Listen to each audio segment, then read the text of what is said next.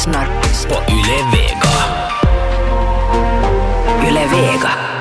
Hej och välkomna till Nattsnack, årets sommarspecial. Äntligen är vi samlade i studion igen och vi ska hålla på i nästan i fyra timmar. Jeanette Björkqvist, du har också hittat hit till studion i sommarnatten. Ja, kan Välkommen med. tack. Och kan du tänka dig, det var ju faktiskt ett år sedan vi blev så ivriga att vi fortsatte, alltså över klockan två. Så det kan hända att det blir mer än fyra timmar, det kan man ju inte veta. Nej, jag tror att det var faktiskt...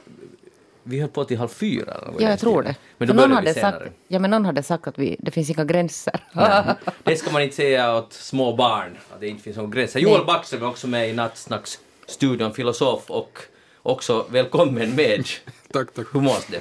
Det måste utmärkt bra. Just det, du Kan inte t-shirt utan du har Shirt. shirt. Du har lång- långärmat. Ja, det Är det lite hett? är fantastiskt. Ingalunda. Kia Svetihin inkallad direkt från Ibiza, välkommen med.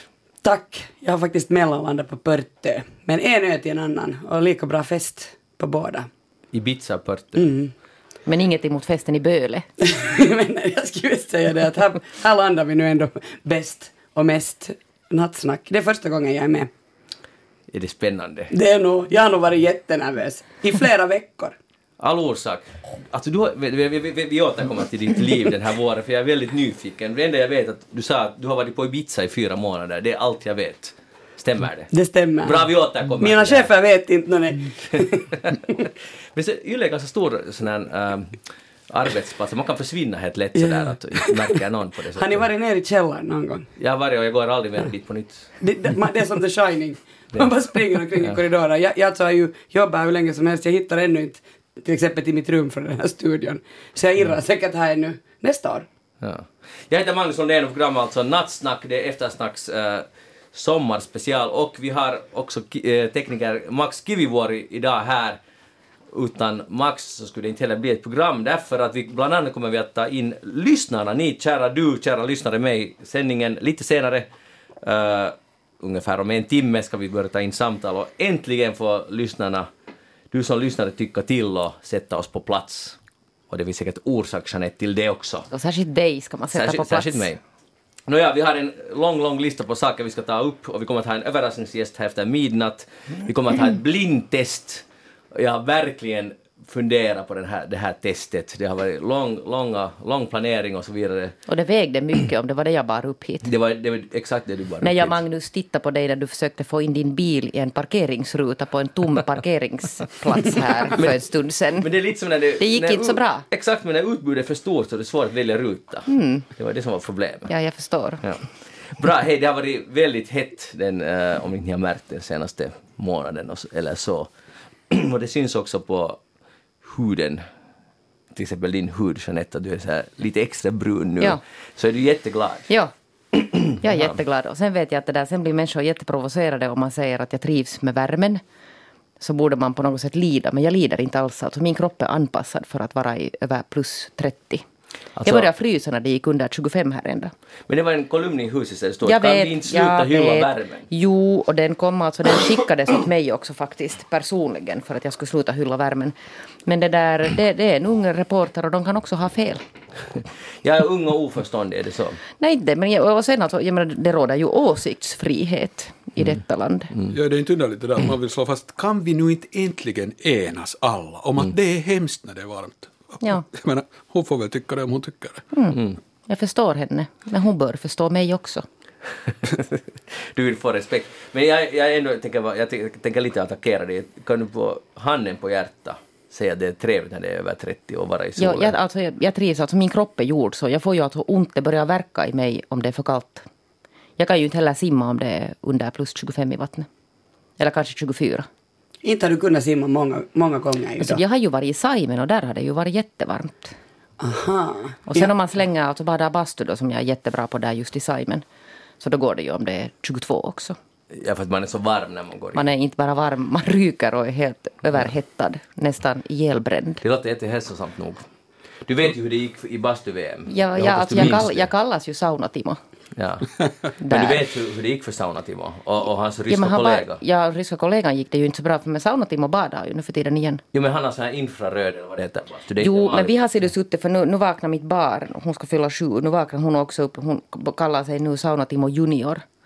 Så hon har också alltså kommit in i den här samma mode och hon sa det där och vi har diskuterat saunatimmar mycket där i bastun. Men, men alltså får jag fråga, hur- vad, vad är din favoritgrad i bastun? Alltså det måste vara över 80 men alltså det är inte det utan den här alltså min, min, mitt, liksom min bravur är det här att jag slänger bad på ett... Nu börjar jag skratta igen. Du har en gång berättat om det här. Ja, man hinner alltså vara kanske 20 sekunder inne där när jag slänger bad. Det är liksom Alltså inte det blir så Ja. hett och fuktigt. Ja, det är alltså inte sån här normalt bastubad. Men sitter du länge? Nej, inte alls. 20 sekunder. Ja, men liksom, så går du in igen? Jo, jo, och så springer man alltså minst tio gånger. Okej. Jag hade alltså det där min svägerska som är fin, finskspråkig och som sa att det, där, det finns sånt här som heter långsam bastu också. Hon tyckte inte att det var så jättetrevligt det här mitt sätt att bada. Nej, men då den du har, du har tydligen berättat om, åt din dotter om, om eh, bastu-VM och så vidare. Ja. Har ni möjligtvis sett på den här eh, videon Nej, tillsammans? det tycker jag inte att vi ska titta på men jag förklarar åt henne att, att problemet med de här gubbarna var att de inte tog paus. Att vi tar ju paus. Nej, Ser det är du? Ja, den där videon är inte så hemskt munter om Nej. man säger så. Nej. Det var det att de satt längre än 20 sekunder. det ju, Går det illa? No, det var ju just det som var problemet. Man måste gå ut och pausa ibland i Saimen.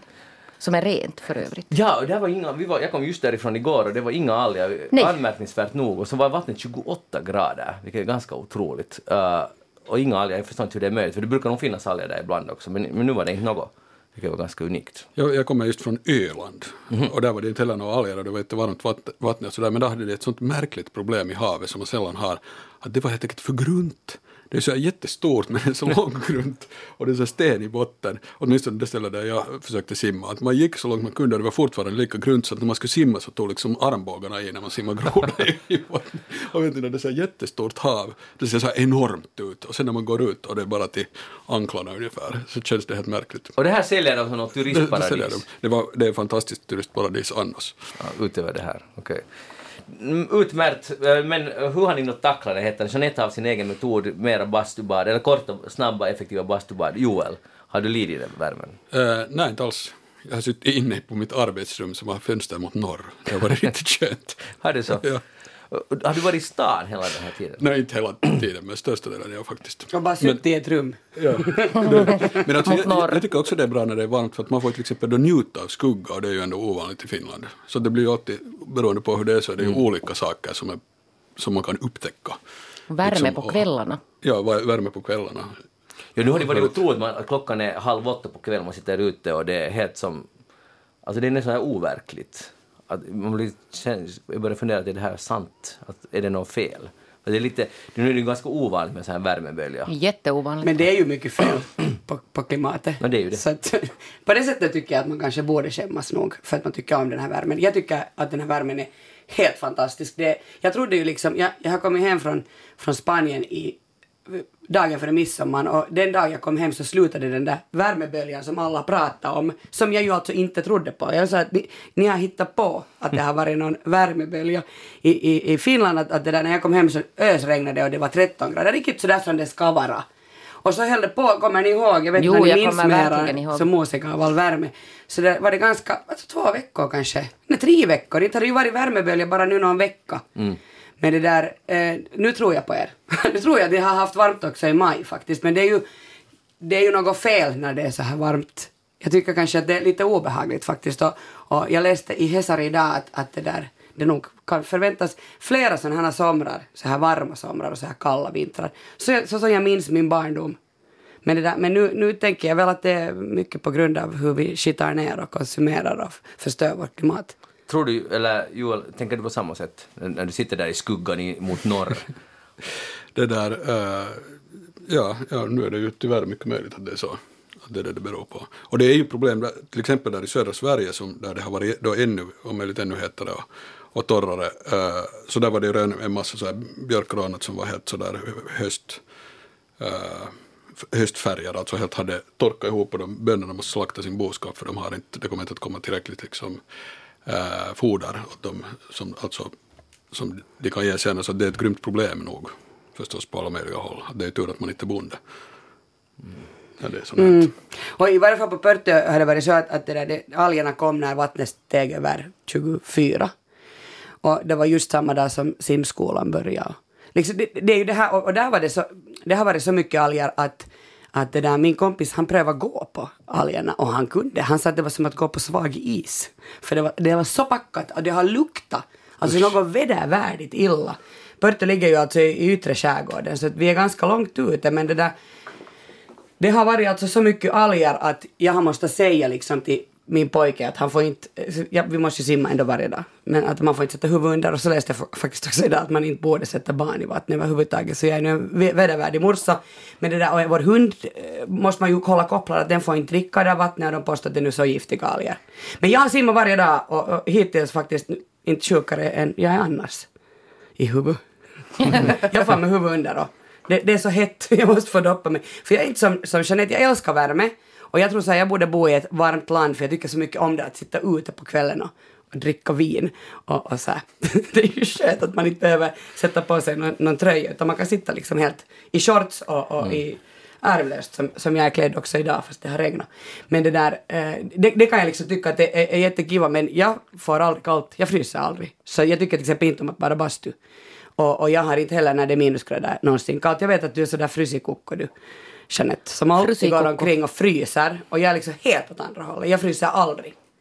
Och det där, jag, jag svettas ganska mycket, men jag lider inte av värme. Jag tycker det är så skönt. Tänk vilka motpoler vi har här i Ja, det kan bara bli spännande det här. Ja, men en, en annan ursäkta, dålig aspekt med den här hettan i de här skogsbränderna som härjar nu, som, som ju, nu har det funnits i Ryssland, där har man ju flera år varit, jo nu kommer de ryska skogsbränder, men nu är det i Sverige och, och i princip utom kontroll.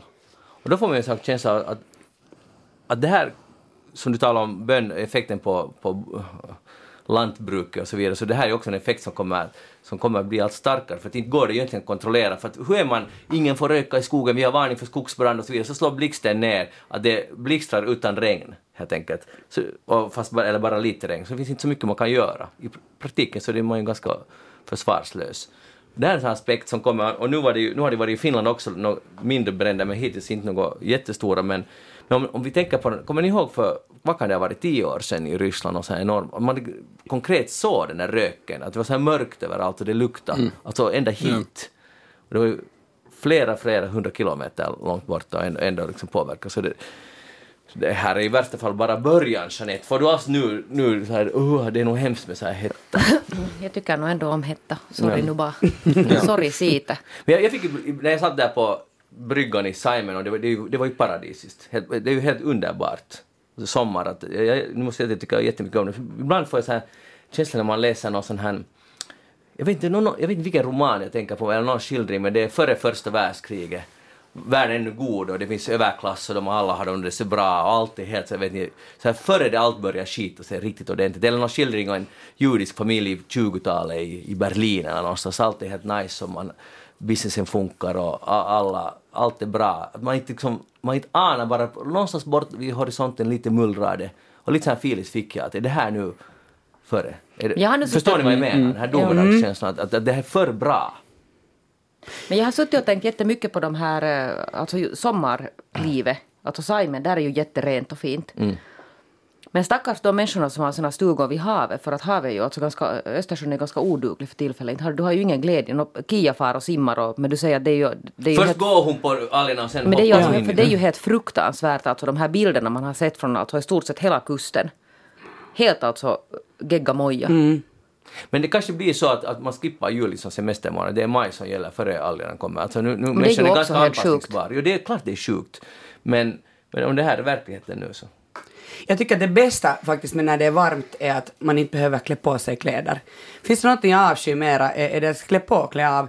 Inte bara mig själv utan också mitt barn. Och, och där, när jag for från, från Finland var det ju nästan minusgrader, alltså det, februari, början av mars. Men så här, det här bara att nu också när jag kom hit till studion bara sätta på sig sandalerna och så kommer man vandrande. Och som Joel sa, jag har börjat sitta i skuggan. Jag har börjat uppskatta skugga för det är ändå så varmt. Det varje dag är det bara varmt och liksom 25-30 grader, solen skiner, det är varmt. Så då kan man liksom, tidigare hade jag sådär att när det var en solig dag så då måste du vara ute och du måste sitta i solen men jag, jag stressar inte alls mer utan jag kan ligga i hängmattan i skuggan och läsa min bok eller... Det är nog eller- något nytt för Finland det där. Ja, precis. Att man har blivit bortskämd med de här soliga dagarna. Tycker det, det tycker jag om. Mm. Joel, eh, jag vill återgå nu till din, din, ditt arbetsrum mot norr. Så när du nu har suttit där några veckor, eller hur? No, minst några veckor har du suttit där. Ja. Ja. Ha- Har du inte alls fått att ja, det skulle vara ganska roligt att gå ner till, till en bad, sandstrand nu eller, eller gå ut på en terrass eller någonstans? Att hur har du Ja. kunnat ha sån disciplin? alltså, För du är ändå egen anställd så att ja, säga. Men inte- jag har nu suttit tre veckor bara varje Nej. dag, precis. Men inte vet jag, alltså om man gör något som är, känns vettigt så går det nog. Jag har ganska bra arbetsdisciplin. Har du? På det sättet, ja. Okej. Men kan man inte sitta ute och läsa? Eh, Eller vad ja, du nu men gör? Jag sitter Ja, och vad gör en skriver sån här och det filosof? går inte liksom, det blir i praktiken inte, jag har nog försökt att vara på stugan och sådär och där är det sen svårt att hålla det. Disciplinen. Ja, så att på det sättet är det nog bättre om du har en betongdjungel. Så hur långa arbetsdagar gör du sådana när det är 30 grader ute? Hur långt som helst. Ja. Ja. Det, Betyder- jag är dessutom ensam det? i stan så att det är ett, jag jobbar helt 12 timmar, låt oss säga. Perfekt. Alltså, jag, jag, det, det, låter, det låter bra. Jag tycker det låter bra. Helt på riktigt, det är ju helt idealiskt. Ensam i stan, 12 timmars arbetsdagar Inne i ett skuggan. rum när det Med fönster alltså, det är mot norr. Med fönster mot norr. Jag tycker det låter lite, Ja, annars skulle det bli olyckligt. lite sorgsamt. Har du, har du sen någon... Jag ställer vissa följdfrågor. Har du sen en, har du ett litet så här kylskåp där med en kall öl där? Eller så är det helt hårda linjen, knäckebröd och, och, och, och, och datorn och du och Och skuggan? vatten. Eh, ja, ja, alltså nu är det ganska sådär, uh, inga excesser. Du, du ringer inte till någon morgens hur går det, utan du är helt... Nej, det är ju helt, varför ska man liksom ödsla bort eh, bra arbetstid om det är en gång när man har så här, när Flyt. flyttar på. Men, men du tänker, du får inte sådär att ah, jag borde kanske ändå vara på stugan för nu är det varmt och skönt och... Nej. Ah. Så, eh, men som sagt, jag var på Öland och nu har jag gjort, inte har jag nu suttit precis Jag varje dag hela sommaren. Men, men det är också ganska ovanligt att få, att det är inte är något annat som stör och sen får man, om man har så här jobbflow, Ja, ja. så är det jag förstår eh, helt, fantastiskt. jobbflow är eh, otroligt och sen att ingen stör är också otroligt. För det är ganska ovanligt. Att, ingen liksom väsnas som håller på eller ringer och, och så det är ju helt ljuvligt. Så att all, det som ni, så som ni beskriver det somras, så jag tycker att alla är helt perfekta. Jeanette är lite sådär skeptisk till den här bastutaktiken. Men Kia, det här, det måste ni nog sluta med, att du dyker med huvudet under, den- under vattnet. Nå, i ja, nu fick jag lite till det. Så här det var. Eh, när det nu blåser västlig vind, sydvästlig vind så kommer algerna in i viken. Men det har tack och lov blåst ostlig vind. Så vi har varit alltså ganska algfria just vår strand vår, där vi har vår brygga. Där jag går och simmar. Men det där, och då när det är riktigt paha så då sätter jag nog inte, alltså när det är sådär att det, det ser ut som ruttet fiskskinn det där algerna. Och när de, det är ju så äckligt så det vill jag nog faktiskt inte dyka i. Så då har jag faktiskt hoppat i, vet inte så man hoppar i så, så att man håller huvudet över, man ser ut som en du, går- junt. du går ut först där på den där liksom isen då, så att säga, så lagar du en vak där. Ja, och så dyker, nej, och så dyker jag under. Nej, nej, så mycket hade det inte varit. där. Det var min kompis som testade det här och det var på andra sidan ön och det, desto nära bor jag. Då kan man förstå att där är alger. Men det där, men det där så, inte, jag har alltså en vattenslang och då har jag sagt till min treåring att om du kommer med så får du spruta sen med iskallt vatten på mamma. Det här är det bästa han vet. Ah. Och han sprutar, han sätter en täysillä, alltså helt fullt så att det alltså tar till och med sjukt. Jag springer naken omkring och skriker. Springer efter och sprutar vatten. Det, det är en rolig lek varje dag. Och det där, det, det, att på det sättet, jag har nog alltid sköljt mig efteråt. Att på det jag sättet en helt normal barndom. fattar ju nog att alger ska man kanske inte äta. Alltså blågröna. Nej, inte ska du äta dem. Nej, det ska du inte. Gör inte. Fast vem vet, det är ju poppat att äta vad som helst nu för tiden. Att man ska hitta på att göra mat, käka de där algerna. skulle De man ganska- blågröna. Ja, nu skulle det vara bra. man nog många. Bra grej. Okej, eh, jag, jag vill diskutera myggor. Jag vet inte för att om ni har upplevt myggor, men i, i Savolax så där det, finns det ju då inte um, alger för närvarande. Men det finns, eller det fanns, nu har de stuck, stuckit, hehe, men nu har, de, nu har de försvunnit. Men för några veckor sedan, så otroliga mängder myggor. Att det är liksom, Och det aggressiva. är svårt att beskriva det, den där mängden. För att om man säger att det finns tusental, så det är ändå en underdrift. Det är så mycket när man går ut på morgonen så Ja, det är som de där algerna som man ska måste skära sig igenom. Det. Jag, och jag har funderat på, man blir galen av myggor, det är helt, gör en, en tokig. Man är glad för att det inte finns alger, men så finns det myggor istället. Eller jag vet inte om de här nu utesluter varandra på något sätt. Men jag funderar mycket på det. Vad gör de där myggorna om vi inte skulle vara där? där? Förstår ni? Det finns inga vilda djur på den där vi har en liten holme i Saimen. Det finns inte några älgar och inte några hjortar. Det finns inget annat för dem att äta, alltså suga blod. Förutom när vi kommer dit. så började vi fundera, borde vi göra så att vi en sommar inte alls skulle komma dit, till ön, så skulle de alla dö. Hänger ni med i det här, den här Det här, alltså, det här måste ju nu någon lyssnare sen när vi öppnar telefonslussen ringa och förklara att hur är det här egentligen. Ja, jag försökte läsa på det här. Den enda, enda rutiga information jag hittade var att de suger någon nektar, de får någon, vad det nu, kolhydrater eller nå- någonting från någon nektar. Men annars så finns det inte någon mat för dem. Och nu har jag säkert missuppfattat så ni får jättegärna ringa, snart ringa in och berätta för att, för att hur är det möjligt? Där är vi och, och de får blod av oss. Till exempel en morgon, jag sov ensam i ett rum. Jag gick och sov och hade dödat massa myggor. Så gick jag och sov, nu är jag inte en enda mygga. Och så, det var hettan plus myggor, jag blev tokig. Så steg jag upp klockan sex på morgonen och checkade hur mycket myggor är här. Så i det, här, det var ett litet rum. Så dödade jag 25 myggor varav 18 hade blod i sig. Och det var då enbart mitt blod. Och då blev jag ganska arg på de här myggorna. Och då tänkte jag just... att- Fy myggor! Ja, fy, skäms. Jag dödade dem alla. Men, men i alla fall, och det hämnden var ljuv. Men, vad va, vad skulle de gjort om jag inte skulle ha varit i det där rummet? Fattar ni? Det är ju helt... Det, det, det funkar inte. Det är något som inte stämmer här. Och ni ser ut som frågetecken. Nej jag, Kan ni- förstår, nej, jag förstår din fråga, jag har funderat på samma sak. Men det är väl så faktiskt att det där... Nu har jag tittat på något Buklubben avsnitt där jag tror att det förklarades något med den här nektarn. Man borde se mer på Bukklubben. Ja. Och Men det, det, det, håller ju inte. Det kan ju inte finnas så mycket nektar att tusentals myggor överlever, tänker jag. miljoner. Men Ja. vem var före, människan eller myggan? Myggan. Så hur har den, den hade alltid bara levt på nektar. Så jag trodde, ja, nu, nu, nu får nu någon lyssnare också rätta mig, men nu har någon lurat mig säkert då, när jag var ett litet barn. Att myggan, när den en gång är stuckit så dör den. Men är det något annat djur kanske? Men det är nog inte myggan. Det är nog inte myggan då. Den ska, lägga, den ska ju förökas, eller den ska ju... Vilket- Av blodet skapar den ju någon sorts ägg. Oj vad vi kan det här. Ja, ja, jag vet, det är- Natur, det hemskt. välkomna till Naturväktarna. Men man välkomnar inte i naturen. Så här går det när man lägger ner naturväktarna, så blir det sånt här. naturväktarna- Men naturväktarna har inte lagts ner. Nej. Helt lagt ner. Alltså, vi måste ju helt enkelt skicka den här frågan om inte någon lyssnare nu säkert sitter på det Ja, här svaret. skulle kunna berätta vad som hände med... Alltså faktiskt, det är en bra fråga. Ja. Okej, så leker vi då att den här myg- myggorna, Magnus är inte där i det där rummet, de dör alla och voj voj, vi fick inget check. Men hur skulle de dö? För någonstans ifrån kom de ju. Va? De kom ju någonstans ifrån. Nå, nå, någon av dem, deras förfäder har fått alltså någonstans ifrån blod. De fick ju eller fjola av nektar. mig. Men inte överlever de så Vi länge. kan ju överleva Nej, så nej, länge. så, så kommer det unga, det kommer nya miljoner och de förökar sig. Jag tänker det där, jag- dagen, den dagen jag fick malaria, jag, jag var det där i Ghana och då eh, under regnperioden, det var ju jättedumt, och, och det där, då, då är man ju livrädd alltså, faktiskt för de här myggorna, för man vill inte ha malaria. Men då sa de så att, att de mest aggressiva och de som sticker mest och som du inte riktigt ser, det är de som har malaria. Men jag fick ju malaria, så de hade hittat mig. Men jag tänker bara på dem, alltså det borde inte massor med mera människor, eller massor med människor har ju malaria, men borde man inte få om de bara överlever typ genom att få människoblod? Ja men de, de, alltså inte det är bara människoblod de behöver. De, de, De, en älg duger ja, bra. de sticker ju vem som helst. Men min, min, det är det här specifika, när vi, om vi, man är på en holme där det inte finns något Ja, vilda ja, det- djur. Det finns ingen annan näring. en, en du säker på- mammutblod. Men är du säker på att det inte finns något? Jag är helt säker. Alltså hur de med sork och sånt sticker de... jag, jag tänkte just på någon, Så. där, där finns här skogsmöss. Men inte kan nu en mus bli lurad av en mygga, alltså det är helt omöjligt. alltså den bara springer iväg och det, alltså det, Men alltså hur klarar, man av att vara där i Simon? Och Det låter ju helt fruktansvärt. men det är några veckor som det är ganska... man, Herregud, man, man vad vänjer hemskt. sig. Vänjer ju sig. Men det är Men, sam, men liksom stiger, du- måste stiga upp på morgonen för de är, menar, det värsta är en fluga, men ännu värre, riktigt ännu värre är ju en mygga för att den, den, den, den slutar ju inte när man släcker lampan utan den surrar i ens öra. Vem? Myggan? Myggan. Jo, ja, jaha, ja, ja, ja, alltså jag menar, jag menar, jag är ju från skärgården och inte från, från Insjö.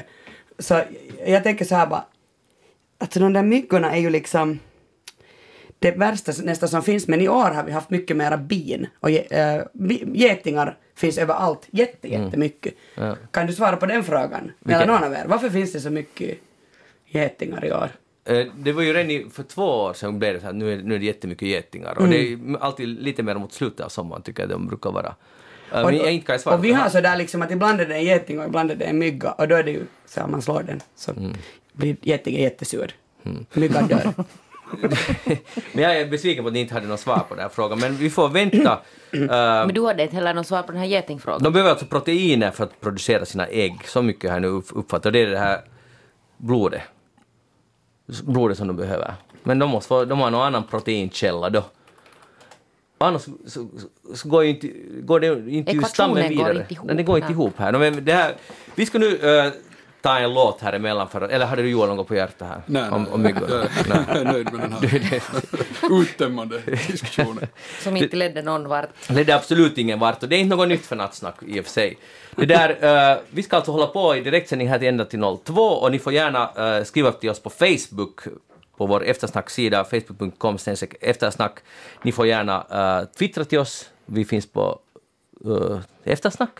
Också där, använda namnet eftersnack och ni får uh, gärna hur kan man, ja, man får mejla, e-post oss på eftersnacksnabelayle.fi. Och nu ska vi ta en låt, uh, en lugn sommarlåt som jag tror att jag brukar spela alltid här i Nattsnack därför att jag tycker så mycket om den och orden och vad ska vi säga, ja, det är nog mycket att fundera på. Här är Being Boring med Pet Shop Boys, vi är tillbaka om efter det.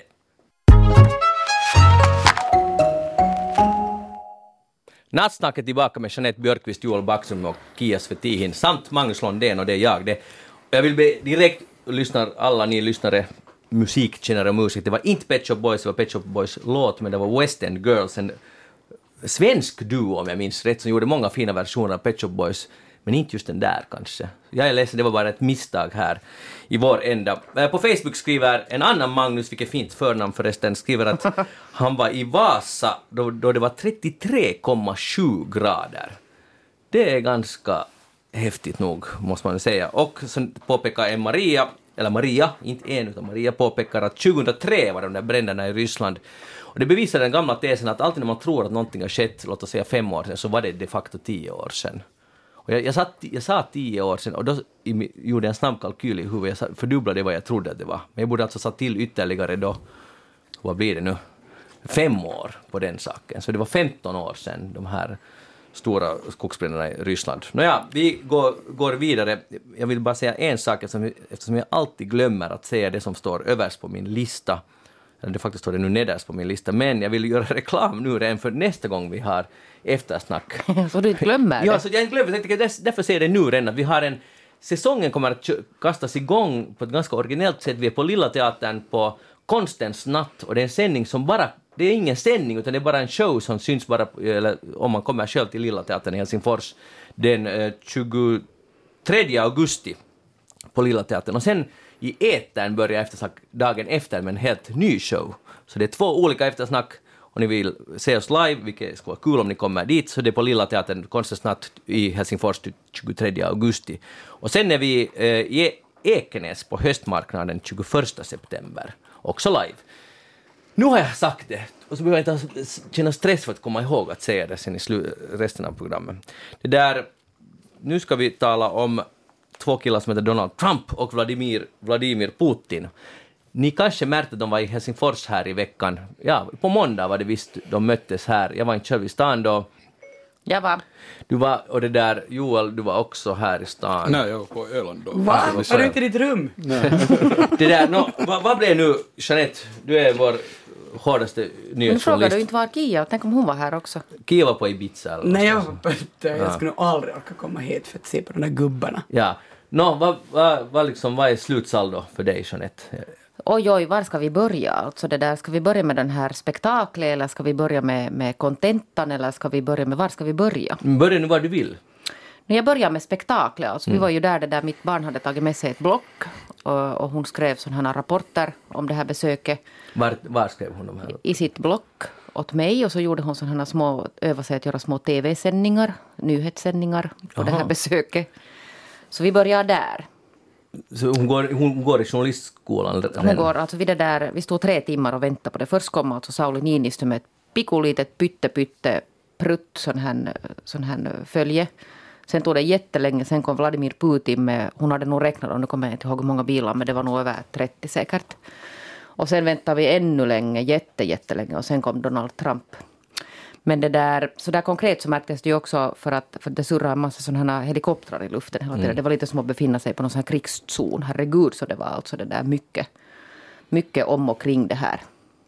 Och sen åkte de då dit och hade sina samtal och sen hade de sin presskonferens som var sen gruvligt försenad och den tittade vi på sen online hela presskonferensen. Nu hade din dotter någon analys. Vi tillsammans, Nej, din jag. dotter. Det där, ja, alltså hon hade en sån analys att det var, att det var lite tassiga gubbar som var i stan. Ah, Ungefär så.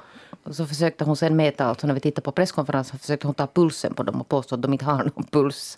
Hur, på distans liksom? Ja, hon tog det från datorn så där lite så att hon måste testa att finns det något hjärta där och sen konkluderar hon att det finns inga hjärtan i de här gubbarna. Nej men det, alltså, det behövs ju inte något mer än den här analysen. Tassiga gubbar, inga Ja. hjärta. Ja. Där, där har vi det.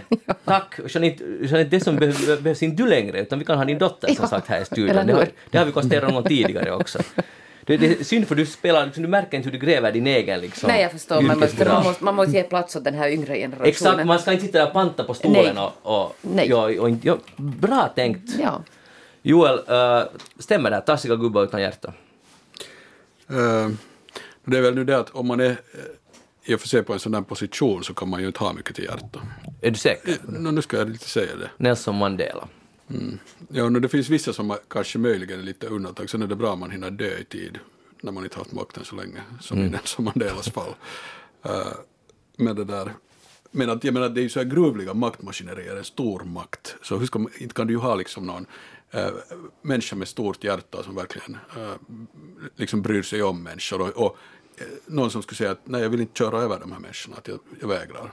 Inte kan du ju ha en sån som president. Att på det sättet tycker jag nog att det är så att man helt enkelt i en sån där position så är det inte mycket, har hjärtat inte mycket till plats. Sen kan man ju ändå ha på något sätt någon sorts känsla för att man försöker driva ändå världen åt ett lite bättre håll, eller ingen känsla för det alls, som nu de här två gubbarna har nog inte mycket.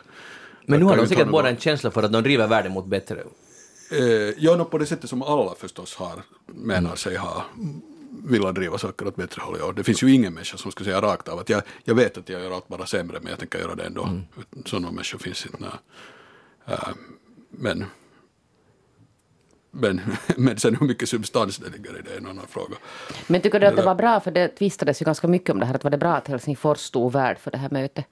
Var det bra att det ordnades ett möte och var det bra att Finland tog nu den här positionen som sån här mötesland? Jag vet, alltså, om det var bra eller inte, det ordnades beror väl på, man vet ju inte vad de de facto avhandlar där. Nej, och det är För- ju förstås är det jättemärkligt. Ja, och jag menar, det, inte det är ju bra för världen om det är den, den liksom enorma konflikt som har hållit på nu mellan, de är ju ändå liksom stormakter på det, så förstås skulle det vara bra om de skulle bli på något sätt vänner, men å andra sidan på vems bekostnad? Så jag menar, att det kan bli mycket värre också om de slår sig ihop och till exempel Europa hamnar helt utanför. Så Ja, om man tänker menar- lite sådär på vad den här, särskilt den här Donald Trump alltså det där pladdrar på, han pladdrar ju på sen och så hade han sagt något lite fel. Wood istället för wouldn't. Ja, precis. Det var, det var, det var helt fantastiskt. tycker, var det Richard Marx som hade, ni vet den här I, I will be right here waiting for you, den här någon sån här gammal klassisk sång. Och han tweet, tweetade ju ut sen att I, I will not be waiting here for you.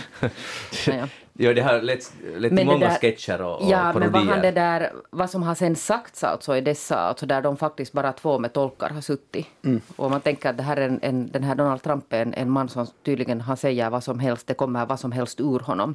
Att vad exakt alltså har där egentligen alltså avhandlats. Det var ju ett långt möte. Ja, det finns bara väl två personer, var det inte två tolkar på Ja. plats? Tänk och, att få vara tolk på den där tolken. och vad har de månne skrivit under för? för de måste ju Sekretess. sekretess, de får inte säga till någon vad de har sagt, men ändå de besitter sån information som nästan hela världen vill ha. Och, och sen Trump är ju sån att han, det kan ju vara att han inte har sagt något hemskt konstigt, men det är konstigt att han Det tror jag ju inte. Nej, jag tror inte heller att, att han insisterar på att det skulle vara just så där. Han är ju dealmaker och så vidare, men man börjar ju lite misstänka nog att det finns något annat där bakom. Uh, för att, varför skulle han annars kräva det så här? Men, men hur kan man ens gå med, alltså, nu, nu vet jag inte sådana, när, det, när så här, stor, så här stormaktsgubbar träffas, men får man faktiskt, jag tycker så här, borde vi inte Borde liksom inte världen kunna kräva att det ska vara öppen presskonferens? Alltså, de får inte träffas. Alltså då måste de träffas i smyg. Men alltså inte så att vi vet om att de träffas, men vi får inte veta vad de har pratat om. Men det är ju sak, det är ju samma sak. Alltså nu, inte De hade ju en presskonferens nu. Nej, jo, sen- ja, men jag tycker det är så konstigt att de har suttit så länge och ingen vet. men du har, inte, du har ju ingen rättighet att veta, du är en finländsk medborgare. Du, du har kanske någon sorts rättighet att veta vad Nini Stowe har, har diskuterat med någon. Men det var ju våra pengar som gick åt. Nå men sluta. Ja, ja, ja visst men... Jättemycket pengar blev det ju nog att kosta, vilket jag ju förstår. Men att inte förstå, jag, jag- jag var ganska störd på, jag följde med alltså Svenska Yles den här valvakan, nej inte valvakan, vad heter det, presidentvakan, vad ska man kalla det? Ganska lång sändning hade de ju. Uh, och det där, uh, det var ungefär den vägen jag följde med hela det där spektaklet. Men jag var ganska störd på att det var liksom det enda som fanns i alla medier, liksom alla dagstidningar, nyhetssändningar, radionyheter, allting, det var det enda. Det enda man pratar om. Att vilka nyheter fick vi då inte läsa om? Det är nu igen den där eviga. Mm, Ja, men Guillaume, tänk nu, vi går tillbaka till det här. Är det bättre att de träffas eller inte träffas? Nu är det ju bättre också, tycker jag, som Joel, att, att de träffas. För, för att motsatt att de- alltså, andra alternativ, de inte träffas, är nog sämre. Ja, men så, jag så menar det, inte- det, de träffas, men det som, man, jag, har jättesvårt att förstå att varför, varför kan man inte träffas och ändå i alla fall vara överens om att okej, att det, eh, eller USA skulle, Trump skulle kunna säga ganska mycket. Han skulle kunna säga att, att det blir sen inte någon ny krim. Han skulle kunna dra gränsen. Om han är så hård dealmaker skulle han kunna faktiskt, när han säger att han är så otroligt tough, och, och, och så ska han kunna stå upp för någonting. Men det, det kan man ju glömma då. Så, så, så då blir man börjar tänka, är det sämre att de träffas? För inte, inte har ju något, jag har inte sett att något ska bli bättre av det här. Det är bara kaos. Och det har blivit jätteroliga memen på, på internet man, och det har blivit jätteroliga sådana spex. Och sen har det väl blivit lite kaos där i USA också, den här inrikespolitiken får lite... Ja, i och med att han glömde bort Ja, alltså han beter sig ju som en president så att säga borde göra. Att förstås, på det sättet är det ju en lite intressant situation. Att, man verkligen, att vanligen är det ju så att det kommer, att det är ingen skillnad vad det är för amerikansk president för den, det är ändå liksom den här eh, så att säga hela statsapparaten som har sina syften där och strävanden och för att ett visst håll oberoende. Det såg man ju med Obama ganska långt. Men med Trump vet man inte riktigt för han verkar på riktigt dra helt solonummer så att säga. Vilket på ett sätt är ju fräscht. Alltså det är ett att det, tänk att det går att en person, att det är på riktigt så. Jag, jag skulle aldrig tro att det är möjligt att en enskild person eh, kan driva sin egen linje så där långt. För det verkar ju vara emot alla rådgivare. ja. Sen om han får något till stånd med det Ja. är ju en annan fråga. Och vad, kommer, vad ska systemet så att säga gö- göra? Det är ju konstigt att säga det, men det är ju lite mystiskt att han ännu är vid makten. Tänk att, att systemet inte ännu har hittat på något, att han måste bort därifrån. För han hotar ju det hotar, presidentämbetet, eller Trump som president hotar ju alltid, alla etablerade system i USA just nu. Så, så är det lite så här vacklande. Ja. Men å andra sidan så är det ju inte så att han skulle ha någon liksom fastslagen klar politik som skulle hota några vissa intressen, utan han är bara, man vet inte alls vad han håller på med. Det är bara vad som Så han personligen tycker. Och det, det, är Just det är då, i den stunden. Just, exakt. Och, väldigt intressant är det, och det är typiskt för det att när de frågar om Putin, så att inte, inte vet jag om han är en bra jävel, jag har inte träffat honom. Att inte vet jag om, och, och han sätter synonym mellan hans personliga relation till Vladimir Putin, han, jag har inte träffat honom än, alltså vi kan, kan vi inte ännu se om våra relationer till Ryssland. Men först när han träffar så säger han, säger han, och det var också otroligt när han sa, om vi tänker på substansen i, i det, att USA och Ryssland har aldrig haft så dåliga relationer, men jag fixade det för fyra timmar sedan. Nu är, de, nu är det allt fixat. Och det här är så som han vill framställa sig själv. Han är så, han är så barnslig att det, det är liksom helt, det är helt liksom så här gripande att se det. Man, skulle kunna ta i den där barnsligheten. Voi, voi lilla pojke. Men till din glädje så ställer han ju upp på valen. Ja, han, han kommer att ställa upp och han kommer antagligen att vinna. Jag, jag såg ett, ett sånt här klipp eh, som, som har varit på Facebook där just, eh, det här var veckan innan, alltså när han var i, i Storbritannien och det där fick en fråga om Brexit. Jag vet inte om ni har sett det, det är ett ganska vanligt klipp som har varit där. Där han liksom, ehm, han, alltså han, han kan ju inte svara, han förstår inte, han kan inte svara antagligen. Men han har egendom i Skottland. Jo, alltså han började, först började han prata My om sin egendom i, i Skottland och efter det började han berätta om i vilka delstater han fick röster. Och Ja. då var den där journalisten sådär att But what do you think about hard Brexit? Och han bara Well... Heartbreaking. Ja, are you mean heartbreaking? Heartbreak. Alltså, det, så, det är som att det är som att jag skulle måste stå varje dag och svara på frågor som jag inte har någon, alltså blekaste blå aning och jag skulle liksom tycka om det.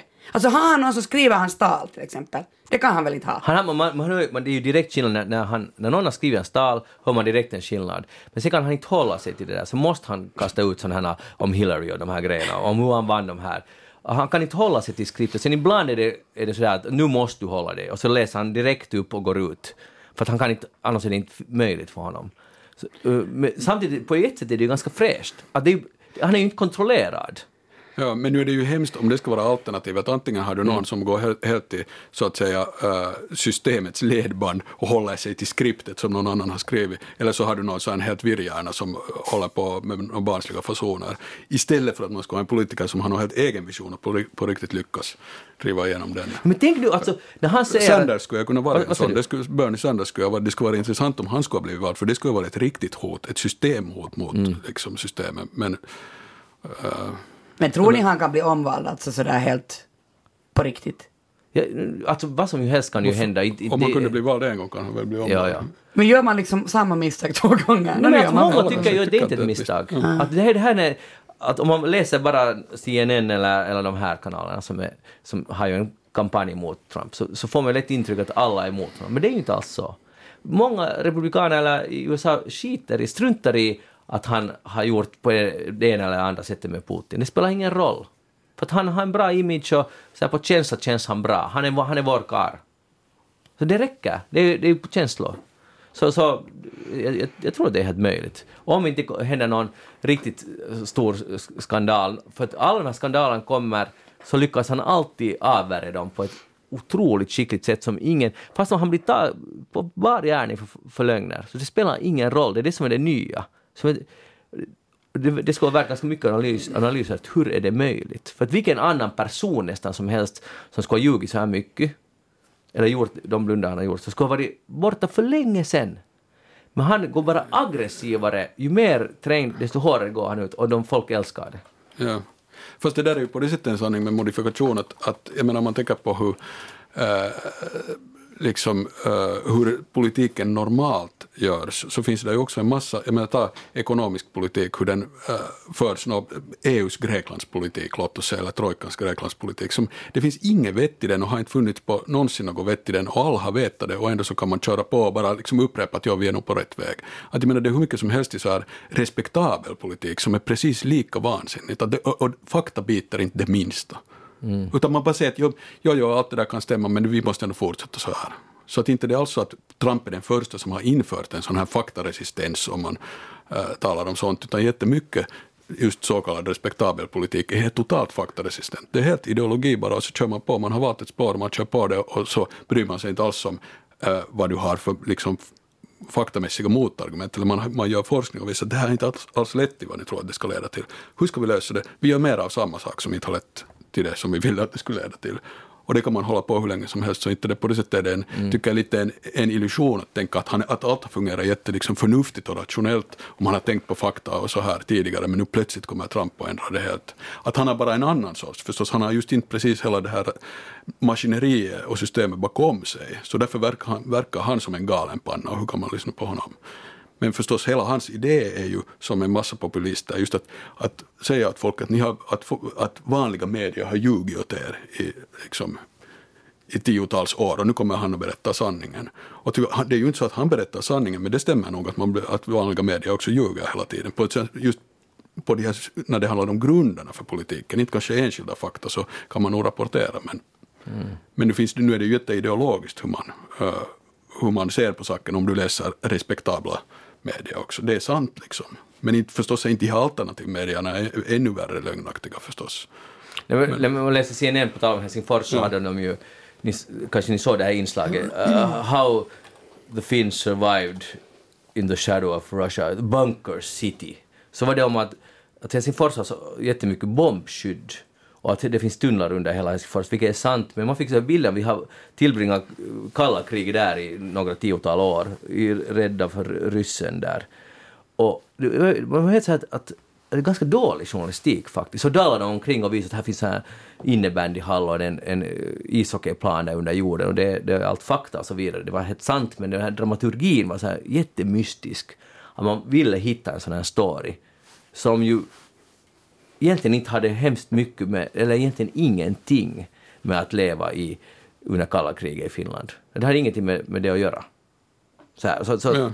så, det är alltid vinkling förstås. Men också, jag, jag tänker mer på så här stora saker. Att, mm, man, att äh, vi har liksom en idé till exempel om, i respektabla medier ju att västvärlden, vi står alla, vi skulle vilja ha en fullständigt demokratisk värld och en jämlik värld, vi skulle vilja avskaffa fattigdomen, vi skulle vilja lösa miljöproblemen. Allt sånt som, så tittar man på vad vi gör och ingenting av det där stämmer. Liksom på det sättet. Och ändå så är det ju den, den så att säga berättelsen, den vinklingen som finns på alla mm. storyn. Sen att det ännu fortfarande finns då enorm fattigdom, så det, beror bara, det måste bero på något underligt. Att fast vi gör allt det bästa vi kan för att lösa det så blir det ändå inte löst. Det är konstigt.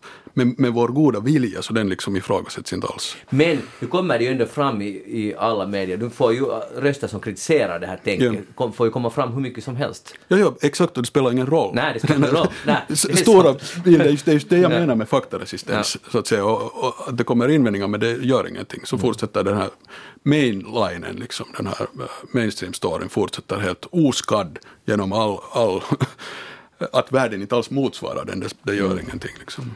Jeanette, eh, tror du att Putin är nöjd med det här mötet? Ja, det tror jag. Varför? Det var ju alltså hans seger på alla sätt och vis. Alltså han, Trump satt ju i hans ficka. Det var ju helt uppenbart. Ja. Så han har nog säkert gjort en stor sån här, eller det har man ju läst också vad det har rapporterats i Ryssland, att det var ju hans segertåg här i. Och nu är han bjuden till, till Washington på, hösten. Trump har valt attack är bästa försvar, liksom en attack alltså mot de som kritiserar honom i USA. Så han går tvärt emot det. Istället för att säga sorry så säger han ännu mer av samma vara. Vilket är helt otroligt egentligen. Eh, jag tror också, jag tror att Putin är helt nöjd. NATO rämnar, eh, Västeuropa rämnar, han går ut och kritiserar Merkel. Det är helt perfekt för Putin. Allt är, det är helt som det är liksom rena smörg- lyx, lyxläge för Putin på alla sätt. Det är just det här han ville. Och vem hade kunnat vem skulle kunna tro att det går på det här sättet? Kanske Putin hela tiden vet att, att bara vi får Trump dit som president så kommer det gå ungefär så här. Så det är helt perfekt läge. Och EU splittras och... Men de har inte råddat i valet, det ska du komma ihåg. Nej, nej, nej, nej. No collusion. No collusion, no collusion. Nåja, uh, Kia, men du, du tyckte bara det var för mycket snack om det här Ja, alltså jag, tycker, jag, jag säger inte att jag inte tycker, det är klart att de ska mötas. Det, jag tycker också det är bättre att de träffas än att de inte träffas. Men Mm. jag skulle ha velat läsa något annan, några andra nyheter också. Att jag, det, var, det blev hemskt mycket. Jag har ju varit så nervös för att jag ska vara med i Nattsnack så jag börjat läsa dagstidningarna. Så jag har Mm. lusläst dem. Och de här dagarna före och dagarna efter så det var nog inte mycket annat man fick läsa om. Nej, och jag måste säga att det där, jag, jag tycker själv så där man ska ha lite mediakritik, så den här om och kring det här Mm. mötet, så det blev ju nog ganska mycket alltså. Mm. Ganska mycket och sen plötsligt så, så var det som att det skulle ha raderats ur folks huvuden att vad är det riktigt för jappar som kommer hit. Mm. Det var som att det skulle komma några kungar från, från rymden hit. Alltså man, folk var ju helt bara i extas att nu kommer de! Och allt är liksom okej. Och allt är jättekiva. Men Finlands folk tycker inte att de är så okej. När det var den här gallupundersökningen, vad tycker folk om Putin och Trump? Så det var, inte fick de ju några goda betyg. Nej men nu hade de ju fått det till alla möjliga tv-sändningar, en massa människor som tyckte att det här, det var ju små barn som stod med såna här We Love Putin skyltar och sånt här där i de här tågen. Det var ju, gatorna var ju alltså helt smockade av människor som stod och vinkade och hurra och liksom hade sig när de for förbi. Men kanske de hade druckit jättemycket öl. Nej det tror jag inte alltså, det var mitt på dagen. missade, det här är någon fest. Men eh, det, och det är intressant, för det fanns ändå lite spår av det att herr Trump berömde Finland. It's a fantastic country. Och då, och då blir vi helt... Ja, Och det fick att en egen nog bra. rubrik alltså. Ja. Och, och i, jag vet till exempel Savon Sanomat som jag läste då dagen efter, så var största rubriken först att Finland fick liksom beröm för, sin, för sitt arrangemang. Och va, det har ingenting med någonting att göra, eller det har bara att göra med det att nu känns det lite bättre för oss. Ska vi, blir ni stolta av det? Jag, jag tycker nog sådär att, att eh, det är ju jättevackra sommarkvällar och det här hade ju twittrats ut, fotats och twittrats ut och det ger en bra bild av Finland, Helsingfors. Nu tycker jag att det, det är väl helt okej att, man, att man liksom är glad över det. Eh, för så mycket tycker jag ändå att det kostar. Samtidigt tycker jag som själv journalist att när jag också är på något sånt här presstillfälle så nu ska det, man ska bli bra omhändertagen annars så skriver man fullt och illa om, om arrangörerna eller om att man inte fick, det var inte gratis mat åt mig och nätet funkar inte och jag hade inget pressrum och så vidare. Men, men liksom på det sättet tycker jag att, att, att, då, att, att man, någon hade twittrat ut en sån här fantastisk bild av, av Salutorget. Och det är så vackert. Men jag säger bara att välkomna hit en vanlig sommardag i Finland. Välkomna tillbaka. Jo, och när inte hela halva stan är avspärrad och så vidare. Sen tycker jag att de skulle kunna träffas på nå på Pörtö till exempel. Nej! Ja, nej, okej, okay, men inte på Pörtö. Där är den ett stort ego. Gryms inte två till. Men någonstans på landet, någonstans i någon bastu eller något, gjort något unikt av det. Istället liksom halva stan är avspärrad och det är grym kalabalik. Det är helt Men det är så spännande, min kompis fick eh, sin eh, jänkekompis på besök en vecka innan eh, det här mötet hände då. Och, och det där, eh, Austin är från Alabama och när han kom hit så, så blev han stannad förstås och så krävde de att få alla min kompis uppgifter för de var helt övertygade om att han var här, alltså amerikanen var här för att sabotera. Och liksom min finländska kompis måste liksom identifiera sig och vara sådär, jag bor här, det här är mitt telefonnummer, här är mina, min, min, min, mina ID-handlingar, ni når mig här och nej, jag lovar att han är min kompis, vi, vi ska typ göra musik tillsammans. Alltså så här, jag tyckte, det där blev ju lite absurt, alltså att, att inte jänkerna kunde riktigt resa in hit runt det här mötet. Jeanette Björkqvist, eh, nu ska du få presentera nästa låt. Endast en låt. Du har försökt lova för två låtar efter varandra, men det är nej. Nå, det är du det en där- låt. ser den- Och, vänta, jag säger, Ja. och efter det så ska vi börja ta in samtal hit i studion. Och ni kan också gå in nu på facebook.com eftersnack och tycka till. Uh, diskussionen går hett där, så joina den. Och ni får e-posta oss på eftersnacksnabelayle.fi. Jeanette, låten alltså. Det där eftersom jag antar att ni alla andra spelar jättedålig och så här slömusik så där som du också gjorde just så tänkte jag att jag måste hämta lite sån här fartfylld musik. Okej. Så jag har hämtat en sån här finsk rappare som heter Nicke Ankara som är jättebra. Och det där en låt som heter Mix Ei. Det här är alltså egentligen Laura Voutilainen. Det är alltså tradition också att jag hämtar lite finsk musik hit till, Ja. till det här programmet för att ni ska förstå vilket land ni lever i. Och den här är Vem alltså talar du nu till här? ni er här i studion. Ja, just det. Fast du nu försöker göra dig sådär lite savolaxisk där. Men, Men, det här är men alltså- misslyckas. men det här är alltså finsk kultur och den här har vi dansat mycket till där i Karelen. I Karelen? Ja, mitt barn och jag, vi har såna disco där det regnar ganska Inte har du varit i mycket. Karelen? Du Jo, varit i Savolax? Nej, Karelen har jag varit Var har du varit? Ruokolax. Mm. Det är nu så här gränsfall. No det är nu vet du Karelen. Ja. No, men fortsätt. Nåja, Nicke Ankara, miksej.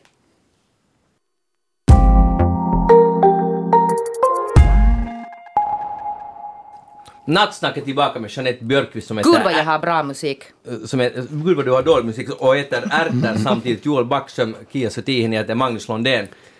Vi ska hålla på till klockan 02 och nu ska vi börja ta in samtal, det vill säga det är ingen bråttom, men om ni har något på hjärtat så ring gärna in till 0611 12 13. 0611 12 13. Och vi är mest intresserade av, först kommer ni att få tala med Max som är tekniker, men vi är mest intresserade av att veta kanske vad ni håller på med just nu, var ni sitter, kanske ni checkar eller dricker någonting och vill kommentera vad vi har snackat om, eller något annat, vad som helst ni har, som ni råkar ha på hjärta. Då ska vi fortsätta. Jeanette Björkqvist, jag tänkte fråga, vad har du tänkt på den här sommaren? Jag har tänkt jättemycket, nu talar jag med ärtor i munnen här. Jag har tänkt jättemycket på ärtor har jag tänkt. Det där, jag har tänkt jättemycket på mina katter. Vad är det med dem nu då? Alltså det är ju den här eviga att tvistefrågan med kattägare, särskilt människor som har katter i stan. Nu är jag ju hemma från landet så att egentligen, egentligen tycker jag att katter ska få vara ute. Men det har ju inte mina katter fått vara utan de hålls inlåsta i en bostad och det lider jag för varje dag. Och jag gör alltså mitt allt för att de ska ha det spirituellt där. Nå i alla fall, så nu tog vi med dem. Nu har de fått komma lite på sommarbete de här katterna. Så de har fraktats alltså i bur omkring äh, Finland, först i Karelen och nu just för tillfället så befinner de sig i Barösund. Och så tittar man då på det här, det här spektaklet när stadskatter ska släppas ut och, och vad som händer och de får smak vet ni för den här fria livet.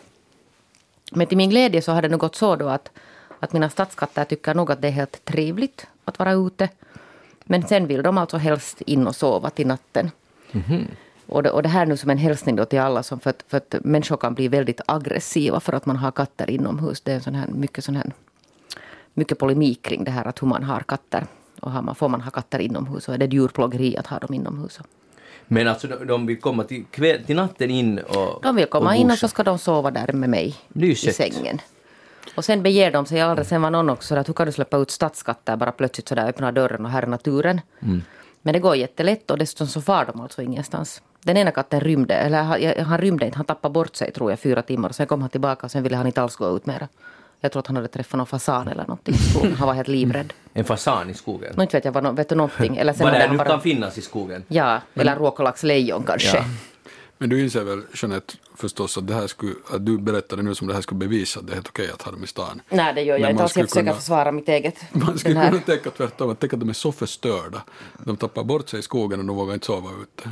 Jag vet. Det är ingenting av katt kvar. Men det här är Och så en, rädd. ena var ute fyra timmar och gick aldrig mer tillbaka. Nej men nu är han ute i Barösund så hade han glömt bort, där fanns tydligen inte, och vet ni i Västnyland finns det inga, inga farliga saker i, i skogen. Men det här är nu som tröst till alla andra som, som lider av att ha katter inomhus. Men tänk nu om man själv skulle befunnit, befunnit sig hela livet. No, det var det vad min man sa, han är ju just sån den. Ja, om man har varit i en lägenhet hela livet, sen kommer man, släpps man ut i Amazonas uh, Ja. urskog plötsligt. Varsågod, det här är världen.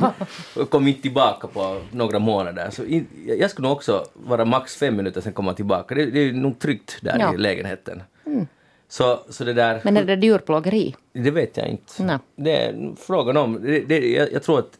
Jag har på något sätt läst den här debatten, att är det djurplågeri eller Jo, det är inte? jätte, alltså Och det är mycket känsliga i den här känslor. frågan. Jättemycket känslor. Kia, vi ser nu på dig. Vad, vad säger du? Vad Hon säger att katter ska vara ute för hon är från landet. Ja, ja, det Låt dem vara. Jag tycker Jeanette att behöver katter lite absolut stryk. ska vara ute. Ja. Jag kommer från landet. Säg att det är djurplågeri. Det är djurplågeri att ha katter inne i en lägenhet. Men jag du vad hon säger? Det är också djurplågeri att ha hundar inne i lägenheter nu när det är så varmt. Jag förstår inte hur de överlever. Och sådana som har mycket päls. Har dina katter mycket päls? Nej, Helt vanligt. Ja, ja, nu, nej, Alltså nej, de har riktigt lite päls så de fryser oftast. Men det är helt vanliga bondkatter. det är bondkatter ändå. Mm. No, men det är tur att, jag, att du släpper ut dem för att jag vet min kompis som har stadskatter som är något, vad är det någon sån här egyptiska, vet du sån som inte har typ päls eller hur det nu är, riktigt asiga. Så det där, hon, Hälsningar bara till kompisen. Ja, hoppas att du inte lyssnar. Hon släpper inte ut dem. De, dörrarna ska alltid vara stängda. Jag var där och äta, det var ett kok. Jag bara, kan man inte lämna dörren lite? Inte får man ju släppa ut katter i stan, det är ju förbjudet. Alltså. Nej men alltså vi var på, på, på, på landet, på Ah, ja. Men, men, men liksom inte, de får inte alls gå ut för att de, är, de, de klarar inte. Jag tror de kanske skulle springa bort faktiskt, för de är så nya. Det är alltså hon, hon har köpt två nya till som är något så här raskatt. Jag, jag måste säga, jag är så ointresserad faktiskt. Mm. Ja, det, jag har nog svårt att säga egentligen, för vad är det eller är det inte, men det låter som att katterna skulle bo, kanske borde vara ute. Så tänker du jobba för att de ska få kunna vara Men vad ska jag göra? Vet du? Det är förbjudet att ha katter i stan ute, det, och det förstår man ju. De blir ju överkörda på en sekund. Mm. Ja, ja. Men nu får du väl fan med, med, med så här koppel med dem. Jo men vet du, det går inte. Det är nog härskigt. Det är härskigt. Sen vet du vad jag sett jättemycket den här sommaren? Okej, jag har varit en gång i stan, men då sa jag jättemycket sådana, alltså det har blivit tydligen någon hipstergrej, eller någon innegrej, att man går med så här barnvagn där man har sina djur.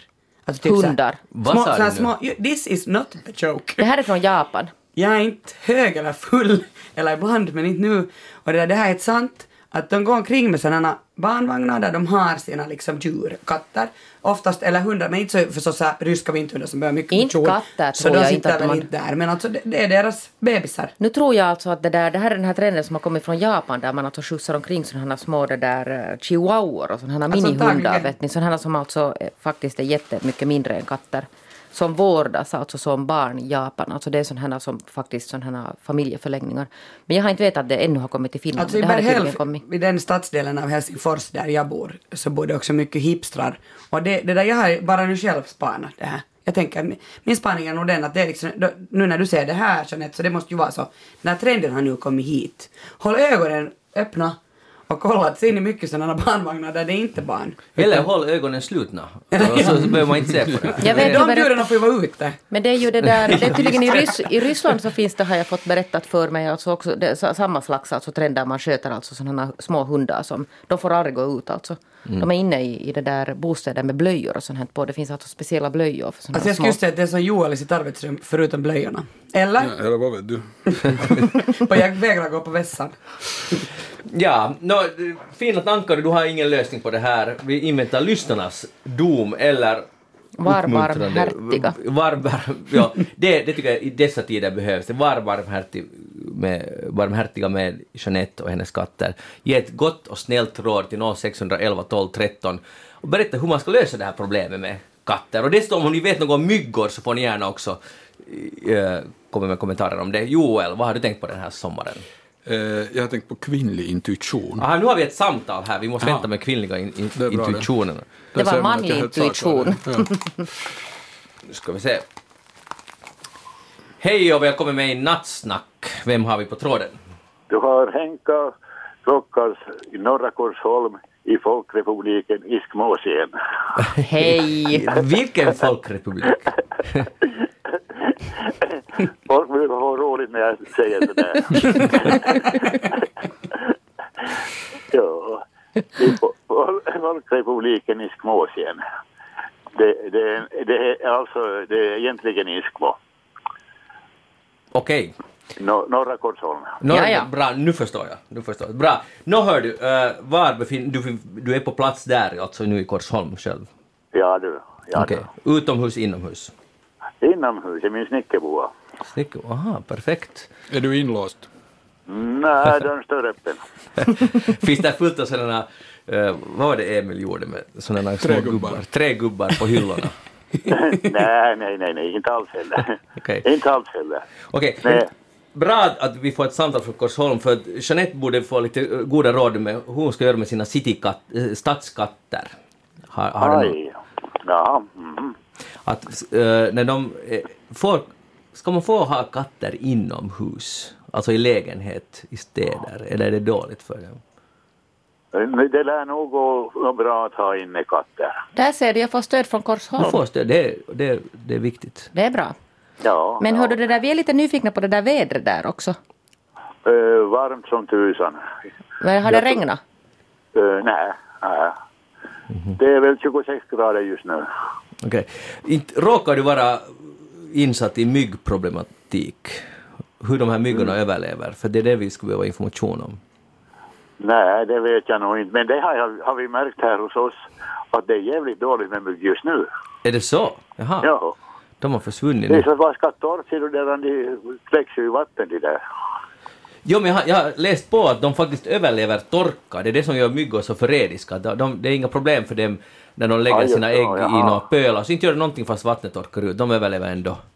Ja, just så. Ja, det var nytt för mig det. Ja, Men du hör ju Magnus att du borde åka till Korsholm om där inte finns så mycket myggor. det är sant. Där är bra att vara. Ja, ja. Ja, jag har en vedsåg och det är en massa med ved som du kan såga medan du vilar. Aha, jag hugger hellre än sågar faktiskt. Eh, Då har vi en sån där klabbmaskin, en sån där hydraulisk. Aj, aj, så det, behövs inga muskelkrafter längre då. Det är ju ledsamt. Nej, Just så. Nu hör du, det var ju jättefint att du ringde eh, och tänker du hålla vara vaken ända till klockan två?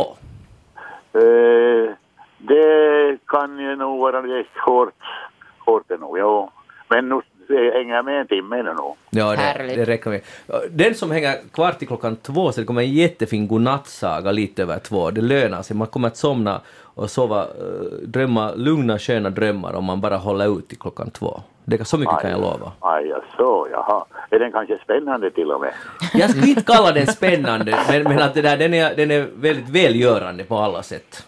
Ja, så, jaha. Och det kommer bara en gång i året på, här på Vega, så det lönar sig nog att hålla ut. Ja, ja, så, jaha, jaha, jaha. jaha. Nå, jag ska försöka hänga med så länge jag kan. Bra. Härligt. Sista fråga, har du varit på någon eh, sommarteater i år? Nej, Nej! nej. Aha, det var ju, det var ju, det var ju Det där är ledsamt. faktiskt en stor brist hos oss. Faktiskt. Eh, vi har talat om det men det har aldrig blivit av. Oho. Men till nästa sommar, vi lovar att komma och titta på det sen. Oj, kommer ni titta på mig också? Jo, om du är med där. Nej, jag tror nog inte jag är med. Om du är på scenen så då kommer vi. Det är ett löfte. Ah, ja. Och det gäller alla som ringer in idag. Om ni är nästa år på, scenen så kommer vi. Ja, ja, ja. Men, tack för att du ringde. Jätteroligt Nu är att höra av på kartan. Yes. Korsholm är nu inprickad i vår uh, uh, nattliga karta, vem som hör av sig. Han, fint, fint, fint. Får jag min önskemelodi? Nej, det kommer inte att lyckas. Va? ja, det, det här är inte ett sånt program. Här väljer Jeanette musiken. Nej, det är inte sant heller. Hör du Jeanette, hör du Jeanette? Vad skulle du vilja höra, fast vi kan nog inte tyvärr uppfylla det. Men berätta, vad skulle du ha velat höra om du skulle ha fått önska? Top of the world. Aj. Vad är det för månne? Det är den där Carpenters uh, uh, syskonen. Jaha. Mm. Och det där har jag ett speciellt minne av alldeles just för något år sedan. Den dök upp på, på ett helt oväntat ställe. Vi var på promenad i, på uh, gågatan i Singapore och plötsligt så kommer den här dånar av uh, högtalarna. Oj då. Men vet du hur vi gör? Eh, Jag ger dig nu ett löfte. Om du är med i Amatörteater nästa sommar så spelar vi den i nästa års nattsnack, din låt. Oj, oj, oj, det är inga små fordringar du har. Nej, exakt. Vi höjer ambitionsnivån. Svenskarna har för låg ambitionsnivå. Det här är, nu, det här är vårt svar. Jeanette, släpp fram min, min melodi. Aj, men jag har inget tillträde till systemet, ser du. Oh, oh, oh, oh, oh. Så här är det. Men tack för att du ringde hur som helst. Och sköt Okej. om dig och lyssna till klockan två. Ja. Ha det bra. Tack bara, hej hej. Hej. Hej då. Vi har dessutom en hälsning från det där Grankulla, så nu har vi södra Finland också. Solveig sitter på sin inglasade balkong med fönstret på glänt och ett glas vin och lyssnar på oss. Jättebra. Hälsningar till Granny. Och- och Säger hon vad hon, eller hen, vad hen dricker? Om, eller möjligtvis Nej, det har hon inte avslöjat. Vin. Okej. Vin som vin. Vin som vin. För det kommer nämligen att diskuteras här lite efter midnatt. Och dessutom har Mats, hör du, berättar att hans dotter gick omkring med katten i sin dockvagn och det var helt frivilligt från kattens sida. men, men då så. Katten sa att nu vill jag dit. Japp. Och här skriver Charlotta att huvudsaken man älskar sina husdjur och sköter dem så de mår bra. Och det Ja. gör ju Jeanette, Just utropstecken. verkligen, lite för mycket till och med kanske. Men Jeanette, äh, inte Jeanette, Joel, tillbaka till intuitionen. Aj, nu, nu får tyvärr nästa lyssnare vänta för att Joel har det på sin tunga nästa äh, tema. Eller Joel, Ja, hur- ja, hur- ja, alltså kvinnlig intuition. eh, för tänk, eh, på något sätt kan man ju svårligen tänka sig ett dummare begrepp än kvinnlig intuition, så, som tycker jag sådär riktigt i förtätad form visar på hela den här underliga mystifikationen kring skillnaden mellan, mellan könen, som inte alls är någon skillnad. Alltså, kvinnlig, kvinnlig intuition är ju sådär, basically att om du till exempel då lite spenderar ba, tid hemma med dina barn och sådär så börjar du ha en viss känsla för vad de vill och sådär. Och sen om du är en, äh, en man som aldrig är hemma och kommer hem så kan du inte förstå att hur kan din fru veta så bra. Att hon känner på sig att de, nu verkar de, att nu är de hungriga. Men är det det som är kvinnlig intuition? No, finns det något annat? Jag, jag, kan ställa det som en fråga också. Att finns det något annat än det där? För jag skulle säga att det är just det där vad det är. Det är en helt, helt totalt vanlig mänsklig förmåga som varje man som inte gör sig totalt korkad genom att, eller liksom eh, bara stänger in sig i sin värld och läser sin tidning och inte följer med alltså, så undrar han varför han inte förstår vad som händer. Mm. Så då kommer ju också helt vanliga förmågor att framstå som någon mystisk intuition som bara kvinnor äger. Eh, jag tror inte att det finns något, I challenge you, uh, att hitta på något ställe där det finns liksom, vad det på riktigt skulle kunna betyda, alltså någon sorts intuition, som just någonting som bara kvinnor har. Och Nej, jag är helt på Joels jag köper det här direkt. Jag tror att det inte ja. finns egentligen några viktiga skillnader mellan män och kvinnor de facto överhuvudtaget. Alltså det finns en massa eh, skillnader som vi hittar på, för att människor vill tydligen ha ett grymt behov av att hitta på, bygga upp murar mellan varandra och hitta på skillnader. Ja, de är sådana så man kan ju inte alls förstå dem. Och ingen kan förstå mig. Det är till exempel jättevanligt att man vill just skapa en, en illusion av att, uh, av att ingen vet hur jag känner och, och, jag, och jag kan inte alls förstå den andra. För att mm. man inte vill förstå. Så vill man skapa skillnader. Är din tolkning, alltså, eller tolkar det rätt att uh, det som nu brukar kallas för kvinnlig intuition, vi måste ta reda på vad det är, men i alla fall uh, att män, eller vem som helst skulle kunna lika bra ha det, bara man ska vara närvarande och, och, och ja, avläsa ja. koder och, liksom, och inte bara Ja, det är ingenting mystiskt alls och det är inte alls något som är speciellt för kvinnor. Ja. Utom att förstås, som man, traditionellt har ju samhället varit uppdelat så att det är bara kvinnorna som är hemma till exempel med, äh, med barnen. Men kan ju kvinnlig intuition bara vara att de har koll på vad barnen egentligen Nej, vill? Till exempel, det handlar alltså, kvinnlig intuition handlar ju om att ha känsla för vad som händer mellan människor. Liksom. Mm, och, och det, i vår kultur har det ju varit långt så att män, att det nästan hör till mansrollen att slänga sig riktigt korkad när det gäller sånt där. Och inte alls liksom, äh, ens försöka förstå, utan man fokuserar bara på att ordna några praktiska saker och sådär. Och så undrar man att man har ingen aning om Jag har säkert ja. ingen kvinnlig intuition alls, för jag förstår, kan du ge något annat exempel? Alltså, ja, alltså vad annat vet... kan man säga så här att, att om du valde rätt parfym, du måste ha, eller vad liksom Nej, den, doftar? Inte... Vad, vad, vad är det är just relationsgrejer som det mest handlar om, att någon har en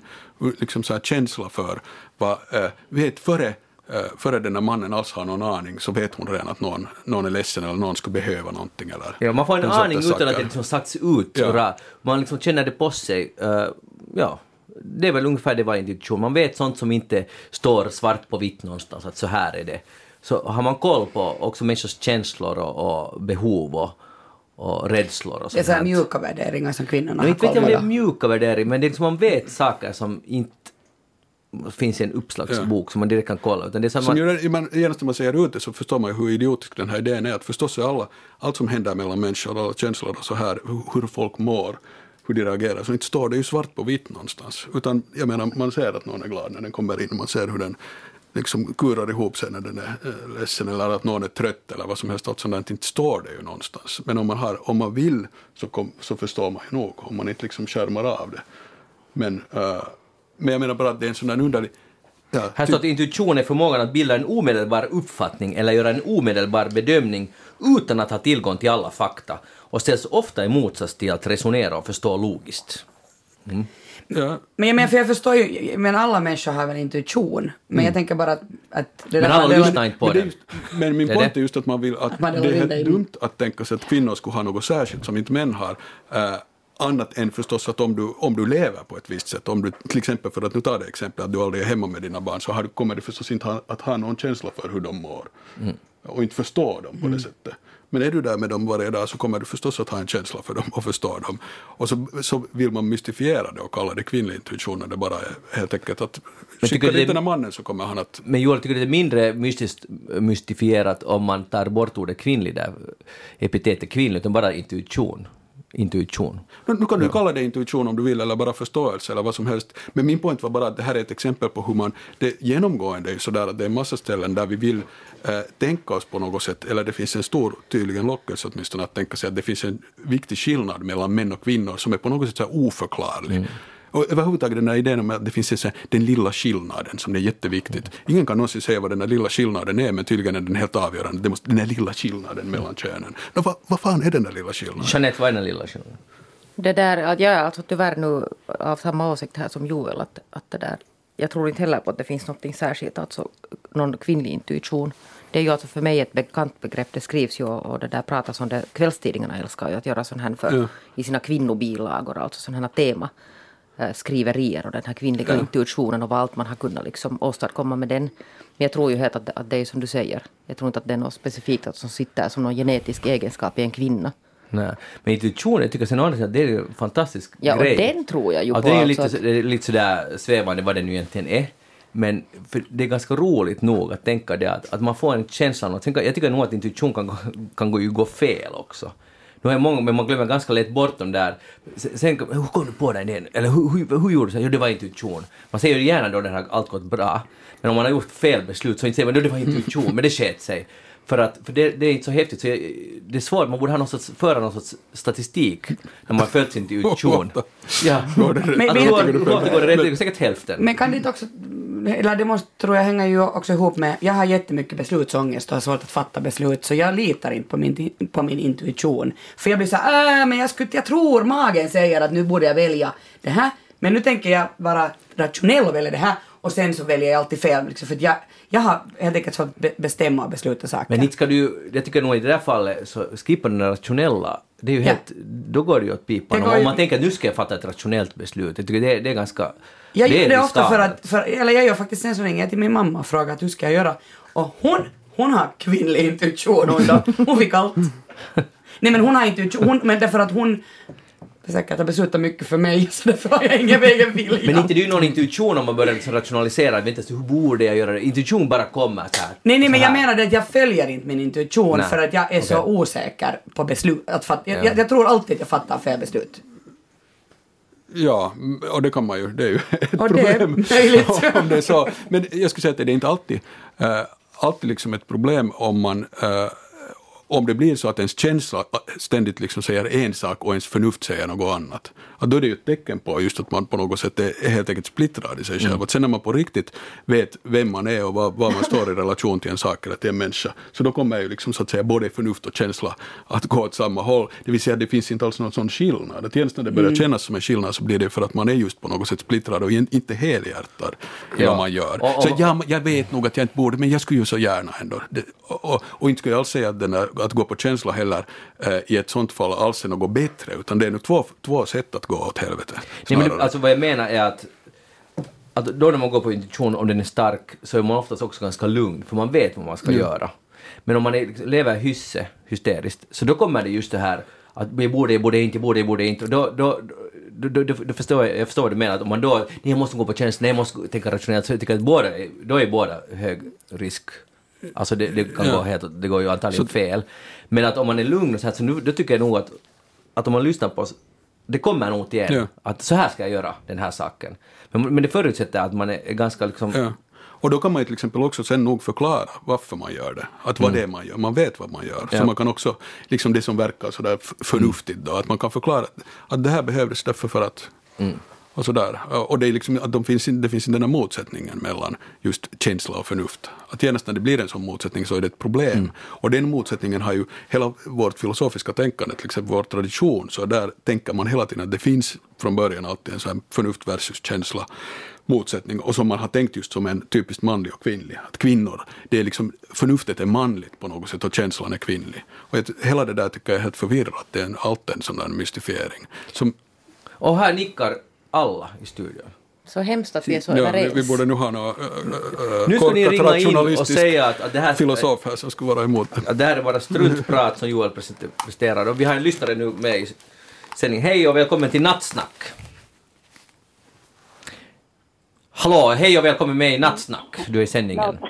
No, no kukkuu på nappratarna. No hejsan, hejsan. Kukku, kukku, vem är det? No, Kukku, det är Anne Rostedt här från Näsbo. No men hej! Hejsan, Hej, hejsan. hej. Esbo är nu med på kartan då. Vad sa du? Jag sa att nu är Esbo med i Nattsnackskartan. Jo, skulle vara. Jag skulle vara på Holmen men jag kom hem för att lite byka emellanåt så jag far ut imorgon igen. Okej. Och ni talar om myggor och sånt där. Jag måste säga att jag har hittat tasan tarkka en mygga på hela den här sommaren med tusentals, eller inte tusentals men flera tiotals getingar. Så Aha. fort jag bara kommer, äh, kommer går ut på, på trappan för att gå ut och sitta och dricka kaffe. Så jag hann liksom ta två steg från dörren så då började jag svärma runt mig. Så satt jag där ute och försökte ändå kämpa lite att nu ska jag klara det här inte. Så försökte jag äta där, det gick inte heller. Och så, så tog jag sen och satte två glasburkar med lite äppeljuice i. Och jag samlade ungefär 40 getingar. Oj, vad det äckligt. sättet. Det var äckligt, men de surrade ju runt mig hela tiden. Jag blev biten två gånger. Uh. Och Men det var ganska bra saldo den där, äppel, sa du äppelsaft och 40 getingar? Äppel, äppeljuice ja, i två glas. Mm.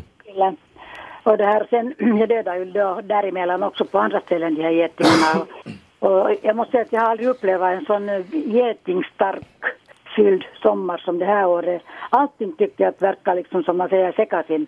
För vi har så mycket alger som jag aldrig hela mitt liv har, har sett. Och där pratar jag också om att det fanns alger och det finns alltså fortfarande. Och det var så tjockt så att jag måste säga att det var värre än ärtsoppa. Det var någon ärtpuré.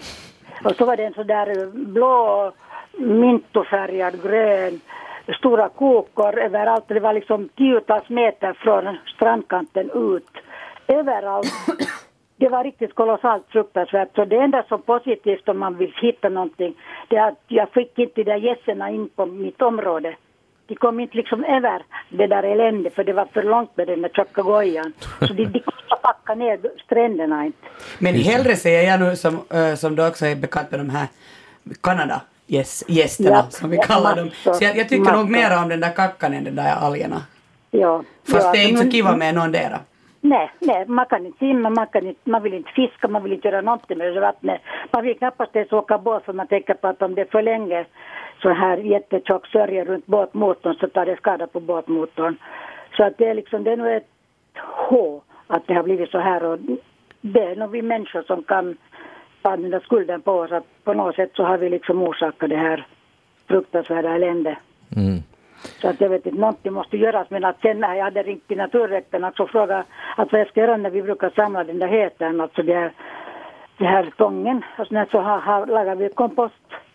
Men inte kan man ju ta nu det som, som vi har ju tagit tillvara före den här, det här gröna mönjan kom. Så tog vi tillvara och lagade kompost så att vi liksom har varje år.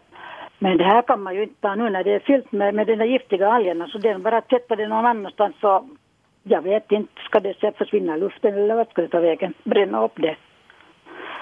Så att det är något elände. Myggor finns nog inte. Jag satt på bryggan och njöt där av solen men jag hade inte myggor på mig men jag hade massor med getingar. Det är just det, om det inte finns det ena så finns det andra. Ja, jag måste säga att de som har allergi ska verkligen nu det här året vara försiktiga. För Så- att de kommer på en. Alltså, det är inte så där att de sitter riktigt stilla så kommer de bara att titta på din mat. Nej, de klättrar omkring på människorna precis var som helst. Men det var några dagisbarn som hade blivit attackerade av getingar häromdagen. Alltså de är fräcka, de är fräcka som bara att man kommer ut och jag har dem i håret också. Jag här mera lockig och lurvig i huvudet. Så de trassar ju in sig dit. Man blir lite i panik att måste man börja, börja gå, gå med såna här sommarpipor. Men när du säger, berättar, säger sådär så tycker jag ändå att oj, jag börjar längta efter myggorna igen. Att, att det var ändå helt har nice. mycket, har mycket hellre myggor än att Ja. jag har de här getingarna för de biter liksom så fruktansvärt. Jag hade flera dagar liksom sjukt efter de getingarna så att jag har ett barn som är mycket svårt allergisk så jag är livrädd att, att han ska nog liksom, han går med den där pennan med sig hela tiden. Det behövs en geting så behöver han den där pennan. Okej, sista frågan hörde till dig. finns det något sånt som kvinnlig intuition? Ja, inte vet jag om det finns det. Nej. Okej, då börjar det vara ganska avgjort för nu är det en 5-0. Det är 5-0 ja.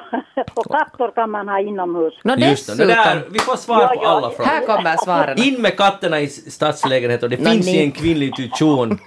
De är så gulliga. Ja. Men jag, jag har haft katter men de har alltid varit innekatter men nu just har jag inga husdjur. Ja, just det där hörde du. Bra. Skaffa ny katt hör du. Ja, Tack, katter Anne, katter eller var det. Anna eller Anne? Anne. Anne. Anne. Tack Annie att du ringde. Och njut av sommarkvällen och, och njut av att du fick 40 getingar. Hördu, det är jag stolt över. Det var fint början. Det bara början. Det bara början. Nu börjar kampen. Jag ska dit imorgon igen. Kämpa Bra, på. kämpa. Kämpa. Hej. Hej då. Ja, då är det, då, den saken börjar vara ganska avklarad, det där med intuitionssnacket. Alltså de där getingarna, jag måste bara Getingarna säga för att de är däremot, ja. jätteäckliga. Alltså jag har ju getingskräck. Men det, det är en ganska bra metod att ha just ha den här fällan på bordet. För de Men jag far, tycker att det de är brukar dumma i vara så att huvudet. det aldrig alltså funkar med det. Det funkar helt bra. Att de kommer alltså när du har det framför dig vid bordet och du ska äta där ute, då kommer de. Men sen när du sätter någonting där vid sidan av, så dit far de inte. Det är mina. Men jag ska testa det här med den här äppeljuicen. en Det sån lät ju bra. det är en sån här fälla att de inte sen kommer ut därifrån. Man måste ha liksom som en, som en upp och nervänd Men flaska. igår har vi mördat alltså en geting. Vi fick den alltså, en geting fick vi en sån här saftglas och den tryckte vi sen ihjäl. Alltså sen den där halva kroppen den här liksom, de, de lever ju på något sätt ännu efter att de är delade. Får jag tala nu? Du gör en fälla, du sätter den upp och ner den där flaskan. Men jag har testat så att det funkar inte. Visst funkar Aha. det. Nå, men berätta nu hur du gör din fälla. Nej men det här är helt allmän, Jaha. det är så här open nu. source fälla. Berätta alltså man klipper av en flaska, en plastflaska på hälften, vänder den upp och ner och så under det just något sött i ett glas och dit far de in för de är dumma i huvudet, de far dit i saften, sen kommer de inte ut mera och där dör de och så kan man skratta gott. Och det funkar. Ja. Det, det funkar jag, faktiskt. jag vill säga en sak nu de här getingarna, för jag tycker ändå att de där getingarna kanske skulle få, alltså måste man nu mörda dem då? Ja. För att jag tycker ändå så här att, att jag har inte getingskräck. Jag har, eller jag blir liksom inte hysterisk. Utan jag försöker vara riktigt lugn. Jag har också lärt min, min pojke att om det kommer en björn emot dig i skogen så ska du vara riktigt stilla. Jag har sagt samma om det kommer getingar så sitt stilla och börja fläkta och vifta och ha Men dig. sitt nu där när det är hundra Men jag getingar vill ju liksom dig. inte heller lära honom att vara hysterisk nu när det kommer de här getingarna. Sen kan jag ju liksom förstå det för jag, jag har skräck för ormar. Så jag kan inte riktigt, alltså snokar är också lika hemska. Det har ingen skillnad att de inte är Du giftiga. är lite inkonsekvent. Jag vet det är lite Björnar och getingar, lugn, orm, panik. Nej men alltså nu har jag gjort så att äh, när jag Om har... du är, trillar i ormgropen, ligg stilla. det är jättemycket ormar också i sommar.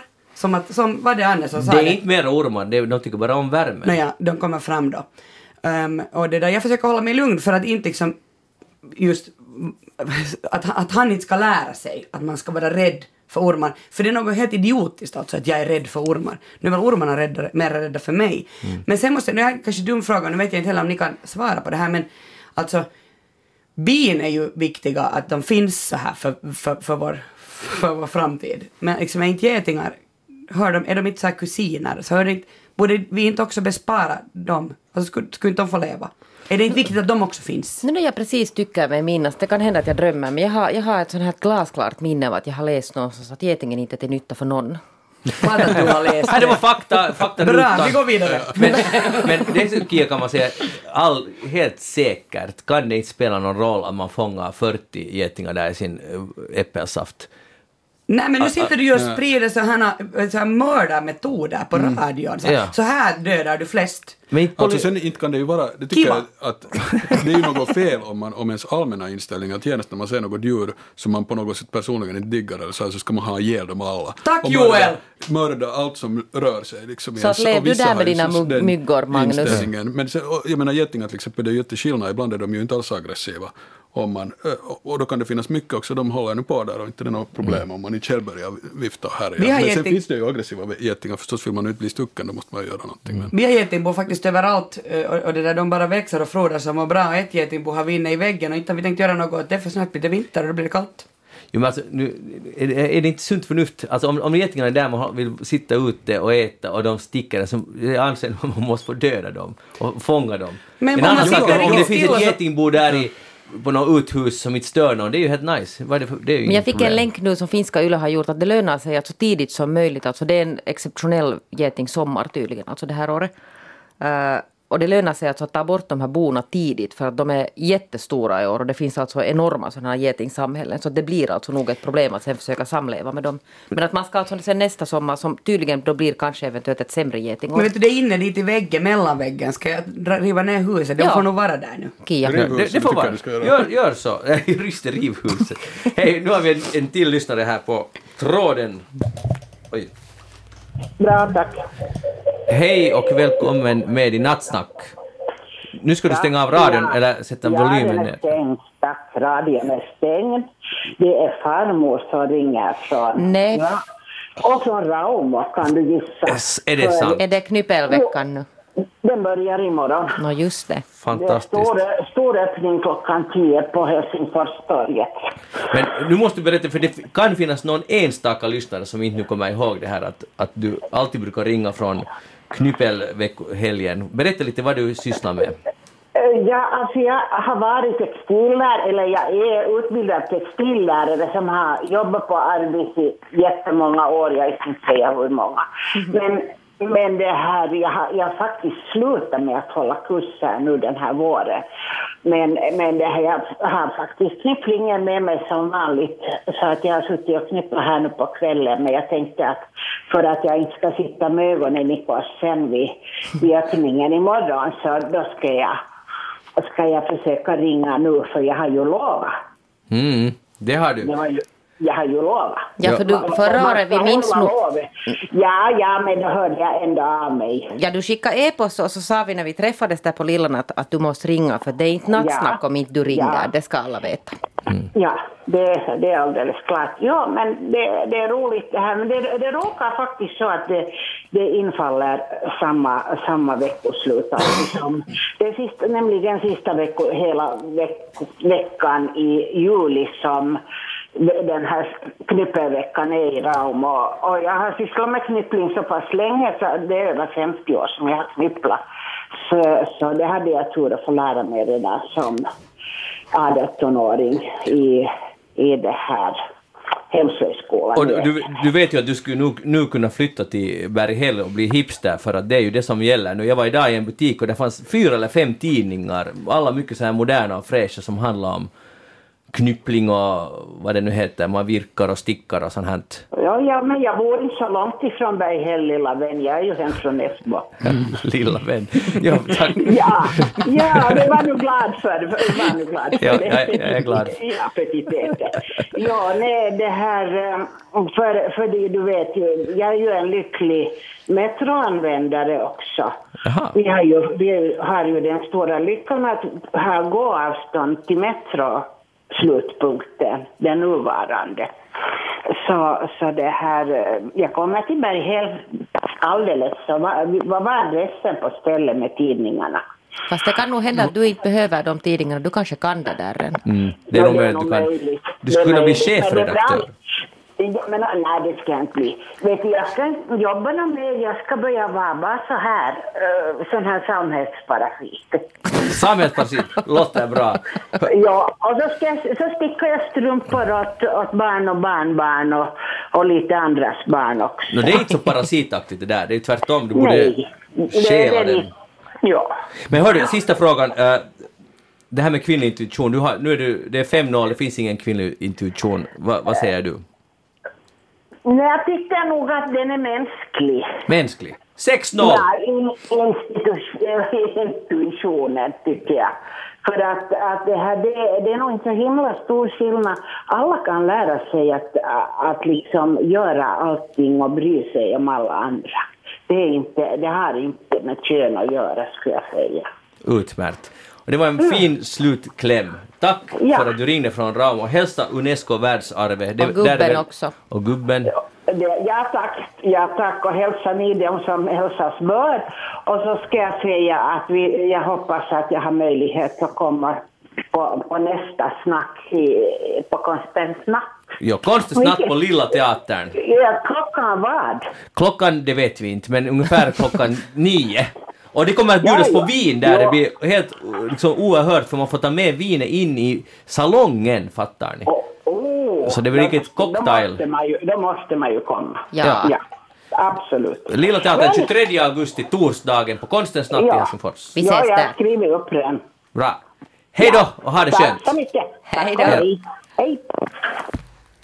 Ja, tur att det där samtalet kom, Ja. för vi ska hålla på till fem på morgonen här Det är och just sex det. så ingenting händer. Så är det. Det, det var skönt. Jag tror att det har nu varit, har det varit varje natt? Äh, inte i fjol. Nej, då kom det en e-post. Nu kom det bara endast ett... Men nu var det bra hälsningar till farmor där i Det- Raumo. det Esbo-farmor nog i Raumo. Nu det där eh, är det så att Joel Backström ska få välja sin låt. Jag har valt eh, en låt av Bob Dylan som heter inget mindre än Visions of Johanna. Och den har jag valt därför för att det, hör, det är kanske hör till mitt livs största musikupplevelse när jag fick den skivan där den finns Blond och blond eh, till julklapp när jag var typ 14 eller 15. Jag kommer ihåg när jag satt uppe på den där julnatten och lyssnade på den där skivan och det var helt en ny värld som öppnade sig. Och det är en mycket bra nattlåt dessutom. Så därför den.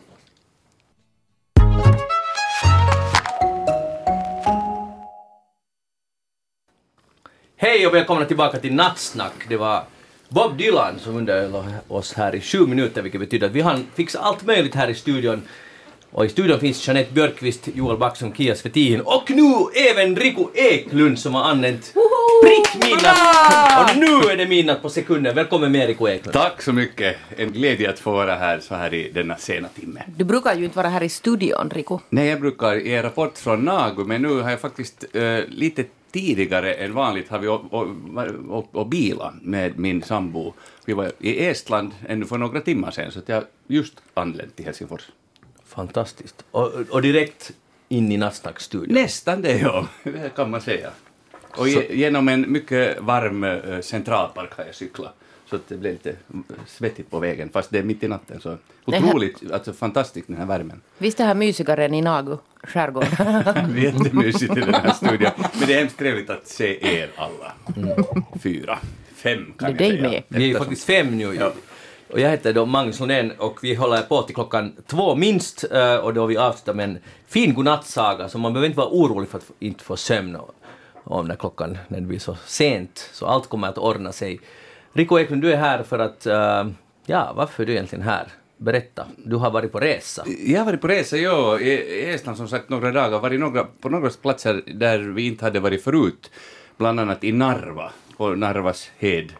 Fast jag inte såg någon hed där, men, men det är ju en ganska spännande plats precis vid gränsen då mellan Ryssland och Estland. Och det blir hemskt konkret i och med att där finns då den här Ivan Gorod, heter väl den här gamla borgen på, på den ryska sidan, som ju har varit estnisk också tidigare, eh, och, och sen då den här Hermansborgen på estniska sidan. Och på den här Hermansborgen vajar en stor estnisk flagga och, och på andra sidan floden, som ju inte är så hemskt bred, så är sen den ryska.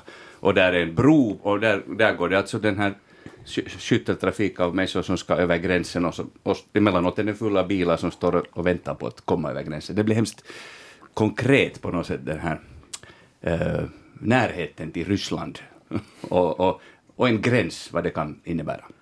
Mm. Finland har ju också en ganska lång gräns. Finland har en mycket lång gräns, men det är ju inte så ofta som, och Finland har inte någon stad som ligger på det där sättet eh, exakt på gränsen. Och, och, he, och också den här, som sagt, den där andra borgen hörde ju då före eh, andra världskriget i Estland, och då var det liksom samma, samma stad.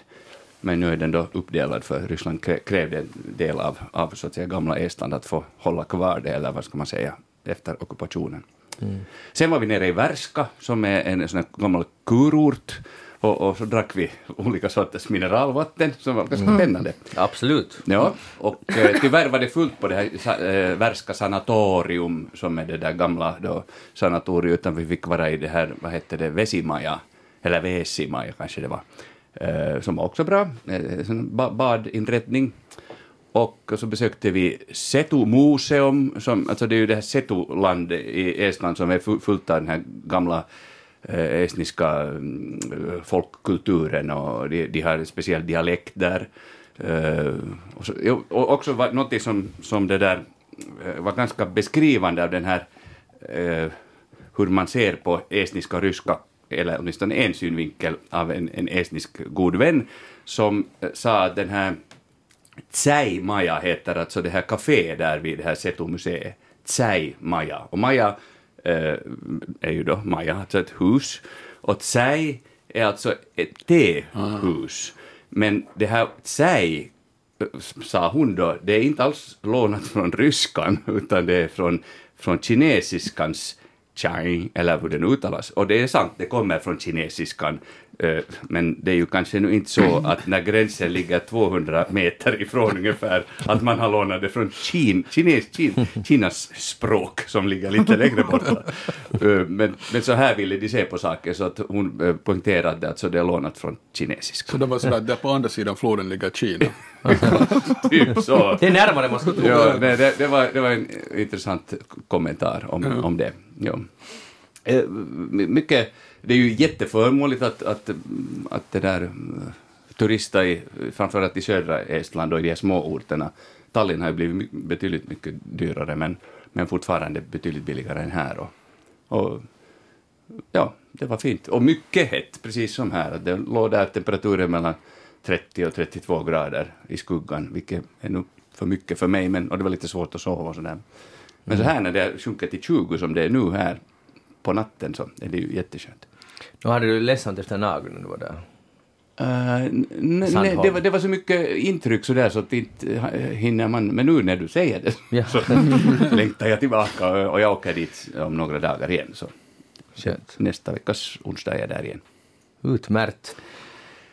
Ville du ehm, framföra någonting? Ja, det var ett litet önskemål att jag skulle, att från den här sommarsångkonserten som vi ordnade igen i år, 7 i sjunde klockan sju i Nöte kyrka, så sjöng vi med min goda vän Birte Wingren och Henrik Wikström ackompanjera. Och uh, ja, sjöng vi mm, en hel del Topelius faktiskt, eftersom, det är ett jubileumsår med Topelius, men jag ska inte recitera Topelius. Eh, men, jag, men jag framförde en liten enkel sång som som har en lite fin text. Uh, um, den är skriven av Klas Andersson och den går ungefär så här, om jag kommer ihåg den nu, får vi se. Först när man förlorat allt vet man att man ägde. Först när kärleken har tagit slut vet man att man älskat. Först när golvet börjar luta förstår man tryggheten. Först när du var borta fick jag syn på dig. Först när famnen vissnat förstod jag blomningen. Först när allt var slut vågade jag börja. Först när ungdomen försvann började jag älska den. Först när kroppen svek mig blev jag mån om den. Först när man förlorat allt vet man att man ägde. Oj, oj, oj. Tack. Tack. Det här är Claes vår Andersson sidekick. och Kai Chydenius. Underbart. Stämmer. Kan du... Är det sant, det som du just sjöng? Eh, jag tycker att det är delvis sant, ja. ja. Alltså det är inte en total sanning, men, men i mångt och mycket så är det att man inte... Det är svårt att uppskatta det och för, svårt att se det som man har. Att det är just så som han så väl uttrycker det, Klas Andersson, att, att när man, är det kanske inte så dramatiskt att när man har förlorat allt så vet man att man ägde. Men när man har förlorat någonting eller någon på, på ett eller annat sätt så det, då, det är ju då man märker att man, att man saknar det eller den. Eller, och just det som han beskriver också om hälsa och, och livet självt och, och kärleken också. Nu, nu tycker jag det stämmer väldigt långt, det som han beskriver. Men det gör det ju lite ledsamt sen. Om man, om man, och det är ju inget fel på det att det är ledsamt, men att om man, om man tänker att, att man inte kan uppskatta det som man Nej, har. men det, det handlar Nej. inte om det Nej. att man inte skulle kunna först, uppskatta Nej. också. Eller se det. Men, ja, men det är liksom en blandning av det. Visst kan man uppskatta, men att till fullo, ska jag säga, så det är Okej. väl det det är. Att man, att man på riktigt märker det, så är det ju ofta så att Jo. när det är förbi så märker man att oj, så där, vad säger filosofen till det här? Ja, man kan ju fråga sig, att, för det är ju uppenbart att det där stämmer liksom i någon mening som en beskrivning, att så där är det ofta, så känns det ofta. Eh, men då kan man ju fråga sig att varför är det då så? För det är ganska underligt, jag menar, för att sen efteråt tydligen så kan man nog förstå hur mycket den där människan betydde, så varför kunde man inte, när den var där, att är det till exempel så att man är rädd för att liksom öppna sig för allt som finns där. Att först sen när man vet att det är så att säga, man är på tryggt vatten sen när den inte mera finns, för då är det till exempel omöjligt att säga allt det där som man inte vågar säga att det när den fanns där. Att det är liksom en sån här rädsla, en sån dynamik. Eh, Eller, eller hur ska man förstå det? Ja, för att det är Jag ganska tror att man många, gånger så tar man saker för givet också. Ja. Alltså saker och människor för givna. Att man förstår inte, alltså säkert uppskattar man Men det är egentligen först när man förlorar dem som man förstår alltså hur mycket man uppskattar. Att man glömmer bort att alltså visa den här uppskattningen. Ja.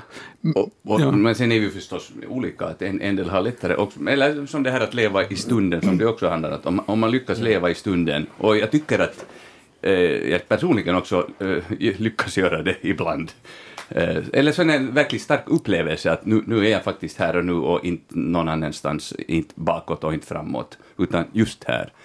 Eh, så, sådana moment, alltså på scen tycker jag, eh, då när det är som bäst så är det just så att man, man är verkligen där. Fast det är intressant annars att du säger, att, vilket jag bra kan förstå också, att när man är på scen, det vill säga när det är inte på riktigt, så då är det riktigt på riktigt. Ja, ja. men det är just det att, att på ett sätt så är, är det på riktigt. Ja, alltså det är ja, ju det som man försöker eftersträva, att det, är- Ja. är en, en verklig sanning, fast den är så Ja. att säga fiktiv. Ja. Jag lyssnade på det där Pekka Strangs sommarprat idag och, och han pratade också om det där att det är konstigt att, att han får aldrig frågan att han får alltid frågan att hur, hur, kan du alla, hur, hur kommer du ihåg alla repli, rep, repliker när du står på scen? Men aldrig att hur känns det att du låtsas varje dag? Att man bara låtsas hela tiden, att det, är- det är en skådespelarens jobb. Så jag, jag kan ju fråga av dig då Riku. Att låtsas, man, man, man är ju någon annan, man spelar ju någon annan. ja, men jag upplever inte som att, klart att man på, på ett sätt låtsas vara någon annan, men, men utgångsläget, det är ju inte för, för alla, men de, de flesta tror jag nog utgår från sig själv och sina, sin, sitt eget liv och sina egna upplevelser och känslor och hela spektret av sig själv. Och så att då är man ju där ändå själv fast man låtsas vara någon annan. Så att, eh, däremot är det, en, är det en roll som går väldigt långt ifrån det som man själv är. Eller en extrem alltså personlighet eller figur. Så om man går väldigt djupt in i det och det är också en lång spelperiod eller så då, då, då kan det ju uppstå det som inte är så bra, att man, man eh, börjar liksom Eh, det blir viss schizofreni, att man, man går så in i det där. Men det är väldigt sällan det sker. Att det, många är så där undrar att, hur, att de behöver jättelång tid förbereda, men det är just så att, att, att det är då i stunden, i den där sekunden som man blir den där personen och inte två timmar före. Utan det är klart att det kräver en koncentration och sådär, men det, men det sker just då när man går in på scen eller när kameran börjar snurra eller så här. Jag skulle nu gå tillbaka till den här texten i den här sången, för jag tycker den är ju ganska blottad nu just om hurdan, människa, hurdan människan är, hurdan vi, hurdana vi är. Men men jag tycker också den visar ju på att, för att om det är sådär, om det där är sant, vilket vi är väl ganska överens om att det i alla fall till stor del är sant, så betyder det ju att, att vi är hela tiden på väg någon annanstans. Att vi är helt enkelt på väg vidare. Att Man, kan, man stannar ju inte upp och ser vad, vad man har, vad som finns omkring en, vad som är vad som är bra, vad som är fint, utan det är hela tiden någon sorts jakt efter något annat. För annars skulle det inte vara, den där texten skulle inte stämma. För att om man har det hela tiden, förstår ni vad jag menar? Ja, ja, Att det, det är ja. Men det ganska... På det sättet tycker jag det är lite, knäckande på ett sätt. Alltså, Ja, för jag, jag upplever inte som så knäckande egentligen, för det, just i och med att det inte är en så total sanning, utan det är en del sanning alltså. Ja. Och, och att just att man...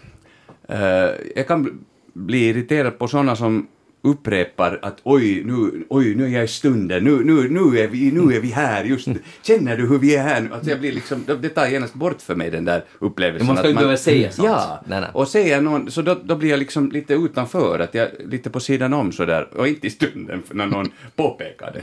Då blir jag sådär, ja, utanför mig, Men mig brukar själv folk lite. säga att nu är vi i stunden? För det, då far det Inte så ofta, då, men... Det raseras ju helt den magin men, liksom. Men jag, jag var med om det rätt nyligen på en, på en middag, där det var en person som satt bredvid mig som upprepade ganska många gånger. Det är så här, uh, omöjlig sak att säga, liksom, att det just visar att man inte, att det är inte är sant. Men är det, jag menar, det är ju jättevanligt att man förstås just på det sättet inte är i stunden, att man då uh, till exempel tycker oj, att det är en så fin solnedgång och här sitter vi och nu ska vi ta en bild av det. Så att det betyder redan att man ren så att säga föregriper det, att den här stunden är nu redan förbi, men sen, det skulle, sen måste man minnas det sen senare. Att det är ju Vi hade nog på den här resan mycket diskussion, för jag, jag kan bli så otroligt irriterad på Anton när han tar alltså, så mycket bilder av eh, också sig själv och, och filmsnuttar som sen ska på Instagram, att, det liksom, att man ska uppleva saker för att få en bra filmsnutt som kan sättas på in- Instagram eller någonstans. Och jag vill säga, kan, kan vi liksom bara nu uppleva det här som är här? Måste, måste vi liksom gå dit för att där får vi en bra filmvinkel, liksom det blir bra för att man sen ska kunna lägga ut det. Nåja.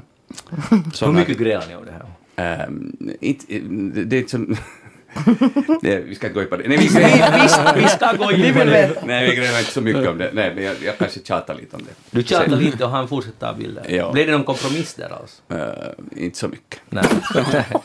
aj, aj. Det är bra nu att ni är lite ifrån isär. Men där är med alla de där också, det där som att vara på väg till något annat ställe, så där tycker jag också att det finns den här frågan att varför är man det? Att är det det att man så mycket vill komma till det där andra stället, eller är det just det att man vill komma bort från det man har? För att det är på något sätt för mycket. Att, att jag tror att det finns den där att äh, människor har liksom, vi har svårt med verklighet. Särskilt när den är bra, inte när den är dålig. Det, det står man lätt ut med. För då kan man hålla på och klaga och liksom på ett visst sätt distansera sig från den. Men om det är något riktigt bra så är det mycket svårare att ta. Ofta. Inte- det det här är förstås inte igen en total sanning, det skulle det inte kunna vara. Men Det här är något att tänka på och nu ska vi ta in en nästa lyssnare. Hej och välkommen med i Nattsnack. Uh, tack. Vem jag har vi här? sätta Ingo på kartan. Ingo, Ingo är på kartan. Pling, där är Ingo med. Och vem, har, vem är du då? Nå, jag är Nea. Nea. Och, och, och jag ringde i fjol somras. Härligt. Perfekt. Kontinuitet. Och, Nå, och jag får säga som farmor att jag är både farmor och mormor och jag stickar. ännu bättre, ännu bättre. Och har du intuition? Vad sa du? Finns det något sånt som kvinnlig intuition?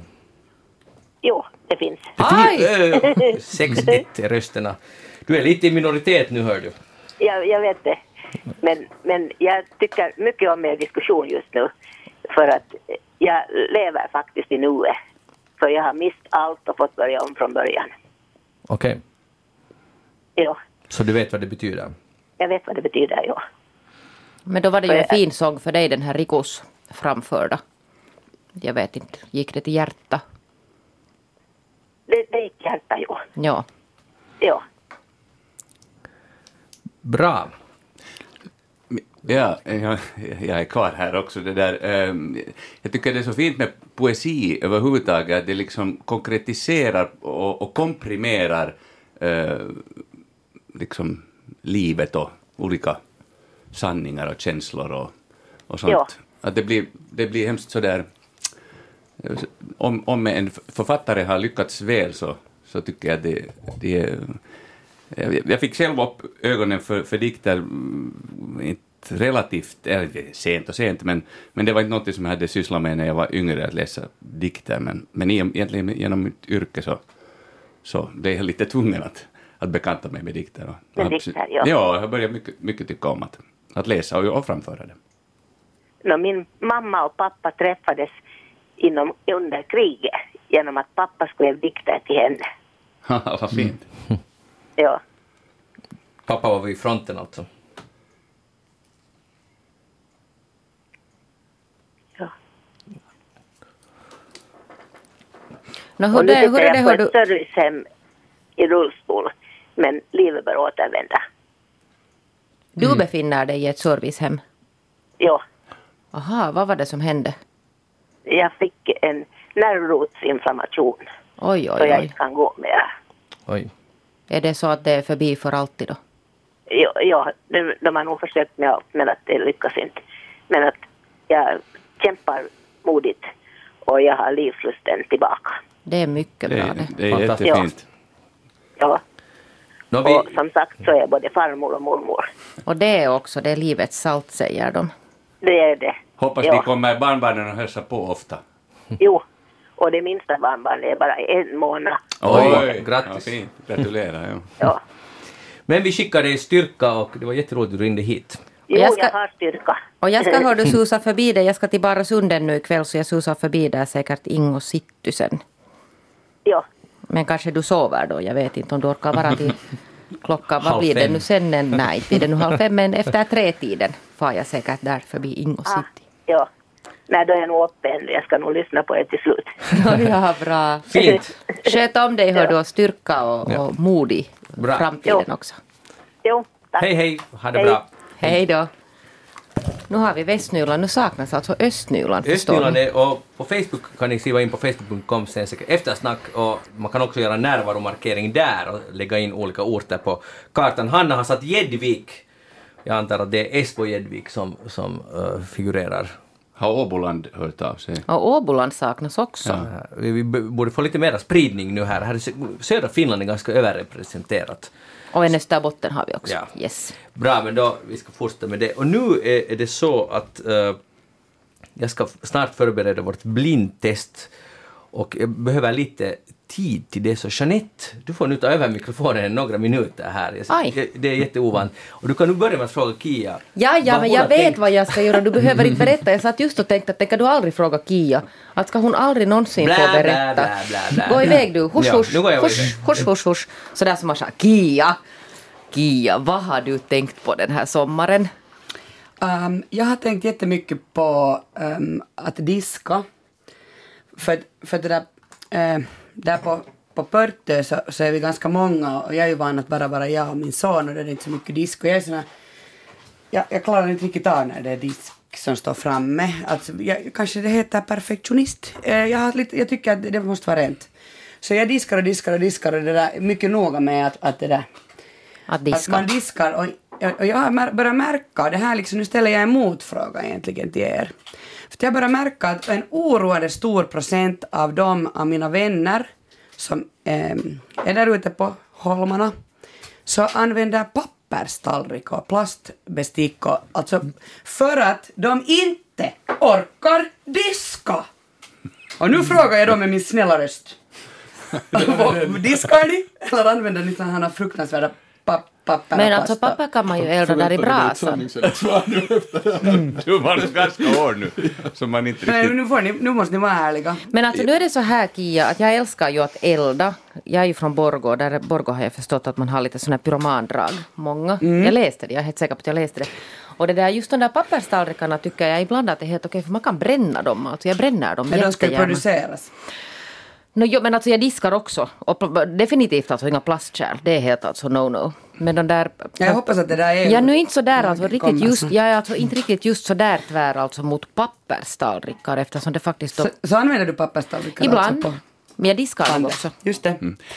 Då vet jag det. Nu ska du... så gör jag, man en jag är mera på Kievs linje, alltså eh, på det sättet att jag använder egentligen aldrig papperstallrikar, eller ska vi säga mycket, mycket sällan. Och tycker inte så om dem. Liksom. Det, det, det är så mycket godare att äta mat och dricka drycker ur riktiga Just så är det. glas och tallrikar. Men jag har förståelse för dem som använder det eh, under semestermånaderna framförallt. Ibland, inte behöver man Ja. hela tiden. Men en del ibland. gör det liksom hela semestern. Jag, jag tycker Alltså, jag inte har så om det, men, men jag förstår det. Alltså, för att, Vad är det du förstår? jag förstår det att, att om, om man Jag är en större att är familj, hostil att nu. det tar väldigt mycket tid att stå och diska och de flesta har kanske inte diskmaskiner på si- sitt sommarställe. Eh, utan, utan man måste diska för hand och då, då, då går det jättemycket tid. Att sen, vi är ofta bara en eller två och sen kanske man lite gäster och några stycken men det är liksom inte tio personer, väldigt sällan som ska, ska diskas för. Eller, Men sen kan det vara sådana 20 frågor också om att 30. det där, hurdan liksom vattenförsörjning man till exempel har. Hur svårt är det till exempel att, att Man kan ju liksom göra använda regnvatten. Nu har det ju inte regnat så jättemycket, det kan jag ju. Men man kan ju Mm. gärna diska Kia i varmt vatten, särskilt om man har alltså tallrikar och man har ätit något fettig Ja, ja. mat. Men du värmer ju det där vattnet på din vedspis. Ja.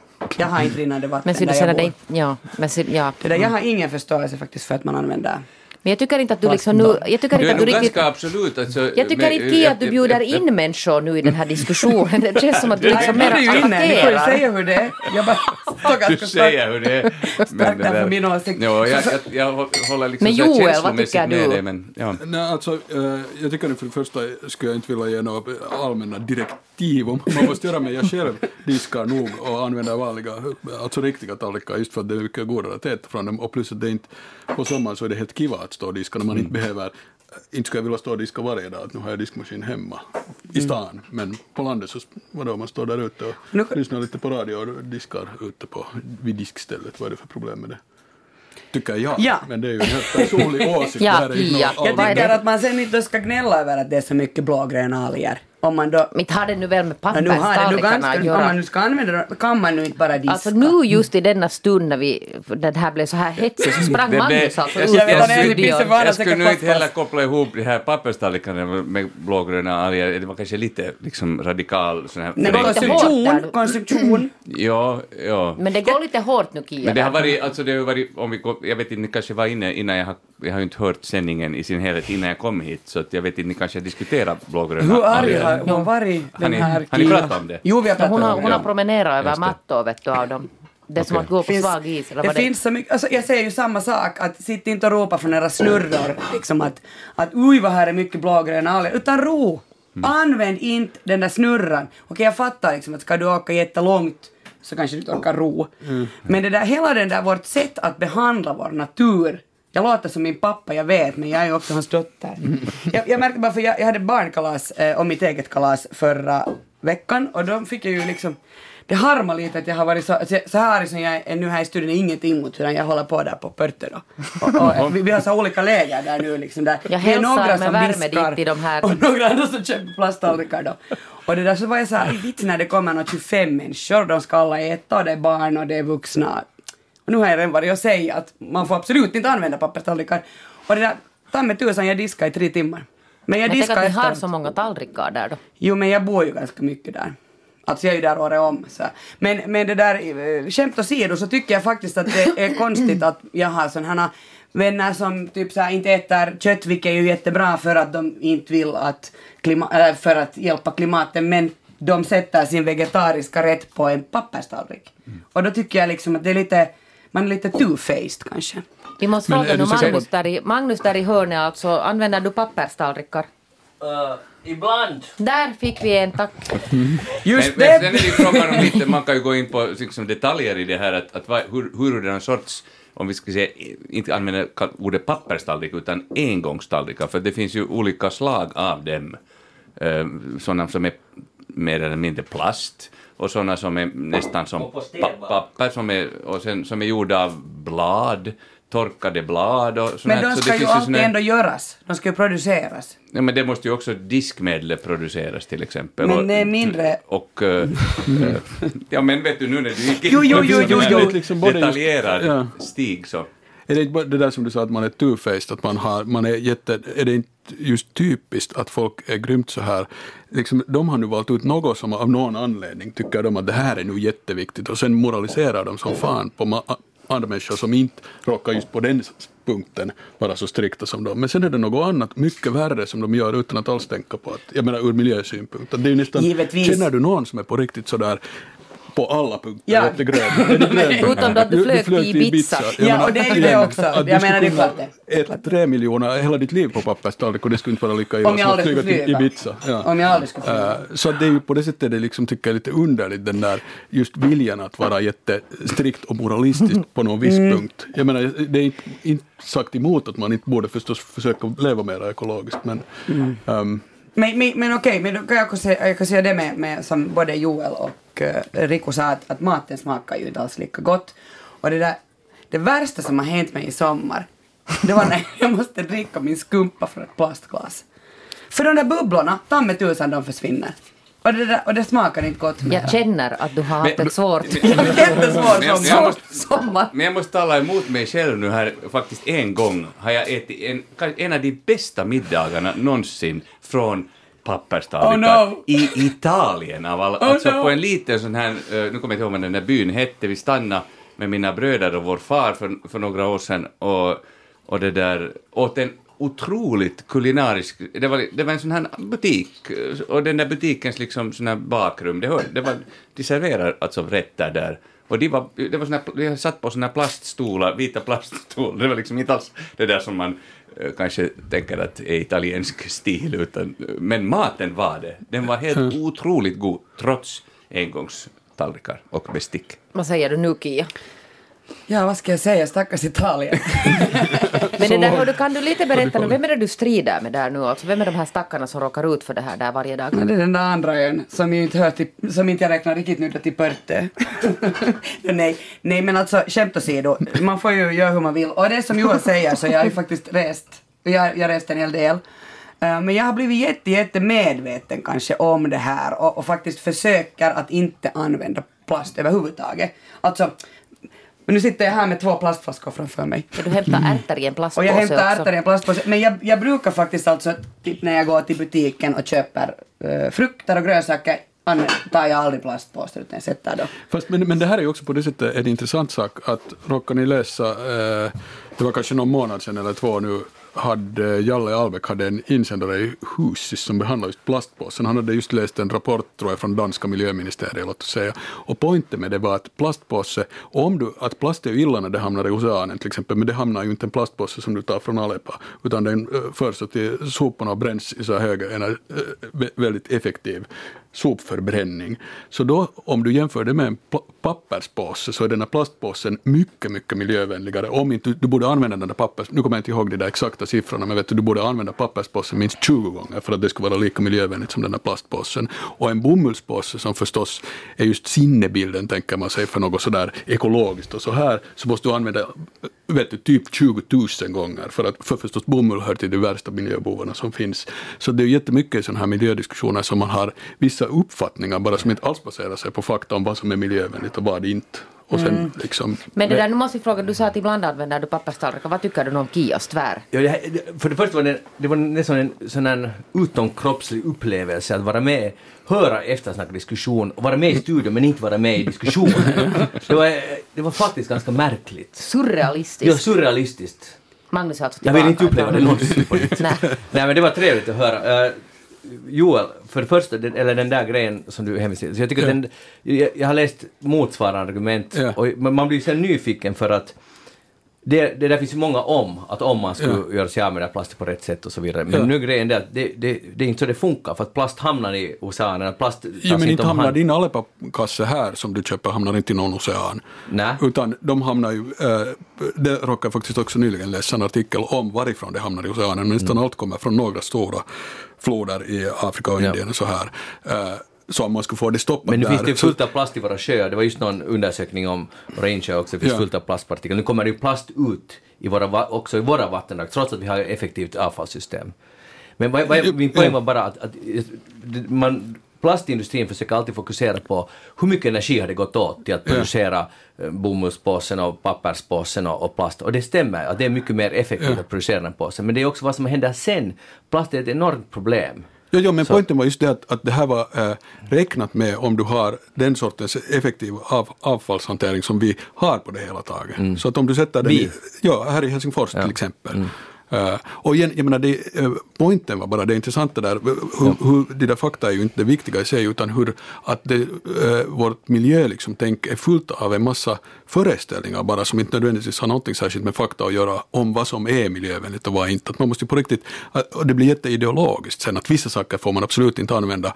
Eh, och, och också förstås är det med miljörörelser, att de måste förstås för att få ett så att säga effektivt budskap så måste man ju alltid förenkla och fokusera på något och säga att det här är jätteilla. Fast det kanske inte alls forskningen, om man tittar efter så stämmer det inte förstås riktigt att just det där ena är just det värsta. Men om du, skulle, om du gör ett för allmänt budskap så blir det så här luddigt och då vet folk inte vad de ska tänka och så händer ingenting. Och det var en del av Albecks, Albecks point också, att det är helt bra också att fokusera på saker fast det inte riktigt stämmer. Så kan det ha goda konsekvenser att man sen eh, vet du, så utvecklas miljövänlig teknik fast det inte alls var den viktigaste eh, saken som man ska åtgärda.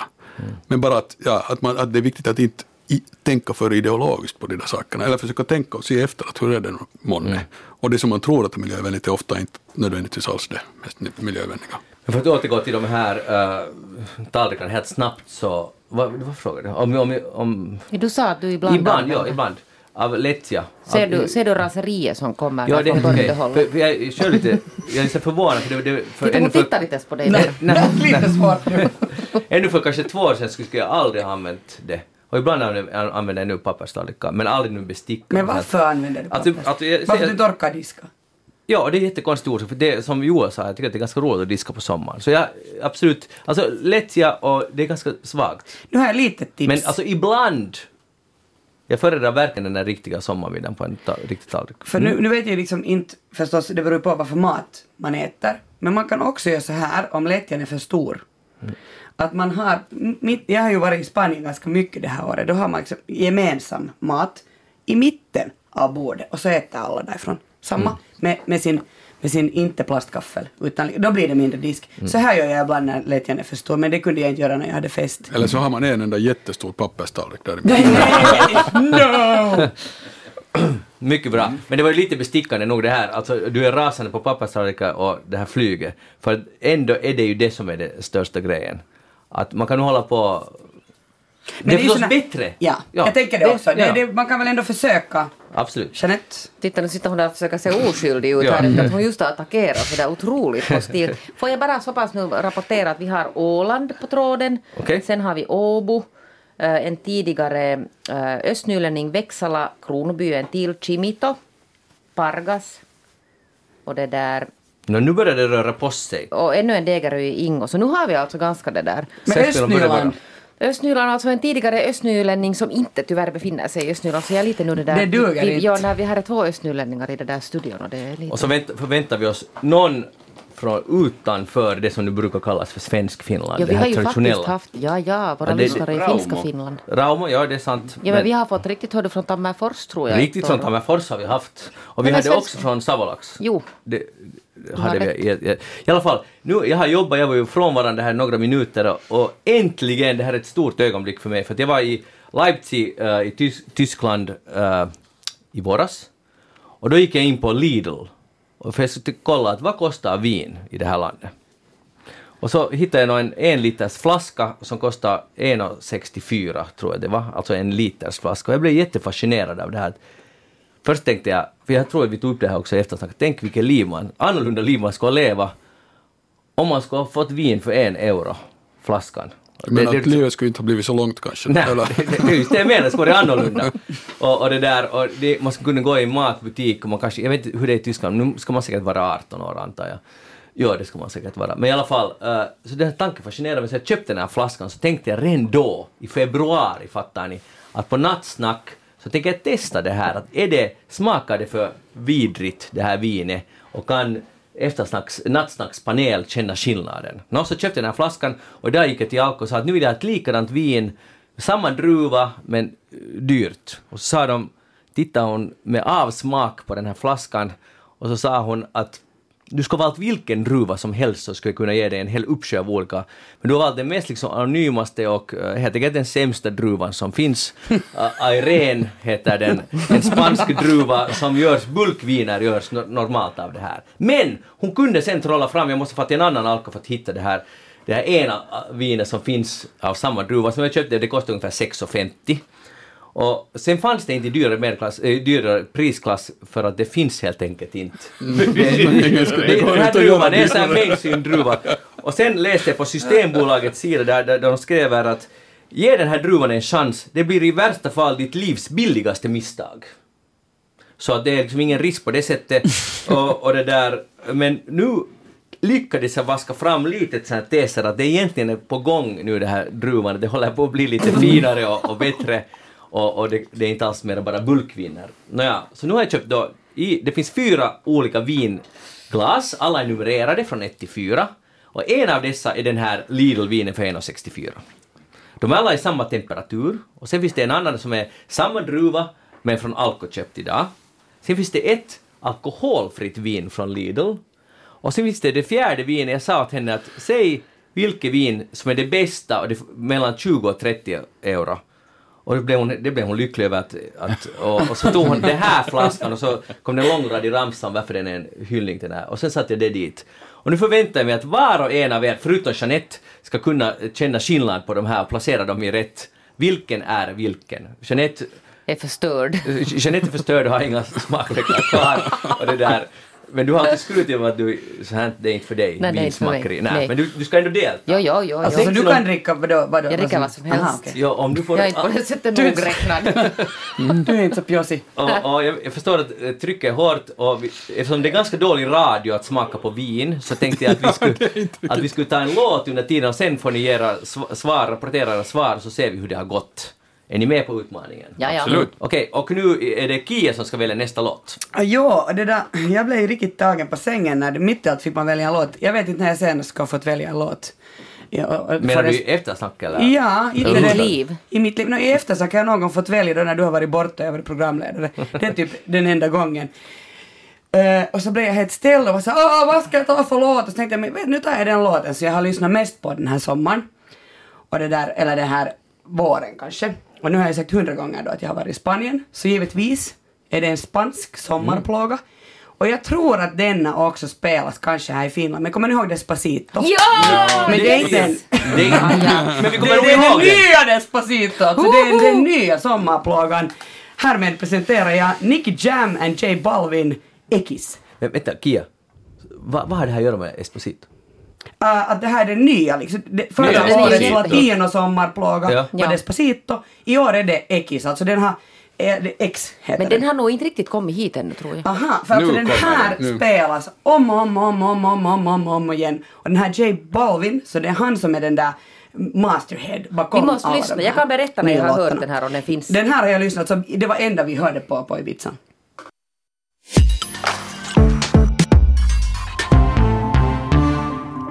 Nattsnacket tillbaka med Jeanette Björkqvist, Joel Backström, Kia Sveti- Svetihin och nu också Rico Eklund och jag heter Magnus Lundén. Vi håller på till minst till klockan 02. Just nu har vi på gång här vinsmakning, en stor utmaning för alla vinkännare. Därför är Särskilt med den här tyst- tidtabellen. Ja, några minuters tidtabell. Men vi kan, eh, jag kan lite ta sociala medier här, un- här under tiden. På Facebook skriver Sam, han kommer hälsa från Pargas, jobbar på avfallscentralen Pargas. Det är, det är bra att folk jobbar där, för att annars skulle det gå åt pipan, Jeanette. Ja, sen ska jag bara hälsa det där av Mats till Kia att det där vart, vart häller du ut det där ditt diskvatten? På blommorna. Aha, okej, för att blågröna alger älskar ju diskvatten. Jo, jo, det, vet jag. Och Sonja skriver eh, Heja Kia, plastglas och skumpa går, går bara inte och att diska ute hör till sommaren, smiley. Om man diskar ofta så blir det inget diskberg. Lyssnar i sängen på Degerö i Ingo, Ingo var där igen. Så skriv in och berätta vad ni håller på med, var, var ni är just nu, vad ni gör, förutom att lyssna på nattsnack. Och om ni har druckit Airén-druvan och är förälskade i den, eh, det är mest i centrala Spanien som den dricks. Och Don Quijote drack den här, det här vinet har jag också lärt mig. Eller inte kanske just det här Lidl-vinet, men, men att... Jag tycker de har alla börjat smaka samma sak sen plötsligt. Men Alltså, är ni redo för dom? Är, det någon som ännu behöver tid? Jag luktar lakrits om någon undrar varför Utmaningen var alltså att det finns fyra... Jag har köpt en flaska vin, vin i Lidl i Tyskland för ungefär 1,64. Det billigaste som fanns i Lidl i Tyskland, det betyder att det var billigt. Sen har jag köpt samma druva på Alko idag, det är en annan flaska. Sen finns det ett tredje som är enligt Alkos uh, anställda det bästa vinet i prisklassen 20 till 30 euro eh, som borde höja sig milsvid över, över de andra. Det är alltså inte samma druva. Och sen ett alkoholfritt vin från Lidl införskaffat idag. Jag ser att Rico sitter där och vet det här. Och vi börjar med liksom- Jeanette Björkqvist. Nej, vad ska jag nu börja här? Men, för du har, du har ingenting, jag du har ingenting att förlora. Vet, jag blev helt råddig sen med mina anteckningar här så jag kom inte liksom allt få fel bara här. Men, men vill du ta en paus? Ska jag tippa, ska jag tippa Nej. på vilken den här billigaste är? Får jag tippa Ja, det? du, vänta, vänta, jag måste bara skriva upp här. Jeanette, okej. Jag tippar att den där billiga äckliga är nummer ett. Eh, den här från Lidl, den här billiga Mm. från Lidl, ja. Och sen tippar jag att den där billiga från Alko faktiskt är nummer två. Men jag, håller på att rodda här med de ja. här två. Vilken är, är den alkoholfria? är? Fyran skulle jag påstå. Och den lyxvinet? Eller sen var det trean. Nej men du måste säga. Okej, no, det- den där lyx var då kanske trean. Okej. Eller sen kanske tvärtom. Bra. Joel. Är du redo? Ja, jag har nästan som Jeanette att den här ettan ska vara Lidl. Uh, Billiga Lidl ettan. Och fyran är alkoholfritt, men vad som kanske skulle vara bättre av de där två eller tre vet jag inte. Jag tycker de var- Alkoholfritt är fyran, lyxvinen, vilken? Mm, no, låt oss nu säga mm, trean då. Eh, och tvåan är det där van, vanligare alkovinet. Ja, Okej. Sådär. Du hade samma rad som jag då. Var det helt samma? Kia. Äh, Fyran är alkoholfritt, det var riktigt hemskt. Ja. Man mycket utan alkohol. Och Ja. den här ettan är Lidl.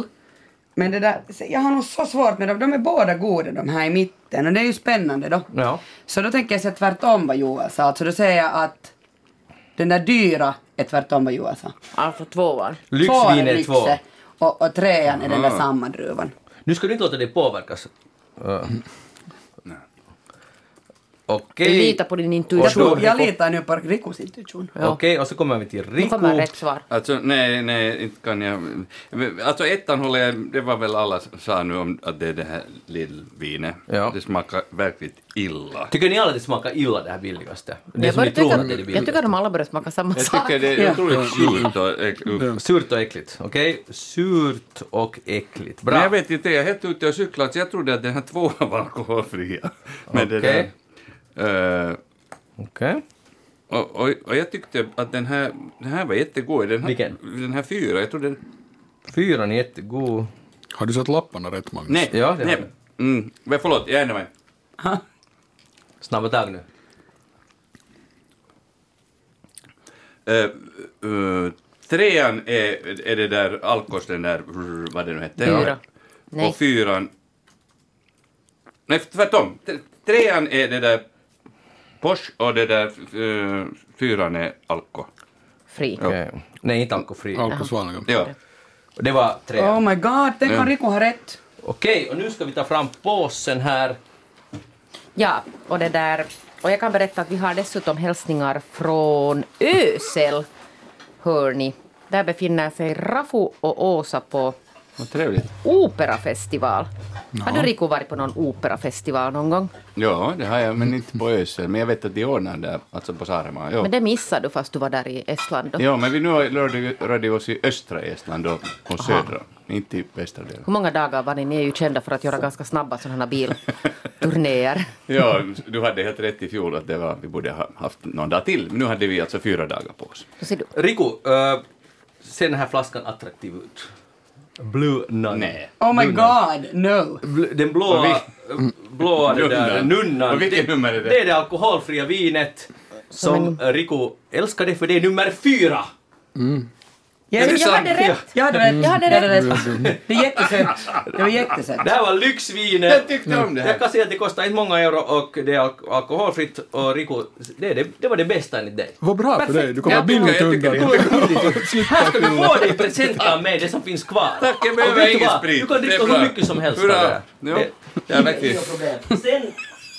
Nu gräver Magnus åt här under studion. lyxvinet. Är det en är- chablis? Är det en cha- Nej, Det det är en. Riesling från Österrike, det är alltså inte jag som har valt det, utan? Alko har valt det, staten har valt det åt mig och det är nummer tre som är Jag hade rätt, lyxvinet. jag hade rätt! Perkele, vi hade båda Men det, men det var nog så jag sa, alltså trean och fyran. Nej, du bytte, Nej, du i- sa du bytte i slutskedet. Aha, bör- gjorde jag. Ja, du gjorde det.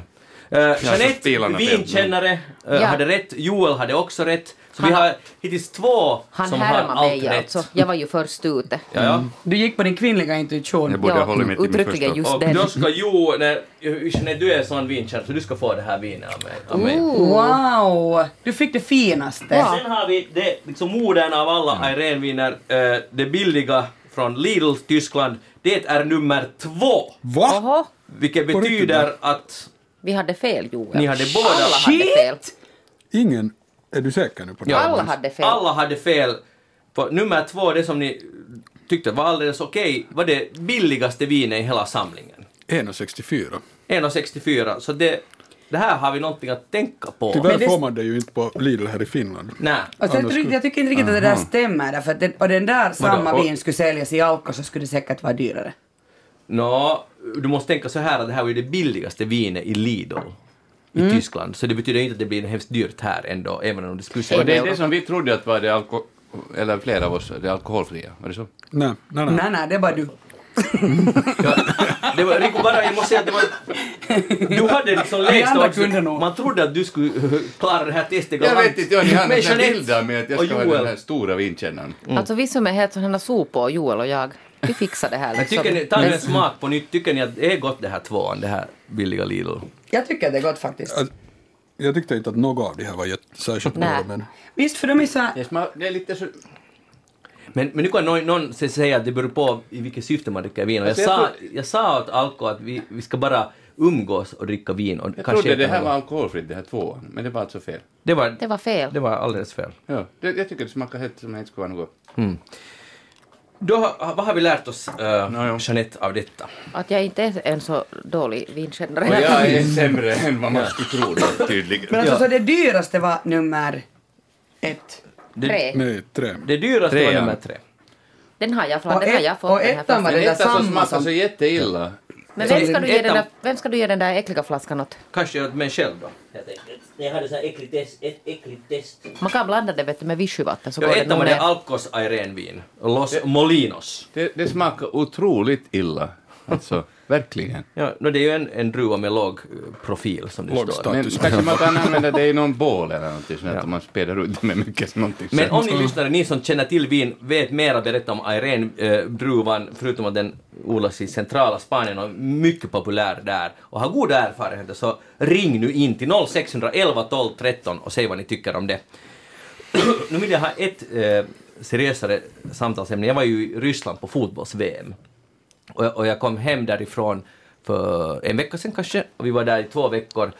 Och jag måste säga, jag skrev en kolumn om det som finns på svenska.yle.fi, och i korthet handlar den om att uh, jag hade inte så hemskt höga förväntningar, jag trodde att det skulle vara lite kaos och att ryssarna skulle vara väldigt nationalistiska uh, och kanske inte så gästvänliga. Jag förstår inte var jag hade fått den bilden eftersom jag ändå rest ganska mycket i Ryssland tidigare, eller jag har rest mycket där. Men av någon anledning så tänkte jag att det, kommer inte att, att det är inte mera så i Ryssland. Och jag fick helt fel, för det var bättre än vad det jag upplevde tidigare. Och, och Ryssland var väldigt öppna.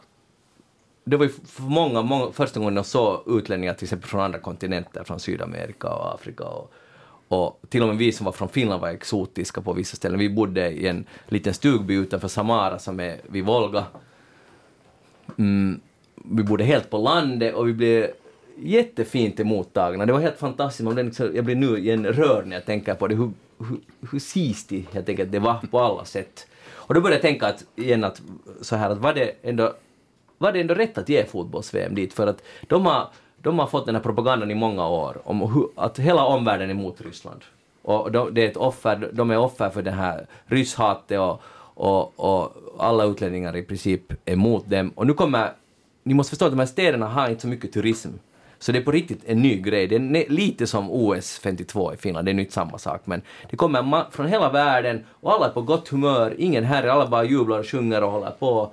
Och det blir en sån här clash mellan vad ryssarna tror att utlänningarna är och vad de sen är. Och samma blir det för oss turister som kommer dit. Den bild vi har fått av Ryssland tack vare Krim, eller på grund av Krim och många andra saker, Putin och, och ledningen där, så har man en, viss misstänksamhet, så kommer man dit och ser man att hej, det är inte alls så här i, i verkligheten. Så det var, det var alldeles otroligt. Men tror du alltså, eller vet du det att, att de har blivit itutade sån här propaganda att hela världen är emot dem? Jo, jo, det är ju Liksom typ statskontrollerade med, jo, jo, Men jo. det har de ju alltså, men jag menar i vilken mån alltså sen propagerar de för sån Men nu här... har ju Ryssland alltså framställts som att det är hela världen mot Ryssland. Jo, men jag tror ju inte att det är liksom lika mycket till exempel lika starkt som det har varit i Nordkorea. Nej, nej, sådär, att, förstås att de har, det finns Nej, ju liksom, nej. det är mer nyanserat det här Nej, de... men ny- nyanserat ska jag nu inte kalla den Nej, nej, alltså inte nyanserat, men jag menar att de, de, de skriver om annat också än hur Jo, hela jo, världen förstås. är emot dem.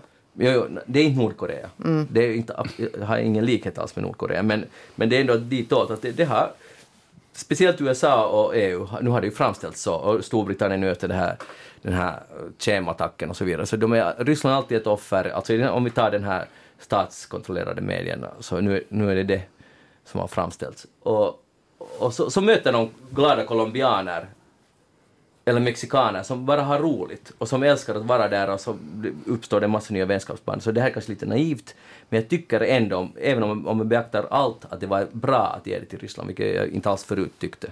Så nu, vad tycker ni?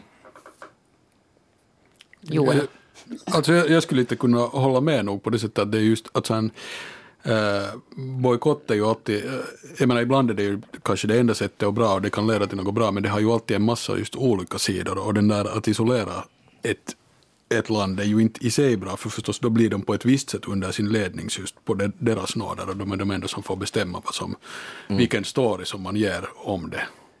Och, det, och just det där att vara, det, har, det är ju ryssarna jättebra på att vara just offer, så det är ju bra om de inte om man ska bojkotta så då blir de ju ännu mera förstås. Den, den liksom storyn underblåses då i så fall. Sen kan man ju, jag menar det är ju underligt att folk är så jäkla korkade överallt i världen att de tror på sånt där. Och har nå- ja, tänk att man kan gå omkring och tro att ryssar på det hela taget är på något, att de är, de är hemska människor eller colombianer eller jänkare eller vem det nu sen är. Och sen blir man jätteförvånad när det kommer en helt vanlig, ja de var ju riktigt trevliga de där colombianerna. Jag menar hur kan man ha så dumma idéer om folk? Men folk har ju så dumma idéer.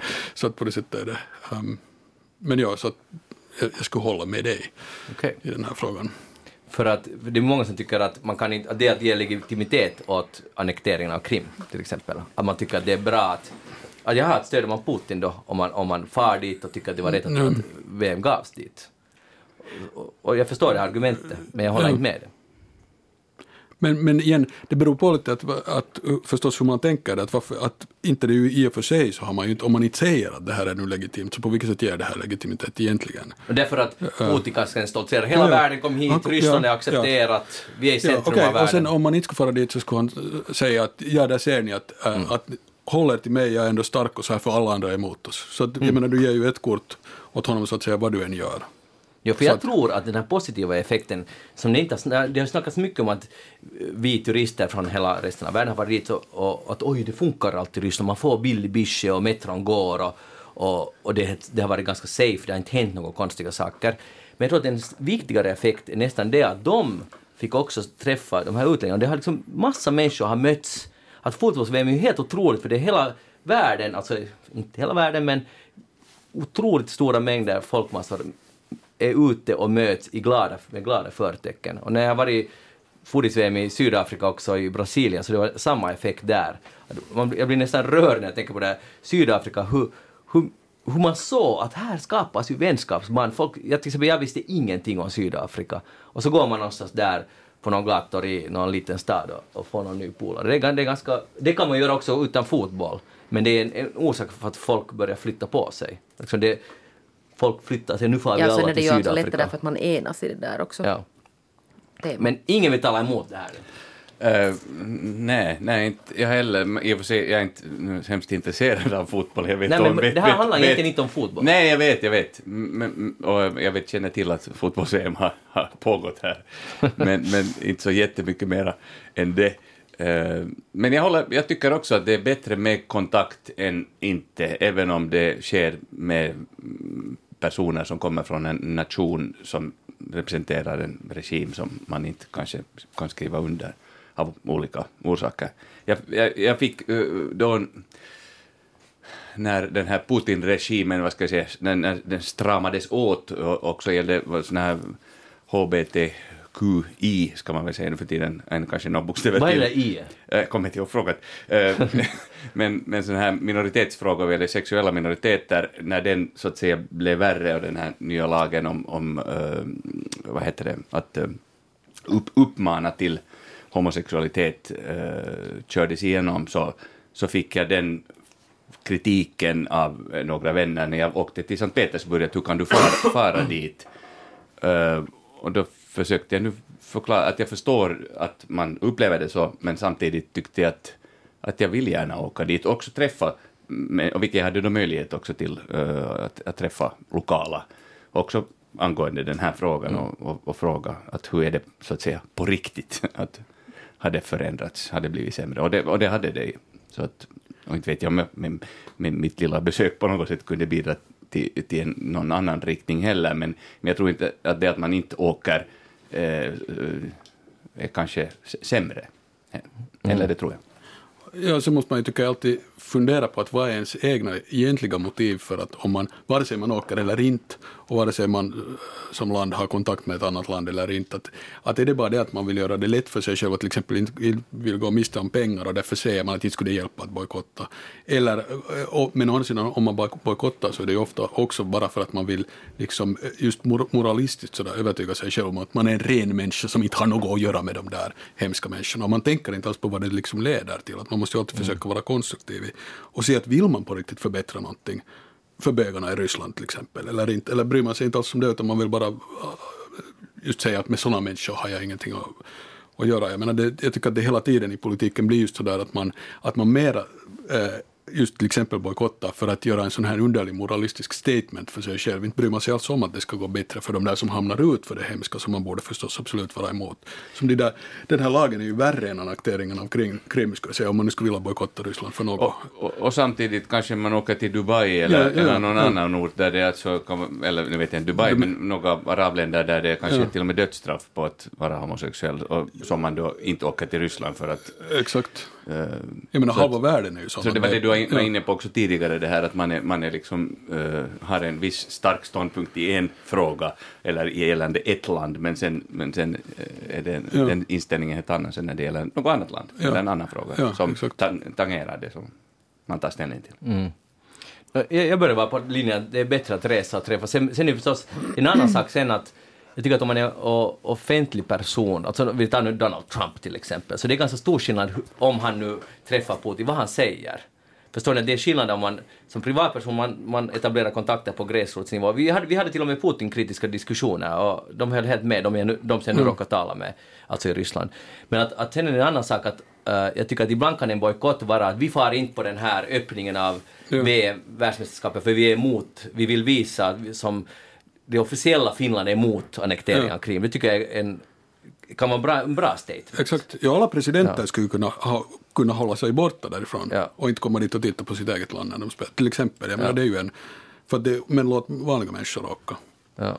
Det är en möjlighet. Hej, vi har fått mera från Tom sitter i Närpes, Närpes på mammas, på mammas villa och njuter Okej, det här är nu på, på uh, dialekt så Bra, kör, Magnus. Ja, ja, ja, ja, ja, men i alla fall. Tom är där och Ulla-Maj Widerus är på Villa Videskär uh, och trodde faktiskt, faktiskt inte att jag skulle lyssna på er den här tiden på dygnet. Vad, vad trodde hon då? Att hon skulle sova, hon det kan sov. man ju inte göra Det kan man absolut inte göra, det är helt o- omöjlig, omöjlig tanke för, för närvarande. Klockan är några minuter över ett, vi har minst en timme kvar här ännu i studion, vi kommer alltså att hålla på till klockan 02.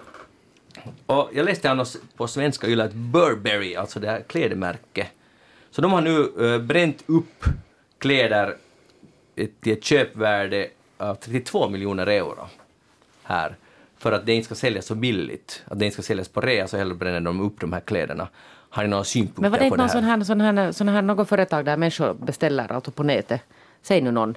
Något sån här alltså klädföretag. Eller någon sån här alltså... Zalando. Som ja. ja, som alltså bränner upp alltså det som människor returnerar. Mm. Och det far liksom bara puff. Alltså det här är en grej som jag har förstått att, att må, många klädesföretag gör. Att med, när det inte går åt, så istället för att sälja det billigare så, så bränner man upp dem. Så att, och det känns ju helt sjukt. Alltså jag läste bara den här debatten på nätet var det någon som försvarade att klart att det är ju deras produkter, att de får ju göra med det, de har producerat dem, att de får göra vad de vill med dem. Och, och, och det, så är det ju. De får göra vad de vill. Ja, men man får får ju ha en åsikt om saken också. Men det var jag, jag- jag tycker annars att det där argumentet är alltid bland de svagaste. Det är deras produkt de får göra. Jo, det är klart. Ingen har sagt Mm. att de får inte göra det Nej. juridiskt, det är straffbart. Nej. Utan det, man, man måste bara, som du sa, en åsikt om det måste man ju få ha. Men, ursäkta. Men att det, det tycks då inte vara helt ovanligt. Det är flera andra märken eh, som gör det här och allt för att ska, ett klädesmärke ska behålla sin exklusivitet. Men tänk annars, nu är kapitalismen ibland ganska bisarr. Att logiken är ju helt solklar. Att om vi nu skulle börja sälja de här, det här nu blir vi kläder över, om vi skulle sälja dem billigt så skulle, det, skulle inte folk mera betala för det ska vara exklusivt. Men tänk att det ändå lönar sig att bränna upp kläder istället för att sälja dem. Men, det i liksom, men det gäller ju inte alltså bara de här exklusiva, för det är ju alltså faktiskt så att det finns en, jag känner en massa människor som beställer äh, kläder på nätet och sen prövar de dem och sen, det, är liksom, det, det är någon slags hobby. Att sen postar man tillbaka att det här passar inte, jag skickar tillbaka. Alltså, sådana här returkläder, liksom, Ja. vilka som helst kedjor. Och de bränns också upp. Alltså. De bränns upp. Ja, man sätter inte Alltså så att man tar dem liksom. eller ja, typ H&M alltså, billiga, va, ja. va, Men varför va- kan man inte bara alla liksom använda dem? Nej, men, jo, Det är men eller, sälja dem. antagligen. Nej men för att det där, men det där företaget också, för det, finns, det ingår i den här, du har returrätt alltså när du har, du har beställt på nätet någonting. Så beställer du hem det så prövar du och sen skickar du tillbaka det. Och de alltså far inte i nyförsäljning. Det var här nu på sommaren och så här nyhet. Utan de far också alltså i soporna, de kläderna. Det är alldeles fantastiskt. Kia, har du någon... Ja, vad ska vi göra av det här? givetvis sluta konsumera så jävla mycket kläder. Jag förstår inte att, så att människor på riktigt behöver hela tiden köpa. Jag har hört om de här som sportar, så jag, jag vet ganska många som håller på med det här, att de beställer massor. Så det är så underbart, man kan bestäm, beställa då, är det Zalando eller vad det är, eller någon av de här. Liksom bara beställer hem massa kläder, testar, skickar tillbaka. Det är det de håller på med. Det är helt galet. Och tycker att det är härligt det här att man kan sitta hemma alltså på nätet Ja. och beställa och inte behöva gå i butiken alltså. Och så liksom kan man bara skicka tillbaka. Jag tänkte att jag var ju i Sierra Leone på, på det där i december och, och i Freetown, i huvudstaden, så säljer de ju jätte, jättemycket. Alltså det är ju hela Afrika i princip så säljer, säljs jättemycket av se, våra second hand-kläder. Att, att det där med att jag till exempel ibland går och dumpar i de här UF-lådorna och alla de här ställena, det är ju inte alls bättre att vi säljer de där kläderna second hand. Vi borde bara inte använda, konsumera så mycket kläder. Och det har gjort att afrikanska eh, riktiga, liksom deras egna kläder inte mera har åtgång och de kan inte sälja dem. Och då vet jag att då, då, de kläder som inte de sålde på gatorna, så det dumpar de i havet. Att det är ungefär samma sak som att bränna upp det då, så dumpar man bo- bort det. Alltså det är ju något fel på vårt, alltså vi västerlänningar sätt att konsumera. Och därav dessa blågröna alger. Att konsumera och producera. Att det där är det är ju helt samma logik som i livsmedelsproduktion till exempel. Att vi producerar ofta då för mycket och så vet vi inte vad vi ska göra det så förstörs det eller så dumpas det i tredje världen. Och så kan de inte själv sälja sina produkter, tre, jordbrukarna i tredje världen. Att Det är, liksom, det är ju helt, och förstås blir det ju helt sjukt ett sånt system som baserar sig på att någon ska göra vinst alltid. Fast hela idén förstås, den officiella idén är ju att så här blir det ändå bäst, i slutändan blir det bäst. Att det här är det effektivaste systemet som finns. Och sen hur galna grejer det än uppstår som sån här, till exempel, så säger jag menar, det är nog ändå bäst i slutändan. Så det går ju aldrig att motbevisa, liksom, för idén är just att det blir, att så här blir det effektivast, för folk kommer då att producera så effektivt som möjligt och de kommer att, eh, för att vet du, det är konkurrens och då blir det alltid bra. Men det är ju inte alls sant. Men säger alla nu att det, blir bäst, att det är bäst att bränna? Nu tror jag att, att ganska, när det kommer så här in your face, att det bränner upp, nu tror jag att många tycker att det är ganska konstigt. Ja, förstås är det en sunda reaktion att det är helt konstigt, men, men äh, alltså den officiella liksom, logiken för varför vi ska ha fri, så kallad fri marknad, den är ju inte alls fri. Men kapitalism är att då blir det bäst i slutändan, just för att det är med den fria konkurrensen som alltid tvingar fram det bästa sättet att producera äh, och konsumera. Nu, jag, jag har börjat göra så här att eftersom många i min, min närhet och också i min familj så tycker om att köpa så har jag liksom bestämt att de använder hela det där ekologiska fotavtrycket så jag får inte köpa något. Och det har jag absolut inga problem med för jag hatar att shoppa och jag liksom kan inte tåla att pröva kläder. Jag berättade ju tidigare att jag kan inte tåla att klä av mig och klä på mig så jag, jag, jag, jag har inte, jag äger inte så mycket kläder men att det där jag tänker, min, min familj jag har, det där är två duktiga som, som nog köper jättemycket kläder, att de uppfyller ju nog då det här. men jag tänker så här att, att man kan ju faktiskt tänka så då, att halva familjen gör inte, men andra halva familjen gör det.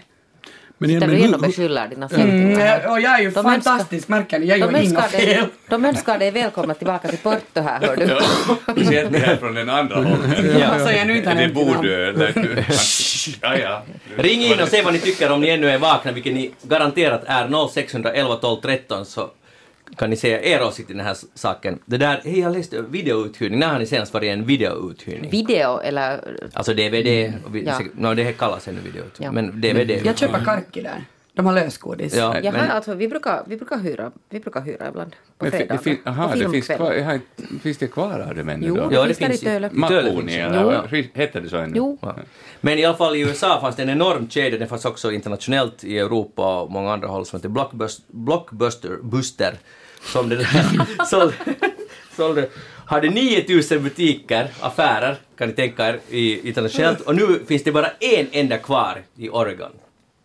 Och de två sista har stängt i Alaska och nu är det slut på affärerna. Och så de intervjuar den här typen som har den sista butiken så säger hon, eller hen säger att att folk är trötta på Netflix och på att sitta hemma i sin säng och bläddra bland filmer och vill komma dit bara för att umgås och för att träffas. Så det här är inte något överraskande man säger så. Men hela deras businessidé bygger bara på att träffa människor. Att folk vill gå dit och de orkar inte mer vara ensamma. Så nu undrar jag, är det för sent för att vända den här trenden eller kommer det, kommer alla de här, nu det alltså fanns 9000, nu finns det en kvar. Tror ni att, att Alltså det är ju sån precis här samma... business har en framtid? Nej, men det är precis allt? exakt samma kris alltså i Finland. Exakt samma. Alltså, de Mm. har ju jättesvårt och så måste de, jag tror att de går runt ganska mycket på att sälja godis. Att Ja. Det är ju inte egentligen de där filmerna mera människor far dit och hämta. Nej. Men, men, jag tänker nu trenden är att, att för det är ju, att man kan göra allt som vi just talade om, man kan shoppa hemifrån och, och alla gör det, vi gör det alla och man kan göra allt hemifrån nästan. Nå, nu får vi tänka nu på Claes Anderssons den här dikten där, att, att vi saknar det sen när vi har mist det. Förlorade. Blockbuster. Ja, nej, alltså inte men alltså, Men jag tror nej, inte att nu folk- saknar så hemskt mycket att gå och hyra de här filmerna. Det, det tror jag nog inte. Om inte man har det- någon annan social... Om det var liksom en ritual att gå dit och bläddra Alltså, och inte tala om den, filmer. utan Jag alltså tror att man hittar andra Men Rico, det är ju sociala liksom sammanhang alla, alltså det är ju alla de här alltså, som håller på att försvinna, alltså ställen där du alltså har vet du, Jo. men en det kommer andra istället. Man, har ju upplevt också att i banken och då hade man den här människan som vid bank på disken, bankfröken som man träffade. Och, och visst, det var, jag, tyckte också att det var trist när det i stort sett upphörde. Man går sen kanske en gång i år eller någonting och, och träffar någon rådgivare om man behöver. Eh, men och, och, på postfröken och, eller det var oftast då, jo. Postfröken. Men för att inte tala om kassorna, nu kan man ju alltså betala själv. Det finns en massa sådana här självservicekassor, så snart är vi av med alla människor därifrån också. Det är sant, det är sant. Men, jag, men jag tror inte att våra sociala sammanhang försvinner. Vårt behov är så stort så vi hittar nog andra sammanhang där vi kommer att umgås med mm, varandra. Nu har du hittat på något sånt sammanhang? Jag, jag är en mycket social person så jag har inte svårigheter med det. Okej.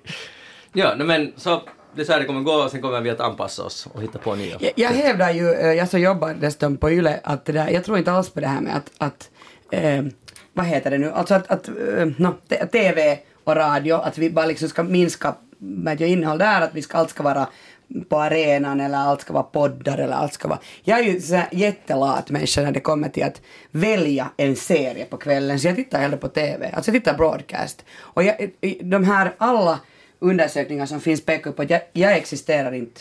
Mm. I Den här 38-åringen som vägrar liksom att jag har Netflix och HBO och en massa Viasat olika kan Jag tittar bara på TV, vanlig TV. Jag har det där Sveriges kanaler, jag älskar att se på Sveriges TV och jag ser på allt skit som kommer. Och samma, jag älskar radio för jag behöver inte själv välja. Jag kan inte tåla det där när jag hela tiden så krävs det av mig något. Det krävs att jag ska välja, jag ska välja det, det där vad, vad jag läser för bok, jag ska välja vad jag tittar på för film, vad jag ska läsa för nyheter.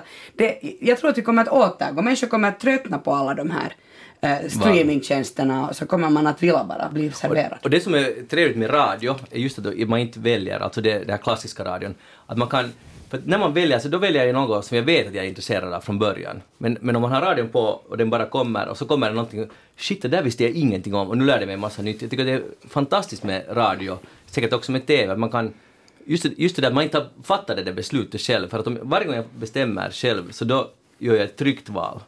Som är innanför min liksom så här, eh, min egen tunnel. Så det, det, det finns många sidor på det där. Nu har vi en lyssnare som är vaken, hoppas vi i alla fall.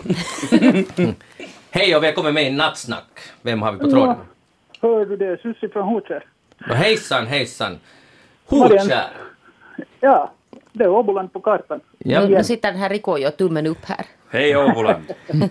Ja. No, Manu, Manu vet nog vem vi är gamla scoutbekanta. Precis, just det. Ja. Men hörde det där, vad har ni för väder där? Du, det har kommit tre droppar regn, eller kom det tre milli. Är varmt? Alldeles för varmt. Det är tropiskt. Ja, nu är det, det är 19,9. Ja men det är ju inte något tropiskt. Det är ju helt kallt. Usch, det är äckligt. Det har ju regnat i Helsingfors men det har då inte kommit, det var inte mycket att tala om då där. Ja, men det tycks komma mera. Jag tittar just på väderradarn. Jag kör nämligen färja och jag kör nattpass, så att jag har lite släppt det för rimliga er. Ah, Härligt. Ja, färg. och, och jag såg att det, det blixtrade riktigt rysligt över söderut och så tittade jag på blixtradarn och konstaterade att där mellan ute och Jurmo så tycks det vara ett häftigt åskväder. Man, man skulle lite önska att det skulle komma hit, hela att regnet skulle komma. Åska tycker jag inte alls om, men att, att det skulle komma mera regn för att vi har nog inte fått många droppar här sedan maj. Nej. Kör, kör du mellan uh, Hotskär och Korpo eller vilket färgpass kör du? Nej, nej, jag kör den sista färjan på Hotskär, Mossala-Björköfärjan. Okej. Hur, hur ofta går, jag känner inte alls till det, hur ofta går den? Hur ofta den går? Eller, den eh, går När det finns trafik? När det finns trafik. Just det. Och här, den går cirka, nåja nu är det högsäsong så nu är det typ nästan 200 turer per dygn. Oj Av då. hund- Oho. 196 skrev jag just in i, i programmet här förra, förra dygnets trafik.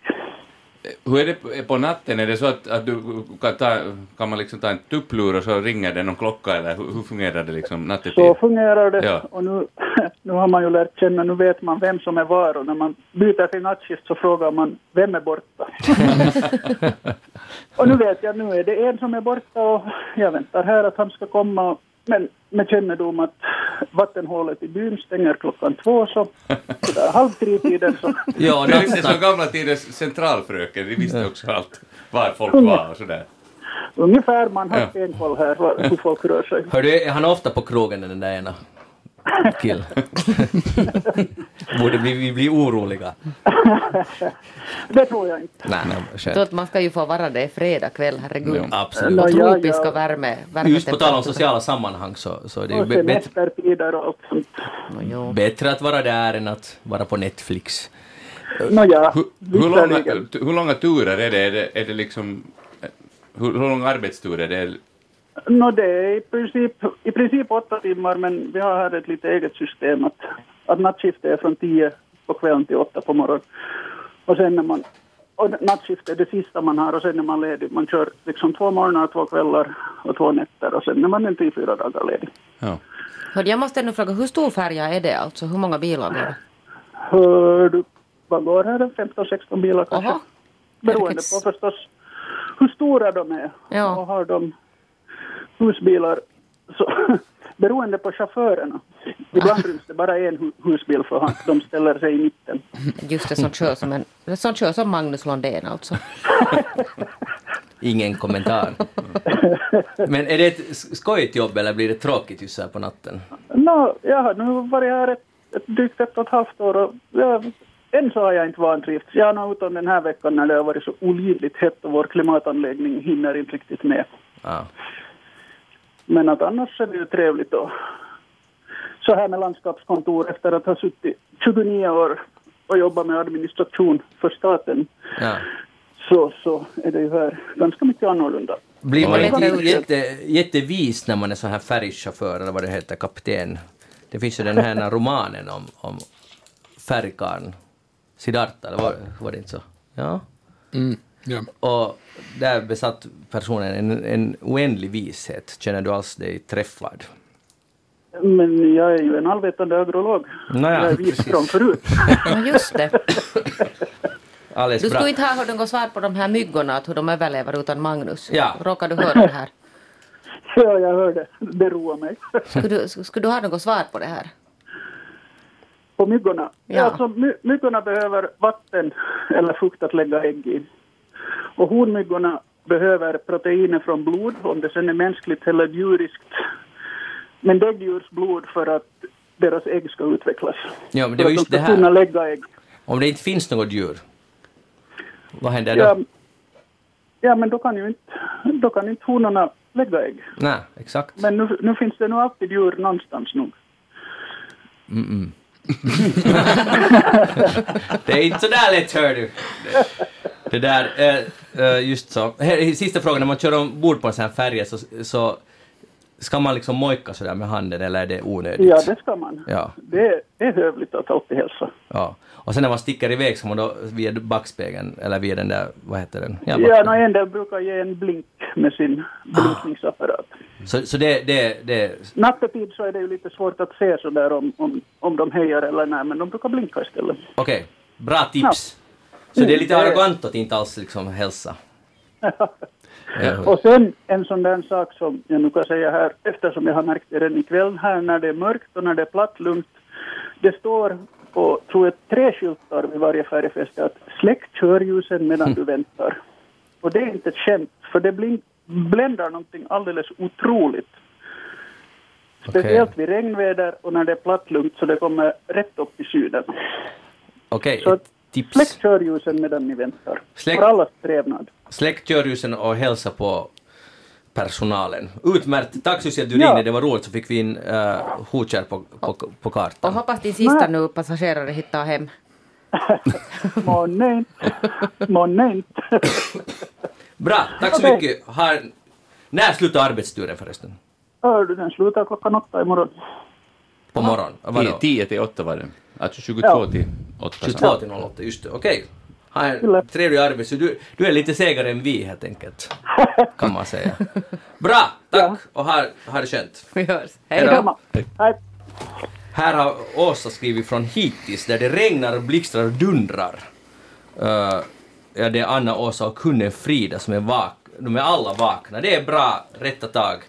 Och sen skrev Maria att håller så med Kia, jag existerar väl inte heller då, för jag tittar också på gammal hederlig TV till 99,9 procent. På arenan och, andra, och dylika gratisforum i stort sett bara om jag missat något avsnitt av någon serie på TV. Netflix, HBO, Viasat och sånt vill jag inte ha på mina utmarker. Kia, du, det, ni är två som inte existerar. Vi är två som inte existerar då, hittills. Det måste vara en konstig känsla att inte existera.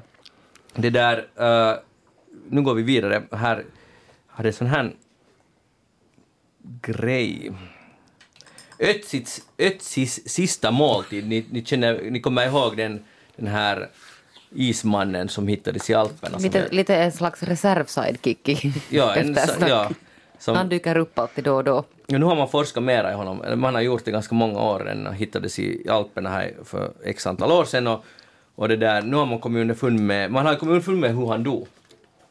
Och, och vad han, nästan vad han tänkte på. Men nu har man också undersökt vad bestod hans sista måltid av. Och det där, då han öppna, och först kunde man inte hitta hans magsäck. Det var, ett, det var ett problem, men sen hittade man den var gömd under lungan. Det här är sant. För han har ändå trots allt legat i isen ganska många tusen år. Och där, nu hittar man, eh, till slut hittar man ma- magsäcken och har öppnat den och han är alltså nedfrusen till minus 10. Så man tillfälligt tina upp hans magsäck för att kunna ta prover därifrån. Vad käkade han? Vad var hans sista måltid? Och nu har man kommit fram till att han, har, åt, ett, han åt äh, fettet från en alpstensbock, någon form av stenbock. Och så säger forskaren som har fått fram det här, han har gick och smakade sen på, vad smakar det? Han sa det är det vidrigaste han någonsin har ätit. Så det var Ötzis sista måltid, Jeanette. Och jag tycker det är lite ledsamt. Att han inte Men fick en du- sån här kiva Nej, men nu Alltså, inte- den här forskaren på det här uh, samplet? Det Nej, det, det gjorde han inte. Det gjorde han inte. Det var det jag trodde också, att han öppnade den och så smakade han och så söt han ner. Ja, det är ju jätteäckligt. Nej, de, de, eh, han fixade dit, uh, han, någonstans från fixade han en stenbock och åt fettet. Det var alltså inte köttet utan det var fettet. Fett, det är ju, jag förstår. Ja. Ja. Men nu måste du det där betänka att Ötsis det där smakvärd kanske inte bestod av riktigt samma saker som vi känner idag. Nej. Kan han kanske tyckte att det var en delikatess. Det kan Fanns du det ju någon inte veta. Lidl-vin i hans magsäck? det, det, det är inte omöjligt. Det kan vara att det var det han av- avled av. Va, Ni har just röstat fram det till det bästa vinet i, i vår samling, var det inte så? Det var inte riktigt. Nej, det var visst, inte det vann, så. det vann. Din åsikt väger ingenting. men alltså inte där- Du, du, du trodde att, att det alkoholfria vinet var det dyraste. Var det inte så? Nej. Men ingen har väl sagt att det dyraste är det bästa. Nej, det, har- det har ingen, ingen sagt. Utmärkt. Uh, Rico, har du hunnit tänka på någonting den här sommaren? Alls? Nej, jag har inte tänkt på någonting. Mm. Eh, eh, nej, jag var inte nu fa- faktiskt förberedd på det. Jag, det faktiskt skulle jag ju inte sitta här så här länge, jag skulle bara vara här en timme på besök, men, men nu har... En snyltgäst. Min snyltgäst. Men, ehm, men det som jag kan, jag vet inte tänka på, men jag kan bjuda er på någonting, eh, nämligen jag har alltså från Estland, från Värska, från alltså den här kurorten, så har jag äkta Värska vatten. Så där öppnar jag den så får ni säga om ni tycker om, om det här vattnet. Om det här är bättre än Magnus vinprovning. Men du kanske talar om någonting medan jag häller i här, för att annars blir det lite... Rico är alltså barfota här i studion märker jag nu. Det är fräscht. Jag tycker det är härligt. Det är jag vill säga att mineralvatten är ju det bästa som finns. Det här slår nog, hör du Magnus, det här är nog ditt test, jag känner det redan. Tack. Varför kunde du inte ha mineralvattensprovning? Ja, det, det skulle jag gärna ha, för att det finns ett bra georgiskt vatten som skulle vinna... Borjomi. Eh, Borjomi, ja. Som skulle vinna även det här. Det här var gott.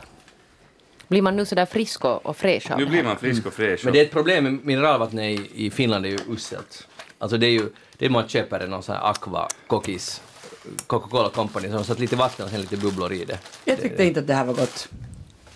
Det smakar för mycket mineralvatten. Det smakar för mycket... eh, det- Mineraler. Ja. Men det är ju det ska göra. Det, det det jag, ska jag göra. använder ju sån här, jag säger bubbelmaskin. Men det smakar ju inte... Det smakar ingenting. Det är bara bubblor. Jag älskar det. Ja. Jag det är älskar det ibland mer än det är säkert om man inte är van miljövänligt. vid mineral, alltså som här, verkligen har mineraler, så tycker man just som du. Ja. Att, Jag är inte van med det här. Nej, just det. Här får ni äta en... em, Tack. en liten Mineralvatten. Vad har du i de här, Det är dina piroger, det är lite olika sorter. Mm, jag tror att jag står över tack, jag Hörni. några köttbitar där. Jag, jag tog fram lite turistbroschyrer här som jag har läst på sommaren. Jag har satt mot Pure Saima som kom med Hesari, så en bilaga, mot Raseborgs turistbroschyr som har rubriken kort och gott Din besöksguide till Raseborg.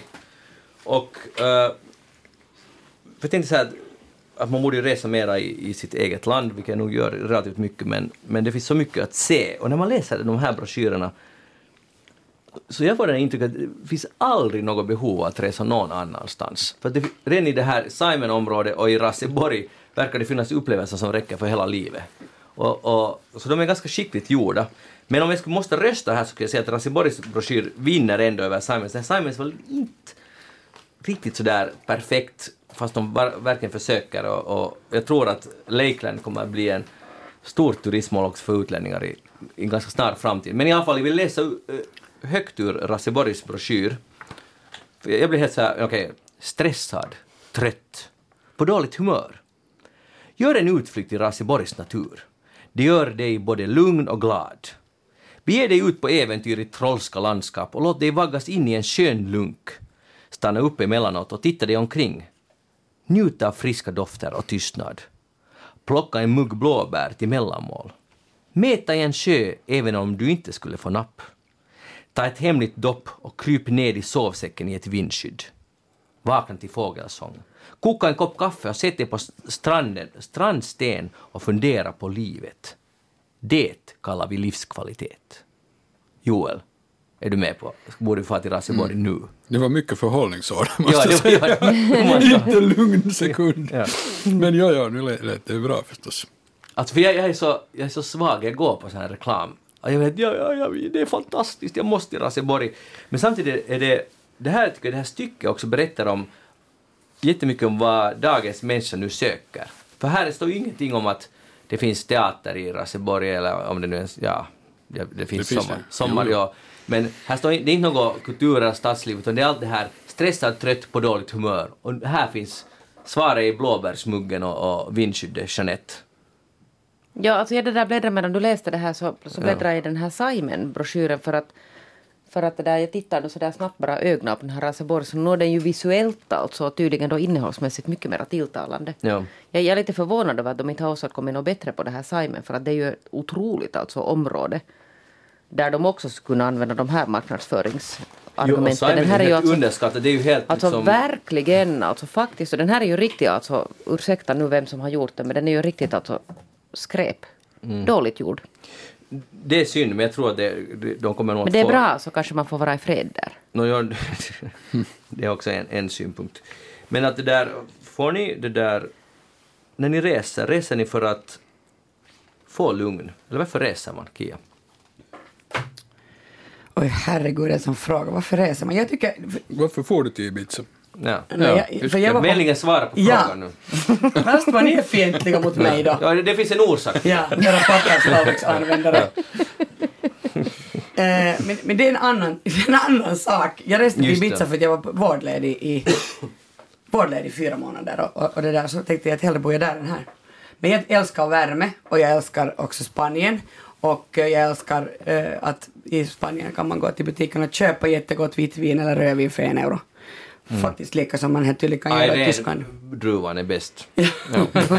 mm. Men det där... Eh, din fråga var varför reser man? Alltså jag tycker, jag har kommit till en sån insikt, alltså inte kanske den här sommaren men några än tidigare är nog det att man inte ska kanske resa så mycket och om man reser så borde man just resa in i, i sitt eget land eller åka liksom med tåg men det är det att man har aldrig tid. Nu ska jag vilja bila ner till Barcelona och sen typ så ta båten till Ibiza men det, här, det, det skulle ta jättelänge och jag skulle det skulle bli jättedyrt. Det, det, det, tycker jag är lite synd.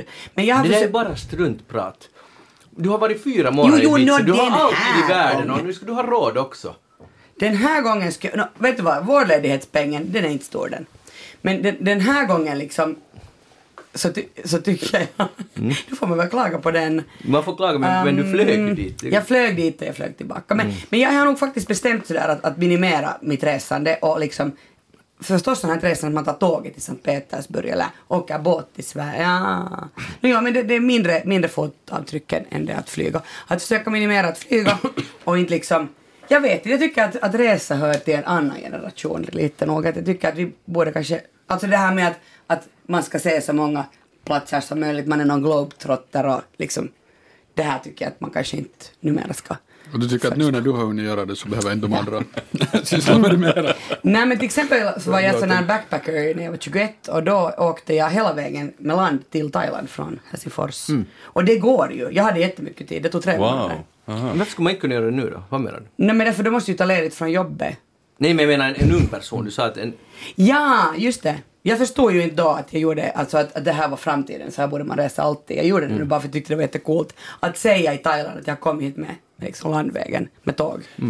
Och det är ju mycket bättre sätt att resa. Du Det är säger ju- mycket roligare. helt- nu helt ska jag bäst. ju egentligen hellre också alltså åka tåg ner till Ibiza, men det skulle ta jättelänge. Men för att flyg, flygande ska minska så måste det bli mycket dyrare. Alltså, Att flyga, Ja. Ja, precis. Alltså, om det inte är det så, så, så är det... Men är det, är det säkert? För det börjar ju bli lite så här, i alla fall i någon sorts medelklass i Sverige, som vi har talat om också i eftersnack, att det börjar bli ganska pop. Att det är liksom out att flyga. Att det är också en här statusgrej att man ska inte flyga. Och, och, och man ska eh, interraila igen och det har blivit... Att det är Det- liksom ett sorts politiskt val. Ja, men, men ännu så är det ju en liten nisch det där att nu flygtrafiken ökar ju fortfarande, Ja. också i Norden. Och om... Vilket jag inte förstår faktiskt. Jag tycker det är lite konstigt. Som jämförelseobjekt, när vi for till Samara, så vi tog tåget dit och det var alltså först nattåg till Moskva och sen ett till nattåg ungefär 15 timmar. Och vi var då fem personer, tre barn och två vuxna. Helt super den här resan, det hände så mycket och bara goda saker. Det var helt yes. Så flög vi hem till Petersburg. Och det var liksom, det var helt värdelöst. Det var som upplevelse, det var ingenting. Man är på ett flygfält, så är man på ett annat och sen är man framme. Och det gav ingenting och det var dessutom dyrare. Det var nu för att det var VM och så vidare. Men att om man jämför de här upplevelserna, sätter, sätter dem bredvid varandra, så vinner liksom 10-0 den här tågresan. Och allt det man ser och alla piroger och allt som händer där och det är liksom så det ger så mycket också de här barnen åt, åt en själv. Och sen måste flyga, man sitter där i, som i en strömmingburk och det är helt horror. Alltså jag åkte med Transsibiriska järnvägen just Ja. då och, och den tog liksom flera veckor eftersom vi stannade på så många ställen. Det är absolut av alla resor jag någonsin har gjort den jag kommer bäst ihåg. Och jag har flera gånger tänkt liksom att nu börjar det snart bli 20 år sedan. Borde jag liksom, kanske när jag fyller då 41 så borde jag åka på nytt. Jag, jag, jag tror att det skulle vara jättebra för mitt stressade huvud. För det är så skönt att sitta i ett tåg. Och det är så skönt att inte liksom, inte måste, jag hatar att faktiskt flygfält och jag hatar att flyga. Eh, Det är synd bara att det faktiskt är så jättebilligt att flyga och så jättedyrt att göra allt annat. När jag var på Ibiza och for till Barcelona så skulle jag ta båten. Jag ville hellre åka båt. Det var nästan omöjligt. Alltså det, det, det kostar trefalt mera och eh, det tog jättelänge och hemresan måste ske på natten och det var typ såhär, då måste du ta en hytt. Och jag var ju alltså då ensam med min treåring så jag, jag flög då istället på en halvtimme dit. Men det är lite synd att det är Men så det här. kommer att komma, jag tror att det kommer att komma tillbaka de här resorna över Atlanten, London, New York och sånt här, eh, Amsterdam, New York. Till exempel, jag tror att det är mångas drömresa skulle vara, om det skulle finnas, det inte skulle vara så dyrt, det skulle vara som en Cityline var det far över dit. Det skulle vara ganska häftigt, jag skulle välja det direkt. I alla fall ena vägen, om man nu måste fara till USA. Det där, eh, Gunilla skriver, Kia du får hälsningar, hälsningar från Arabiastranden, det är alltså i Helsingfors. Nu får du en hälsning därifrån. Så eh, det var bra det. Tack Gunilla. Hörni, jag läste om en, eh, en firma som heter WeSee. Så nu har kommit fram till att, att man kan genom att eh, studera folk, alltså filma folk, så, så kan man på deras ansiktsuttryck se vilka känslor de egentligen har. Det vill säga, om man, om man leker man är glad, men den kan se igenom den här eh, tek- teknologin kan egentligen Ja, är det någon säga... sån här mikrominer? Ja, ja, alltså... Enkelt, Mikrouttryck, ja. Mi- Alltså sånt som du inte kan helt enkelt Det dölja. var den här som de talade om, på tal om den här Donald Trumps och Putins besök som vi talade om här tidigare fast någon just säger att vi inte har talat om det, men det har vi alltså gjort. Ja.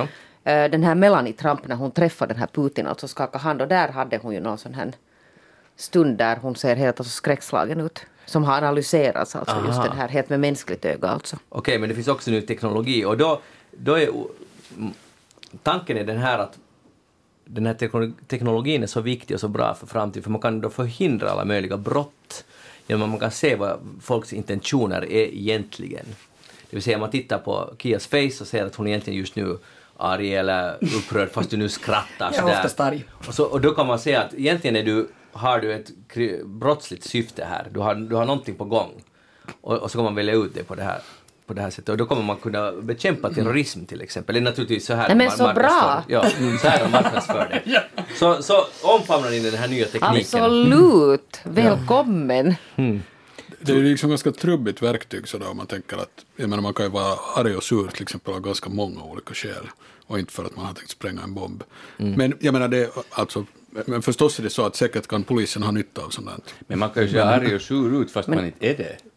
Alltså, Ja, men den här ser igenom det. Den, Jag blir- den vet ser precis- igenom det. Den vet precis vad du egentligen tycker. jag känner. undrar det. Men sen var det ju lite uh, pinsamt för 2017, uh, Champions League-finalen i Cardiff, så hade de en kamera som de testade för första gången och, och, och filmade folk för de ville hitta folk som var misstänkta för brott eller efterlysta eller något sånt.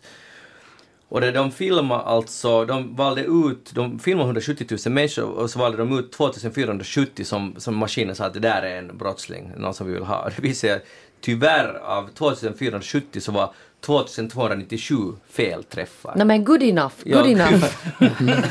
att det var liksom inte rätt, men de skröt med att de fick fast en efterlyst kille. Nå där ser du. Men Det är, no, det är nu dåligt om man inte får fast en enda av om man tar 170 000 människor och filmar. Alltså det där är ju Men- rena rama men- strunte. Men, men det är så här det kommer att vara, för att varje gång det är folksamling, man, på en Jo, det görs ju att- alltså att- den. Ja, det görs det, men alltså, tänk så effektivt det kommer att vara. Man kommer inte måste ha patrullerande poliser, utan man bara har en maskin som checkar varje face, hej, det här, är det här en misstänkt person?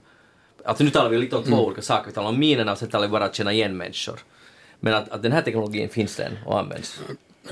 Li- Inte är det helt samma, men, men det hände en sak idag i Tallinn när vi körde in i parkeringshuset. Så, så det där, man får ju sån här biljett när man kör in i sådana parkeringshus där man ska betala. Så kommer det ut ur en sån här. Och så kommer det ut en lapp och så står det uh, vårt registernummer på den där lappen. alltså som den spottar ut. Ja. Och, och jag tänkte varför fick den, den där informationen liksom? Och då hade vi ju just stannat där. Så att då via, no, no, jag försökte jag hitta någon kamera, varför tar det den där?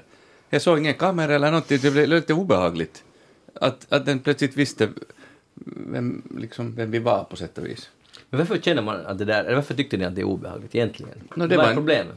Inte är det egentligen något problem, utan det är bara någon sån där, den här, vet du, Big Brother is watching you-problemet. Ja. Eh, Vi var på Kumu, alltså jättefina äh, Estlands, eh, eller, eller Tallinns, alltså konstmuseum. Uh, jätte, rekommenderar absolut. Också Eesti Rahvas museum, alltså deras nationalmuseum som finns i Tartu, i Dorpat. Jättefint, nytt, stort. Uh, jo, nu gick jag på sidospår, men det där, jag måste säga om det, för det var så tagen av, av- eller den symboliken var mycket klar. Den är alltså byggd eh, på den gamla sovjetiska eh, flygbasens område. Och, och den ser lite ut som en sån där eh, flyghangar. Så alltså det estniska nationalmuseet är på ett gammalt sovjetiskt flygfält. Alltså, ja. Nå, ja, i alla- I alla fall, där på det här Kumu så fanns det en, en del av utställningen var att, nu kommer jag inte ihåg vad den här konstnären hette, som, hade, som har fått något pris i Europa för, um, så att man, man skulle ge sitt, sin telefon och sen tog den här maskinen då all, all information och bygger någon slags eh, bild av ditt liv eh, på, på basen av din och det är bara du själv som ser det. Eh, Men du måste... Alltså, Tror du? Tror du ja. Ja, just det. Och det gjorde att jag inte liksom ville göra det. Jag tänkte, för det Men stod... varför skulle man ge sin telefon? För att du får se, du får se liksom en, en version av ditt liv på en skärm, alltså som den här. Och jag var jätte, liksom, intresserad, jag skulle vilja göra det. Men samtidigt kändes det jätteobehagligt att jag ger dit nu Nej, all gud, information. nej, och den, rade, den säger då att den raderar sen allt Nej. efter att man har gått ut. Och sen är det ju det där, jag menar det där med kameror som avläser förmodat misstänkta människor, det är, nu, det är ju bara en aspekt av just hur hela liksom, samhällsutvecklingen går ju åt den riktningen, att mera och mera så kommer allt som händer åt oss att vara bestämt av någon algoritm, alltså någon maskin, en tusen olika maskiner som läser av oss och gör något enligt eh, liksom bedömningar så att säga, som ju inte är några riktiga bedömningar. Och det allra finns, bästa är att vi själva, och ingen vet och att vi själva vilka- ger det så villigt Ja. alltså vidare. Nästan så att säkert ganska många gav den där telefonen. Men så profilering, liksom, jag menar att du kan plötsligt bli betraktad Eh. som misstänkt och ingen vet egentligen varför. Det är bara maskinen som vet så att säga. Ja. Och det är ju helt omänskligt. Och dit går det. Vi har nu en lyssnare, klockan är 01.40. Välkommen med sen i Nattsnack. Klockan är 20 i i två. Vem är du? Hördu, jag är Erik från Soklot, ja. Varifrån sa du? Socklot. Socklot. Var det socklot? Men, Nu har vi nog lite. Stänger du av radion där, eller skruvar ner volymen? Jag var nog så långt ifrån så jag tänkte att det skulle inte höras. Men Det ett lite rundgång. ord. Jo, men nu är det nog stängt. Hur har ni det där då? Nu 20,4 grader. Oj, mitt i natten. Ja. Vad har du gjort idag förutom att lyssna på nattsnack? Uh, jag har tittat på det här, det sjunde inseglet. Jaha. Bergman! Det var så, så det här spännande här så, så, och jag hörde en massa snack från Eddard. Jag hade tänkt jag skulle höra hela kvällen men så tänkte jag nej nu måste jag nog stänga och nu måste jag nog höra på sjunde, se på sjunde inseglen istället. Men sen kom du tillbaka. Ja, jag kom tillbaka för att det tog slut. Filmen Men tog slut. Och här var vi kvar fortfarande, vi var alltså Vi segare. väntar på ditt samtal, ser du. Ja. Så det är Nykarleby, eller hur? Ja. Just jo, det. just. Bra. Det Och ni, har, ni hade ju några frågor och saker från första början egentligen. Ja, vi hade frågor. Om kvinnlig intuition? Ja. Ja, här vet jag inte någonting om. Alltså, kvin, kvinnlig intuition. Mm. Det där låter nog som ett nej. Att det inte finns. Eller hur? Nej, här finns, klart att det finns, men jag vet inte riktigt. Vad det är?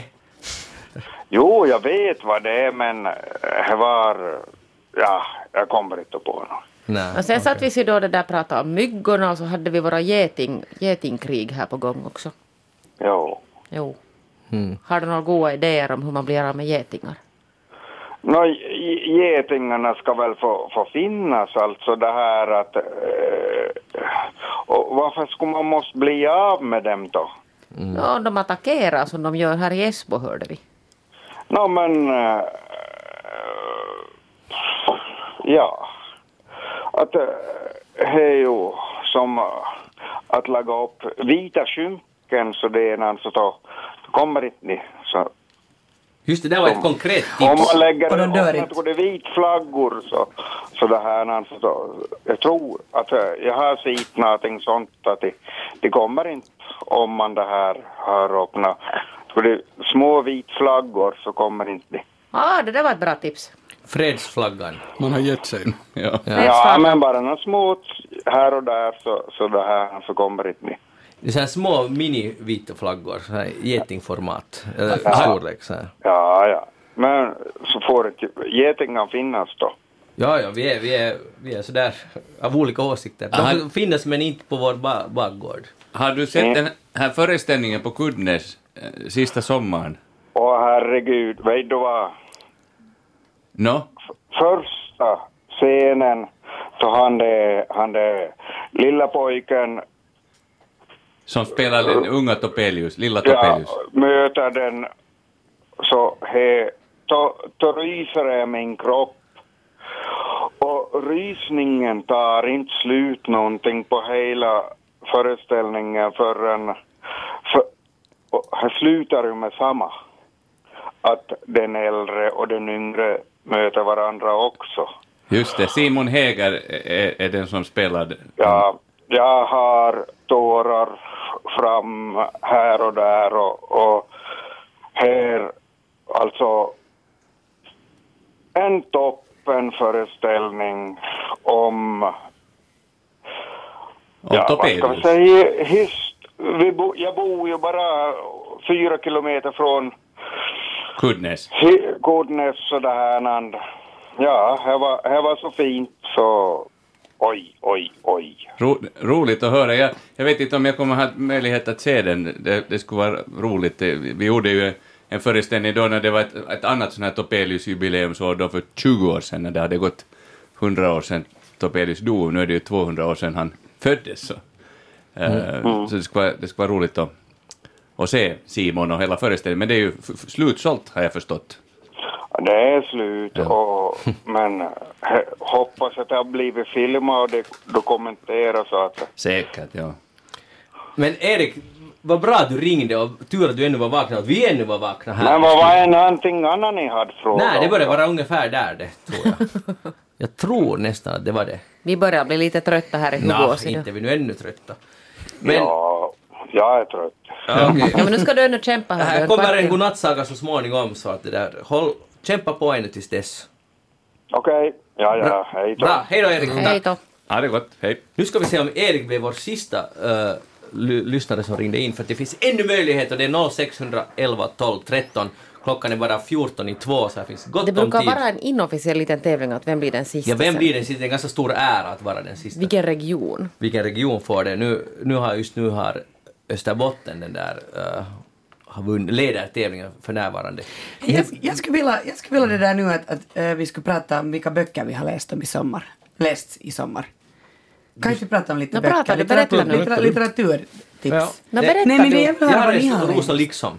Du har läst det, Uh, just det. uh, Hytti uh, numero kos, eller vad det nu heter. 66. Nej, nu ska jag inte säga. Nå, något sånt. Ja. Det var ganska brutal men ganska underhållande. Uh, och det var när, vi, när jag själv nu åkte med tåg där så det var ganska passlig läsning.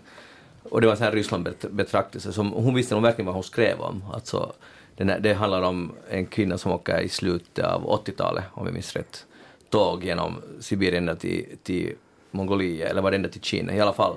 Så det handlar om den här resan med det och det är ganska intressant skrivet för det handlar om en tytte, flicka, men hon säger aldrig någonting. Jag tror att hon säger en enda rad, en enda replik, annars är det alltid berättat på andra sätt. Men ändå är hon i huvudrollen. Så det var ganska intressant här, litterärt experiment. Så det var, det var en bra upplevelse. Den är faktiskt på min lista. Jag, jag, jag, jag, skulle vilja jag har inte läst någon, någonting av Rosa liksom och, Ja. och hon är ju jättebra författare.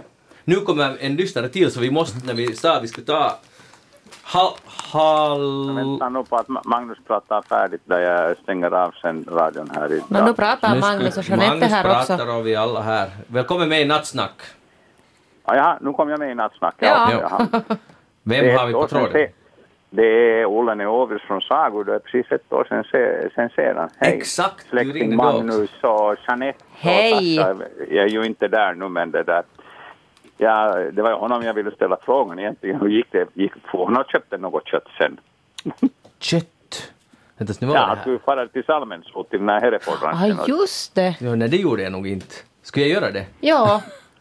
Det har du lovat. göra det. När du är på väg till Kimito så skulle du åka dit och köpa. Jag berättade åt dig. Ja, du berättade. Nu kommer allt komma tillbaka och hur till du mig. skulle steka den och allting. Jag, jag kommer verkligen hem från samma fest nu och konstaterar att jag har här som i Silkkiläänjärven äh, äh, Savosauna Festarit som är en gång i året. Sån här från lite över hundra personer här Mm. som den här. Ehm, så jag tänkte ja, jag ska nu ringa här när jag hörde att ni var i radion igen. Det var nu bra att du ringde och påpekade det här. Nu, nu ska jag skriva upp vart det är att jag ska fara. En gång till. Han, han Ja. gör faktiskt anteckningar här. Ja. Nu har jag... Nå, ja, nu vet man kör dit till det där eh, gamla ho- hotellet som var Shell tidigare, det TB nu, alltså Kimitovägen. Du, må, du måste ju köra verkligen så långt att du kör den här Kimitovägen som går från Åbo. Du kan inte gina via Helsingfors. eller något Ja, men Så du kör nu hela vägen motorvägen ända tills du kommer till Paimio och sen tar du mot Kimito och så kör du mot Kimito Mm. och lite före du kommer till Sago kyrkby så precis där i korsningen där var det nu funnits Smart Garden och K-kauppa och S-market och allt det där. Så där svänger du till höger och så kör du Carunavägen ungefär 4-5 kilometer så står det till höger. Hereford uh, kött, uh, Hereford Ranch, Salmensoo. Vi har ju i princip öppet uh, den där butiken då på fredagar mellan klockan tre och sex. De, de säljer nog om det är på plats för de bor ju i huset som är på högra sidan så det är ju bara att gå där och ropa Utmärkt. eller ringa, titta på nätet på telefon och ringa och säga att jag är kommande, är ni hemma så, så de kommer nog ner dit och säljer åt dig då. bra. Det här är inte exakt faktiskt, inte helt på min rutt. Jag undrar vilka längder jag har gått fram i fjol, för det är inte, men det är nästan på min rutt. Så att Ja, jag, ja, men du, man kan göra lite omvägar. vet det stämmer. Det är alldeles få- sant. få bra. Det ska jag rekommendera någonting nytt i år Nå. som har varit väldigt trevligt och som i synnerhet alla barn, varför inte vuxna också, de gör något sånt här väldigt trevligt som de tar helt sånt här maligt Hereford maligt kött ungefär, jag tror det är 125 gram per biff och sen har det en jäkla press som pressar ut den så att den blir ungefär en, en 25 till 30 centimeter i diameter. Den är ju tunn, väldigt tunn. Och så lägger du smör på en väldigt fin upphettad grill som du har då. Alltså du måste ha den här gjutjärnsstekdelen där under. Du kan lägga det på gallret för att den klarar inte tror jag av det riktigt. Men du kan ju försöka. Men du sätter smör på den här stekpannan så slänger du den dit den i smör. Bara lite salt på, du behöver ingenting annat. För du får den lätt brynt på båda sidorna på två minuter. Och det är så gott så att alla mina barnbarn, sex, sju stycken neovis här, så de äldsta ska ha en till och de andra vill ha en halv. och mammor och pappor och, och far, uh, farföräldrar vill också ha. En till. Härligt. Det låter gott, jättegott. Perfekt. Att vi Det fick är alltså, jäkligt gott. Ja. eftersnack är så mycket mer än bara eftersnack. Det är också uh, mathörnan och mygghörnan och naturväktarna. Vi har allt i ett enda paket. Det är där i lyssnarna så det finns sen Ja. det här. Den här kunskapen. Hej, det var bra Jo, tips. sen, sen om ni berör er här i trakterna, när jag Sasha frågade i fjol om vad man ska göra i Saga så kan jag ju berätta att nu finns här då på vägen, den, liksom den där samma vägen när han har kommit så långt att han har kommit den där vägen som går från Åbo till Kimito och inte från Helsingfors till Kimito. Så, och kör förbi Saga och kör eh, den här större vägen, inte den där där var Herreforsranchen, för det är gamla Karunavägen. Du ska han köra den där stora vägen då om han missar det. Och så kör du ungefär fyra kilometer från kyrkan som jag byggde på 1400-talet. Så kör du, så finns det på högra sidan Vanhaliesniemi och de har imorgon och övermorgon har de medeltid marknad där och de har ju källare som är byggd någon på 1500-talet där och sen har de en massa program med du vet killar som springer i plåtrustningar och jag Mm. vet inte om de också rider och har använder lanser och har något turnering och jag vet inte, allt möjligt sånt här. Det är ganska mycket program och det var väldigt kul i fjol och, nu, nu är det uppförstorat ganska mycket i år så det kommer vara mycket mer där med folk med tidsenliga kläder och sådana som springer kring och sen kan barnen att till och med få bli utskällda på gammal medeltida sätt. De får nu en trivsel då, men de får nog veta att det är snällt. Bra! kärringar som säger tillåt dem att Nåja. så där får man inte göra och så vidare. Utmärkt. Där har vi program för imorgon. Det, den Jag närmaste framtiden du- är späckad. Du ska sätta Magnus dit om han blir lite oförskämd. får det tycker jag låter utmärkt. Jag Magnus skickar skickas Magnus dit dit. på tornerspel. Det blir bra. Ja, jag tycker att Jeanette att du skulle också passa där vad Jag, hört. Jag kan gå lite och läxa upp honom. Du ska ta din dotter, dotter med, vad den dotter du hade. Jo. Du ska ta henne med dit och lära henne hyfs och pli. Tack för att du ringde och det är inte omöjligt att uh, segern går till Nov just den här gången. Vi ska se om det ännu hinner ringa in någon före klockan slår 02. Ja, jag kan nog ställa upp som sån här sidekick om du vill också Magnus. Bra! Vi ska hålla det i minne. Vi ska absolut hålla det i Håll minne. det i minne, ja. Ja. Tack för att du ringde. Ha en skön sommarnatt och så vidare. Bra. Detsamma. Hej, Hej då. Tack för programmet. 0611 Hej då. 12 13 om det ännu finns nattpigga eftersnacks, nattsnackslyssnare så det är bara att jag hade tänkt att vi skulle ännu hinna tala om sommarteater eftersom du ville tala om litteraturen, uh, Kia. Aha, nu har vi en lyssnare igen. nu det gick inte alls till Sagu utan vem har vi här i, på tråden? Välkommen med. Ja, det är Mats från Koske förstås. Nåja, Du vara med varje år. just det. Morgens. Nå, hej hej. Ja, Hur är läget? Nå, det är ganska bra. Nå, bra. Ja, ni frågade ju här förr ikväll vad det var man åt och drack. Visst var det så? Ja, visst var det så. Ja. Nå, det är portvin och dadlar här. Portvin och vadå? Dadlar. Dadlar. Portvin och dadlar, ja. Det låter gott. Det är gott. Du ska prova på det någon gång. Ja, Det är bättre har än det här gjort. vinet som han har serverat här i den här studion. Ja, det är säkert bättre än det vinet som... Det där ena vinet som ni talar om, så det går bara att göra marinad av det annars. Där hör du Magnus. Och då har du erbjudit åt oss till vet du, dricka. Ni röstar fram det som det bästa vinet. Jag har inte röstat. Vi, ingen, hade- det var inte vet du, någon vet du, sån här omröstning. Nej, i. Har det kommit något regn där? Nej, inte ännu, men vi väntar nog att vi ska få något regn och åska imorgon. Hej, Vi hoppas åtminstone. kan du säga något om portvin? Eh, För det första, det, det finns väl både rött och vitt? Det är rätt uh, Ruby. Mhm, just det. Ja, det är det där. Det där lite billigare sorten. Ja. Just det. Så ja, men det är gott i alla fall. hur många sådana drinks hinner man ta på en, en kväll? Hur många drinks har jag hunnit ta? Ja.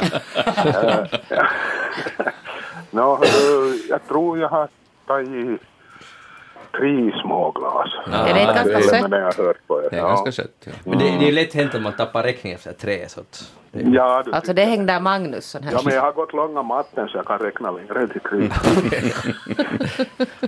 Utmärkt. Hey, kom det fram eh, varifrån exakt du ringer? Mats? Va? Eh, var exakt befinner du dig just nu alltså? Vasa. I Koskö i Korsholm. Just det, Korsholm. Så det börjar och slutar med Korsholm. Var inte först av Korsholm också? Ja, Ja. jag tror det var det. Ja, det Ja. var någonstans ute i skärgården var det väl. Super! Mm. Och Ja. utmärkt. Men det är ju, men det är ju Svensk-Finlands centrum så det är alldeles klart att det är på det sättet. Så. Efter Pirlax då alltså. Nå jo, det... Nå, man ska inte argumentera med en dam.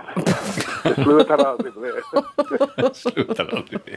Hör du, här är en, en, på Facebook skriver Sonja här att, att nu måste hon gå so, gå och sova. Hon tänker måste avstå från godnattsagan. Men Mats, du Mm. håller vid det ännu. Ta en portvin till och lyssna sen på godnattsagan så kommer jag ganska Ja, snart. jag ska lyssna på det. Det är så varmt här så man får inte sova i alla fall. Nåja, perfekt. Tack Mats för att du ringde. Ja. Vi hörs och ses igen. Ja. Vi. Hej, hej. Hej då. Ja, Morgens. hej. Ja, klockan börjar närma sig två, men vi blev mitt i den här litteraturdiskussionen. Och då hade jag dessutom tänkt att vi skulle in och tala om sommarteater, för jag var igår på Lurens och Ronja Ja, Rövardotter. Rövardotter. och, och jag har aldrig varit där förut. För det första den scenen som snurrar, det, är så här, what? För jag, jag, visste inte om det.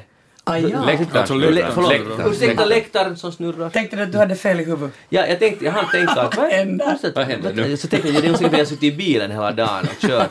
Att allt, nej men alltså den, den svajar sådär lite före den börjar röra på sig. Så blev jag lite orolig för mitt tillstånd men, men, under en sekund. Men, men allt löste sig för det, det visste den läktaren snurrar. Och det var ganska mäktigt. Sen om man tänker att det var närmare 500 människor Som snurrar. Uh, ja, hur orkar den motorn för det första, men för det andra att jag vet inte hur många föreställningar de har exakt, men det är ganska många. Så det blir 10 000 människor ungefär som ser det här. Och det här gäller ju, inte siffrorna gäller alla sommarteatrar i svensk film, men hur populärt det är. Och de får slutsålda, och här sitter då ett proffsskådis, Rico Eklund, och ni har inte riktigt samma siffror alltid i alla fall. Jag menar bara att, att, att hur känns det? Alltså seriöst. känns det? Nej men allvarligt, att, att, att de har, det är ju jättefint, jag förstår att du, att du- känner att det är en bra sak. Absolut, Men, men samtidigt kämpar vanliga teatrarna med att få publik i Helsingfors och Åbo och Vasa. Ja, ja, men, men nu, alltså, nu har de, alla de här teatrarna har ändå eh, publik, även om det fluktuerar och det går lite upp och lite ner sådär, det, och alla produktioner har inte. Ehm, ja, jag vet inte, jag tycker det känns bra överlag att, att folk går på teater, så att, om det är det du undrar. Jag har tyvärr faktiskt inte, i, i år har jag inte sett en enda sommarteater. Eh, jag har alltså varit jättemycket ute på Sandholm och, och, och missar nu tyvärr Skärgårdsteatern, vilket jag nu aldrig brukar missa. Kung Ja, har du varit på någon sommarteater? Nej men jag ska faktiskt till Lurens, det hör till, till tra, en, tra, det är en tradition. Det, Ja. jag, jag är alla år där. Det, där. Jag, jag tycker det är en intressant diskussion det här med amatörteater och, och proffsteater och, och alltså det finns, jag har inget svar på det men jag tänker så här att, att i varje fall för mig är sommarteater sådär, alltså det hör sommaren till. Eh, men, men det där, och det är roligt att gå, man får kastrensk korv där på. Du, äter du, åt du kastrensk korv? Nej, jag åt på- inte korv, Va? jag- Va? Nej. Och där har du varit? Ja, och snurrat, sorry. snurrat Va- på va- en... Det var det Titta, som nu är var hon igen. Nå, alla äter kastrenskkorv, det är ju därför, det är nog halvår säkert. Det var sån här knackkorv. Ja. Jag tänkte, varför ska jag köpa en knackkorv? Jag köpte glass istället. Men inte på papperstallrik. Nej, just det, jag tar dem rykande heta i min hand. Men vad, ja, Men, men ja, men, men alltså, jag tycker bara att uh, sommarteater är, är liksom, det är jätteroligt. Jag har aldrig till exempel varit i, i det är Raseborgs ruiner man, man sätter upp Raseborgs sommarteater. Ja, alltså eller det är utanför. Jag menar ändå att man har det Ja. som bakgrund. Det är ju liksom hela den här upplevelsen som jag Mm. tycker att det är, är så fantastisk. Ehm, men sen är det lite annat om jag går liksom till Svenska Teatern eller till Lilla Teatern, eller vad, vi, vi, vad är det du går på här i Helsingfors med omnejd. Men, men det, jag ser det inte riktigt som samma sak. Men det finns ju alltså professionella sommarteater, eller alltså då den enda på svenska egentligen är, är Skärgårdsteatern som är professionell. Ja. Men på finskt håll finns det ju jättemycket professionell sommarteater. Eh, och riktigt stora som har enorma publikmängder som spelar um, till och med sju gånger i veckan under en, till exempel Ryhmäteater på Sveaborg och, och, och om, har, har du aldrig varit på, Magnus, på Sampalinna i Åbo? Alltså de har ju en, en, också en läktare sån här vridläktare. Som, Har de inte också i Närpes? Ja, Är det inte så? Ja. ja. Men, men alltså, ja, sommar, det, är ju, det är ju en speciell upplevelse att, att, att sitta där. Och, ofta så att det är inte som nu, det vill säga att det är ofta ganska kallt. Och, Ja, och man får vara invirad i plädar och, och, och det är mycket det där sociala. Jag skulle säga man far liksom en- ett helt gäng. Ja, vi, vi far från ja. Pörte ett helt gäng och det liksom hör till man får dricka öl redan på båten dit. alltså liksom att, jag, jag tänker att det, det, det är en lägre tröskel kanske. Om man inte är en människa som går mycket på teater så är det kanske lättare att man säger men jag kommer gärna på sommarteater för det, då, man kanske tänker sig att det inte kräver lika mycket. Jag, jag, nu kan jag inte, nu, det här är mina åsikter. Jag Mm. tänker. Men jag, ja, jag ska, nästa var- vecka ska jag se på Lörens. Jag spelade som barn, var jag med på, på Glims, eller som sen blev Finns sommarteater. Uh, och, det var en otrolig, det har liksom satt nog starka spår och, och säkert varit en bidragande orsak till att jag sen blev skådespelare uh, till yrke. Alltså att den där mm, gemenskapen som det blir under en sån här intensiv period, uh, också då ett amatörsällskap, och den där kontakten som det blir över generation, jag var ju då, mm, vad jag nu var, 28, 9-åring, och så de äldsta var kanske, jag tyckte de var uråldriga, de var kanske 70 eller något sånt. Eh, så, och den finns alltså i det, i det, också i det professionella sammanhanget, så, så har man en ganska stort åldersspann, och på sätt och vis är man alltid på samma uh, startlinje, oberoende erfarenhet och ålder. Mm. Utmärkt. Jeanette, du, du måste ta din dotter på Ronja, Rövardot, Ronja Rövardotter. Jo, jag måste. Bara Mm. att jag tror inte att hon, hon är inte riktigt sådär... Vi, vi ska gå och titta på Risto Räppä, det var vi förra året också, i Helsingfors på finska. Okej. Sommarteater. Ja, det blir inte sommartid, men om jag får göra reklam så på Jaha. tisdagen eh, klockan 14, 16, 18 på Café Gamla stan i Ekenäs kommer jag att uppträda tillsammans med Henrik Wikström, sjunga och prata lite. Kommer det samma sång som du uppträdde med här? Kanske det också, ja. Ja det är eh, till och med ganska sannolikt att den är med. Och så ska jag läsa lite ett kort utdrag ur min farmors minnen, som, det som gäller Ekenäs. Mm. Den kommer ju ut i bokform, jag tror att jag kanske pratade om det tidigare. Så det, det här, jag har faktiskt inte, apropå att läsa, jag har varit jättedålig på att läsa den här sommaren, så jag har egentligen inte läst något, utan jag har jobbat med egna texter som alltså kommer att vara med i den här boken, som kommer ut nu kanske om en dryg månad. Tufft. Det blir spännande. Och Kia, du ville berätta någon, någon bok du hade läst. No, egentligen vill jag prata om det här att jag har börjat med en ny, en ny eh, tjänst. Jag har börjat lyssna på böcker, Mm. någonting jag har varit emot i liksom hela mitt liv. Och, det där, och lite så som jag var jättelänge emot att ha en, en, en sån här eh, smartphone, så var jag, har jag också varit emot att lyssna på böcker, att jag tycker man ska läsa dem. Men jag är alltså helt besatt av att lyssna på böcker. Jag, jag gör inte nu hemskt mycket annat när jag har då min fritid, alltså det vill säga när jag, när jag får min pojke i säng med varierande framgång. Men så, så får jag alltid två timmar att lyssna. Jag tänker lyssna också idag när jag kommer hem. Det är lyssnar absolut det bästa. Vad lyssnar du nu på? Jag lyssnar bara på sådana här kriminal... Nej, en till sån här I kriminal. love it! Ja, det bästa jag har lyssnat på i sommar är Camilla Grebe, Husdjuret. Det här säger jag faktiskt mitt bästa tips. Det var så spännande. Sen sådana svårare böcker äh, läser jag. Alltså som, ja. Säg åt mig nu som inte, sån här, som inte läser eh, någon kriminalhistoria, egentligen all, jag har aldrig liksom blivit... Har du ett tips på någon som, som du tror att en som inte annars är så intresserad skulle liksom... Är det här nu en sån? Nej, Ja. AJ Finn, Kvinnan i fönstret, den har varit, blivit jättepopulär eh, nu under sommaren och den, den rekommenderar jag att du lyssnar på. Och varför ska man lyssna alltså snarare än läsa? Om man då... Jag vet inte, jag kopplar jättemycket av. Jag har jättesvårt att, att koppla av och vara i nuet och ni vet allt det där. Så det där, det, jag tror att det är någon sån här, när jag är så stressig och skriker och skränig och arg på att folk kan den där papperstallriken så, Mm. så är det så här, att när jag sätter de där hörlurarna på så kan nästan inte, eller människor kan störa mig men jag hör ju inte för att jag lyssnar på min bok. Och, det, och så är jag bara liksom där i min egen värld och jag, ah, det är så kiva att jag sitter ute oftast nu när det har varit så jättevarmt så jag, jag kan sitta liksom till ett ute i en sån här stol och bara lyssna på de här böckerna. Men jag kan inte förstå heller liksom att vad är det som gör, jag är nästan alltså besatt av det, jag hoppas att, lite hoppas att jag skulle kunna släppa det för att jag skulle vilja läsa mera. Jag tror ju inte att det är lika bra att lyssna, alltså det är mycket bättre nog att läsa en bok än att lyssna på den. Men det där, men... eh, Men det ena utesluter ju inte det andra. Nej, men jag lyssnar. Var, varför tycker du att det är bättre? Nej men därför, jag, jag tycker nog att man, man lär sig alltså, på ett annat sätt ord och att skriva takt, Mm. alltså allt det här som, gör, som varför är det bra att, att, att, att läsa.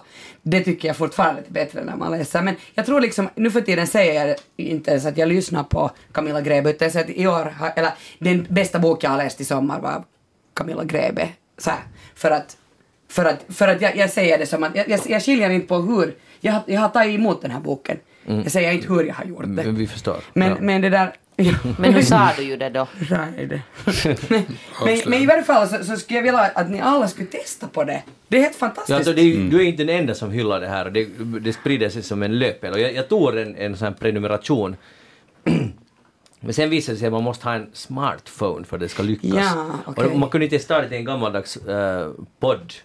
Nej, just det. Så skrev jag ett argt mail och så upprepade de bara, de tog direkt copy-paste från sin egen webbsida, du måste ha det och det Ja, ja. för att kunna delta i den här Jag talade faktiskt just nyligen med en svensk författare som påstod att en, många unga svenska författare så de publicerar alltså nu för tiden sina böcker direkt som intalade och inte, sen om det går bra så tar man också en tryckt och det- version. okej. Alltså jag, Det är jag kunde inte tro att det stämde men Jag kan bara tro att det sant, för det är jättestort i Sverige. Ett annat Det- tips då, liksom, om ni ska Mm. börja lyssna, så ska ni absolut också skaffa så här bluetooth. Eh, Nu, nu är jag som ju är så emot konsumtion.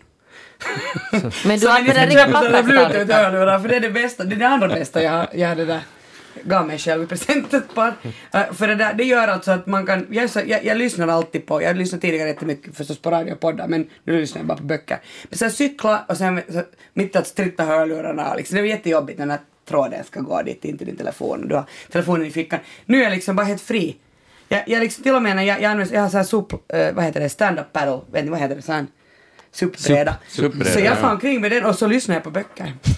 Men det där, hon lyssnar på det när hon, när hon diskar sina porslinskärl också och inte använder papperstallrik i sina bluetooth. Och jag har blivit sådär att jag kan diska, jag kan diska, Men- får jag diska? Jag, kan, jag diskar jättegärna. Får jag säga en sak? Att, kan, kan man inte göra bara en sak, till exempel att man är på det här subbrädet och... Alltså jag försöker inte kritisera, jag bara frågar.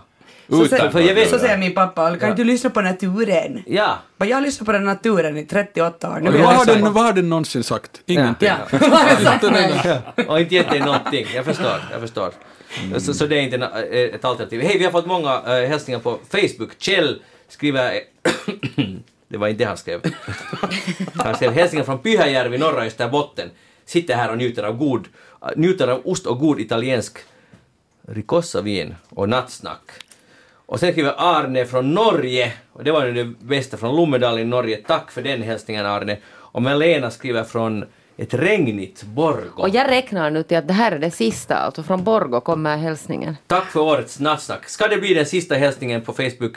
Det här går att åtgärda. Hon väntar på spänning på nattsagan som faktiskt nog närmar sig nu.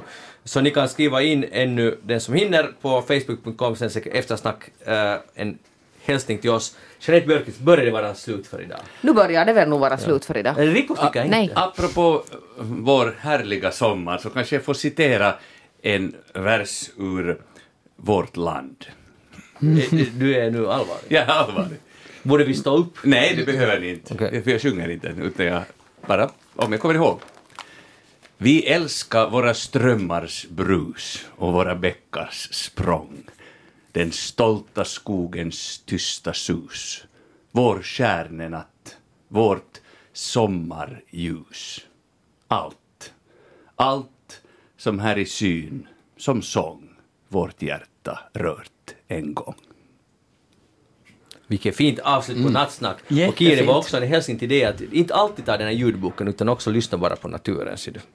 Det är bra. Det, det var det. Det är du bra. kan lyssna på vårt land medan du är ute Ja. där i naturen. Ah, jag vill att Rico i så fall, jag tänker ringa upp dig. Ring så upp det du mig, kan ha med i upp mig så telefon. läser jag en person.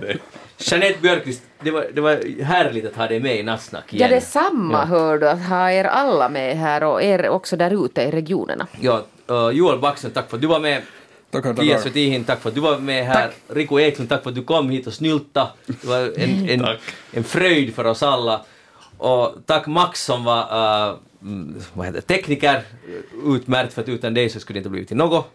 Vi är, och jag heter Magnus Lundén. Nattsnack är tillbaka. Hoppas vi om ett år igen och eftersnack är tillbaka på en endast teatershow uh, torsdagen den 23 augusti på Lilla Teatern i Helsingfors lite senare på kvällen och dagen efter uh, med ett helt annat avsnitt fortsätter, eller börjar höstsäsongen, alltså det vill säga 24 augusti är vi tillbaka i etern igen. Ha det riktigt skönt tills dess eh, och vad är det vidare? Så gott!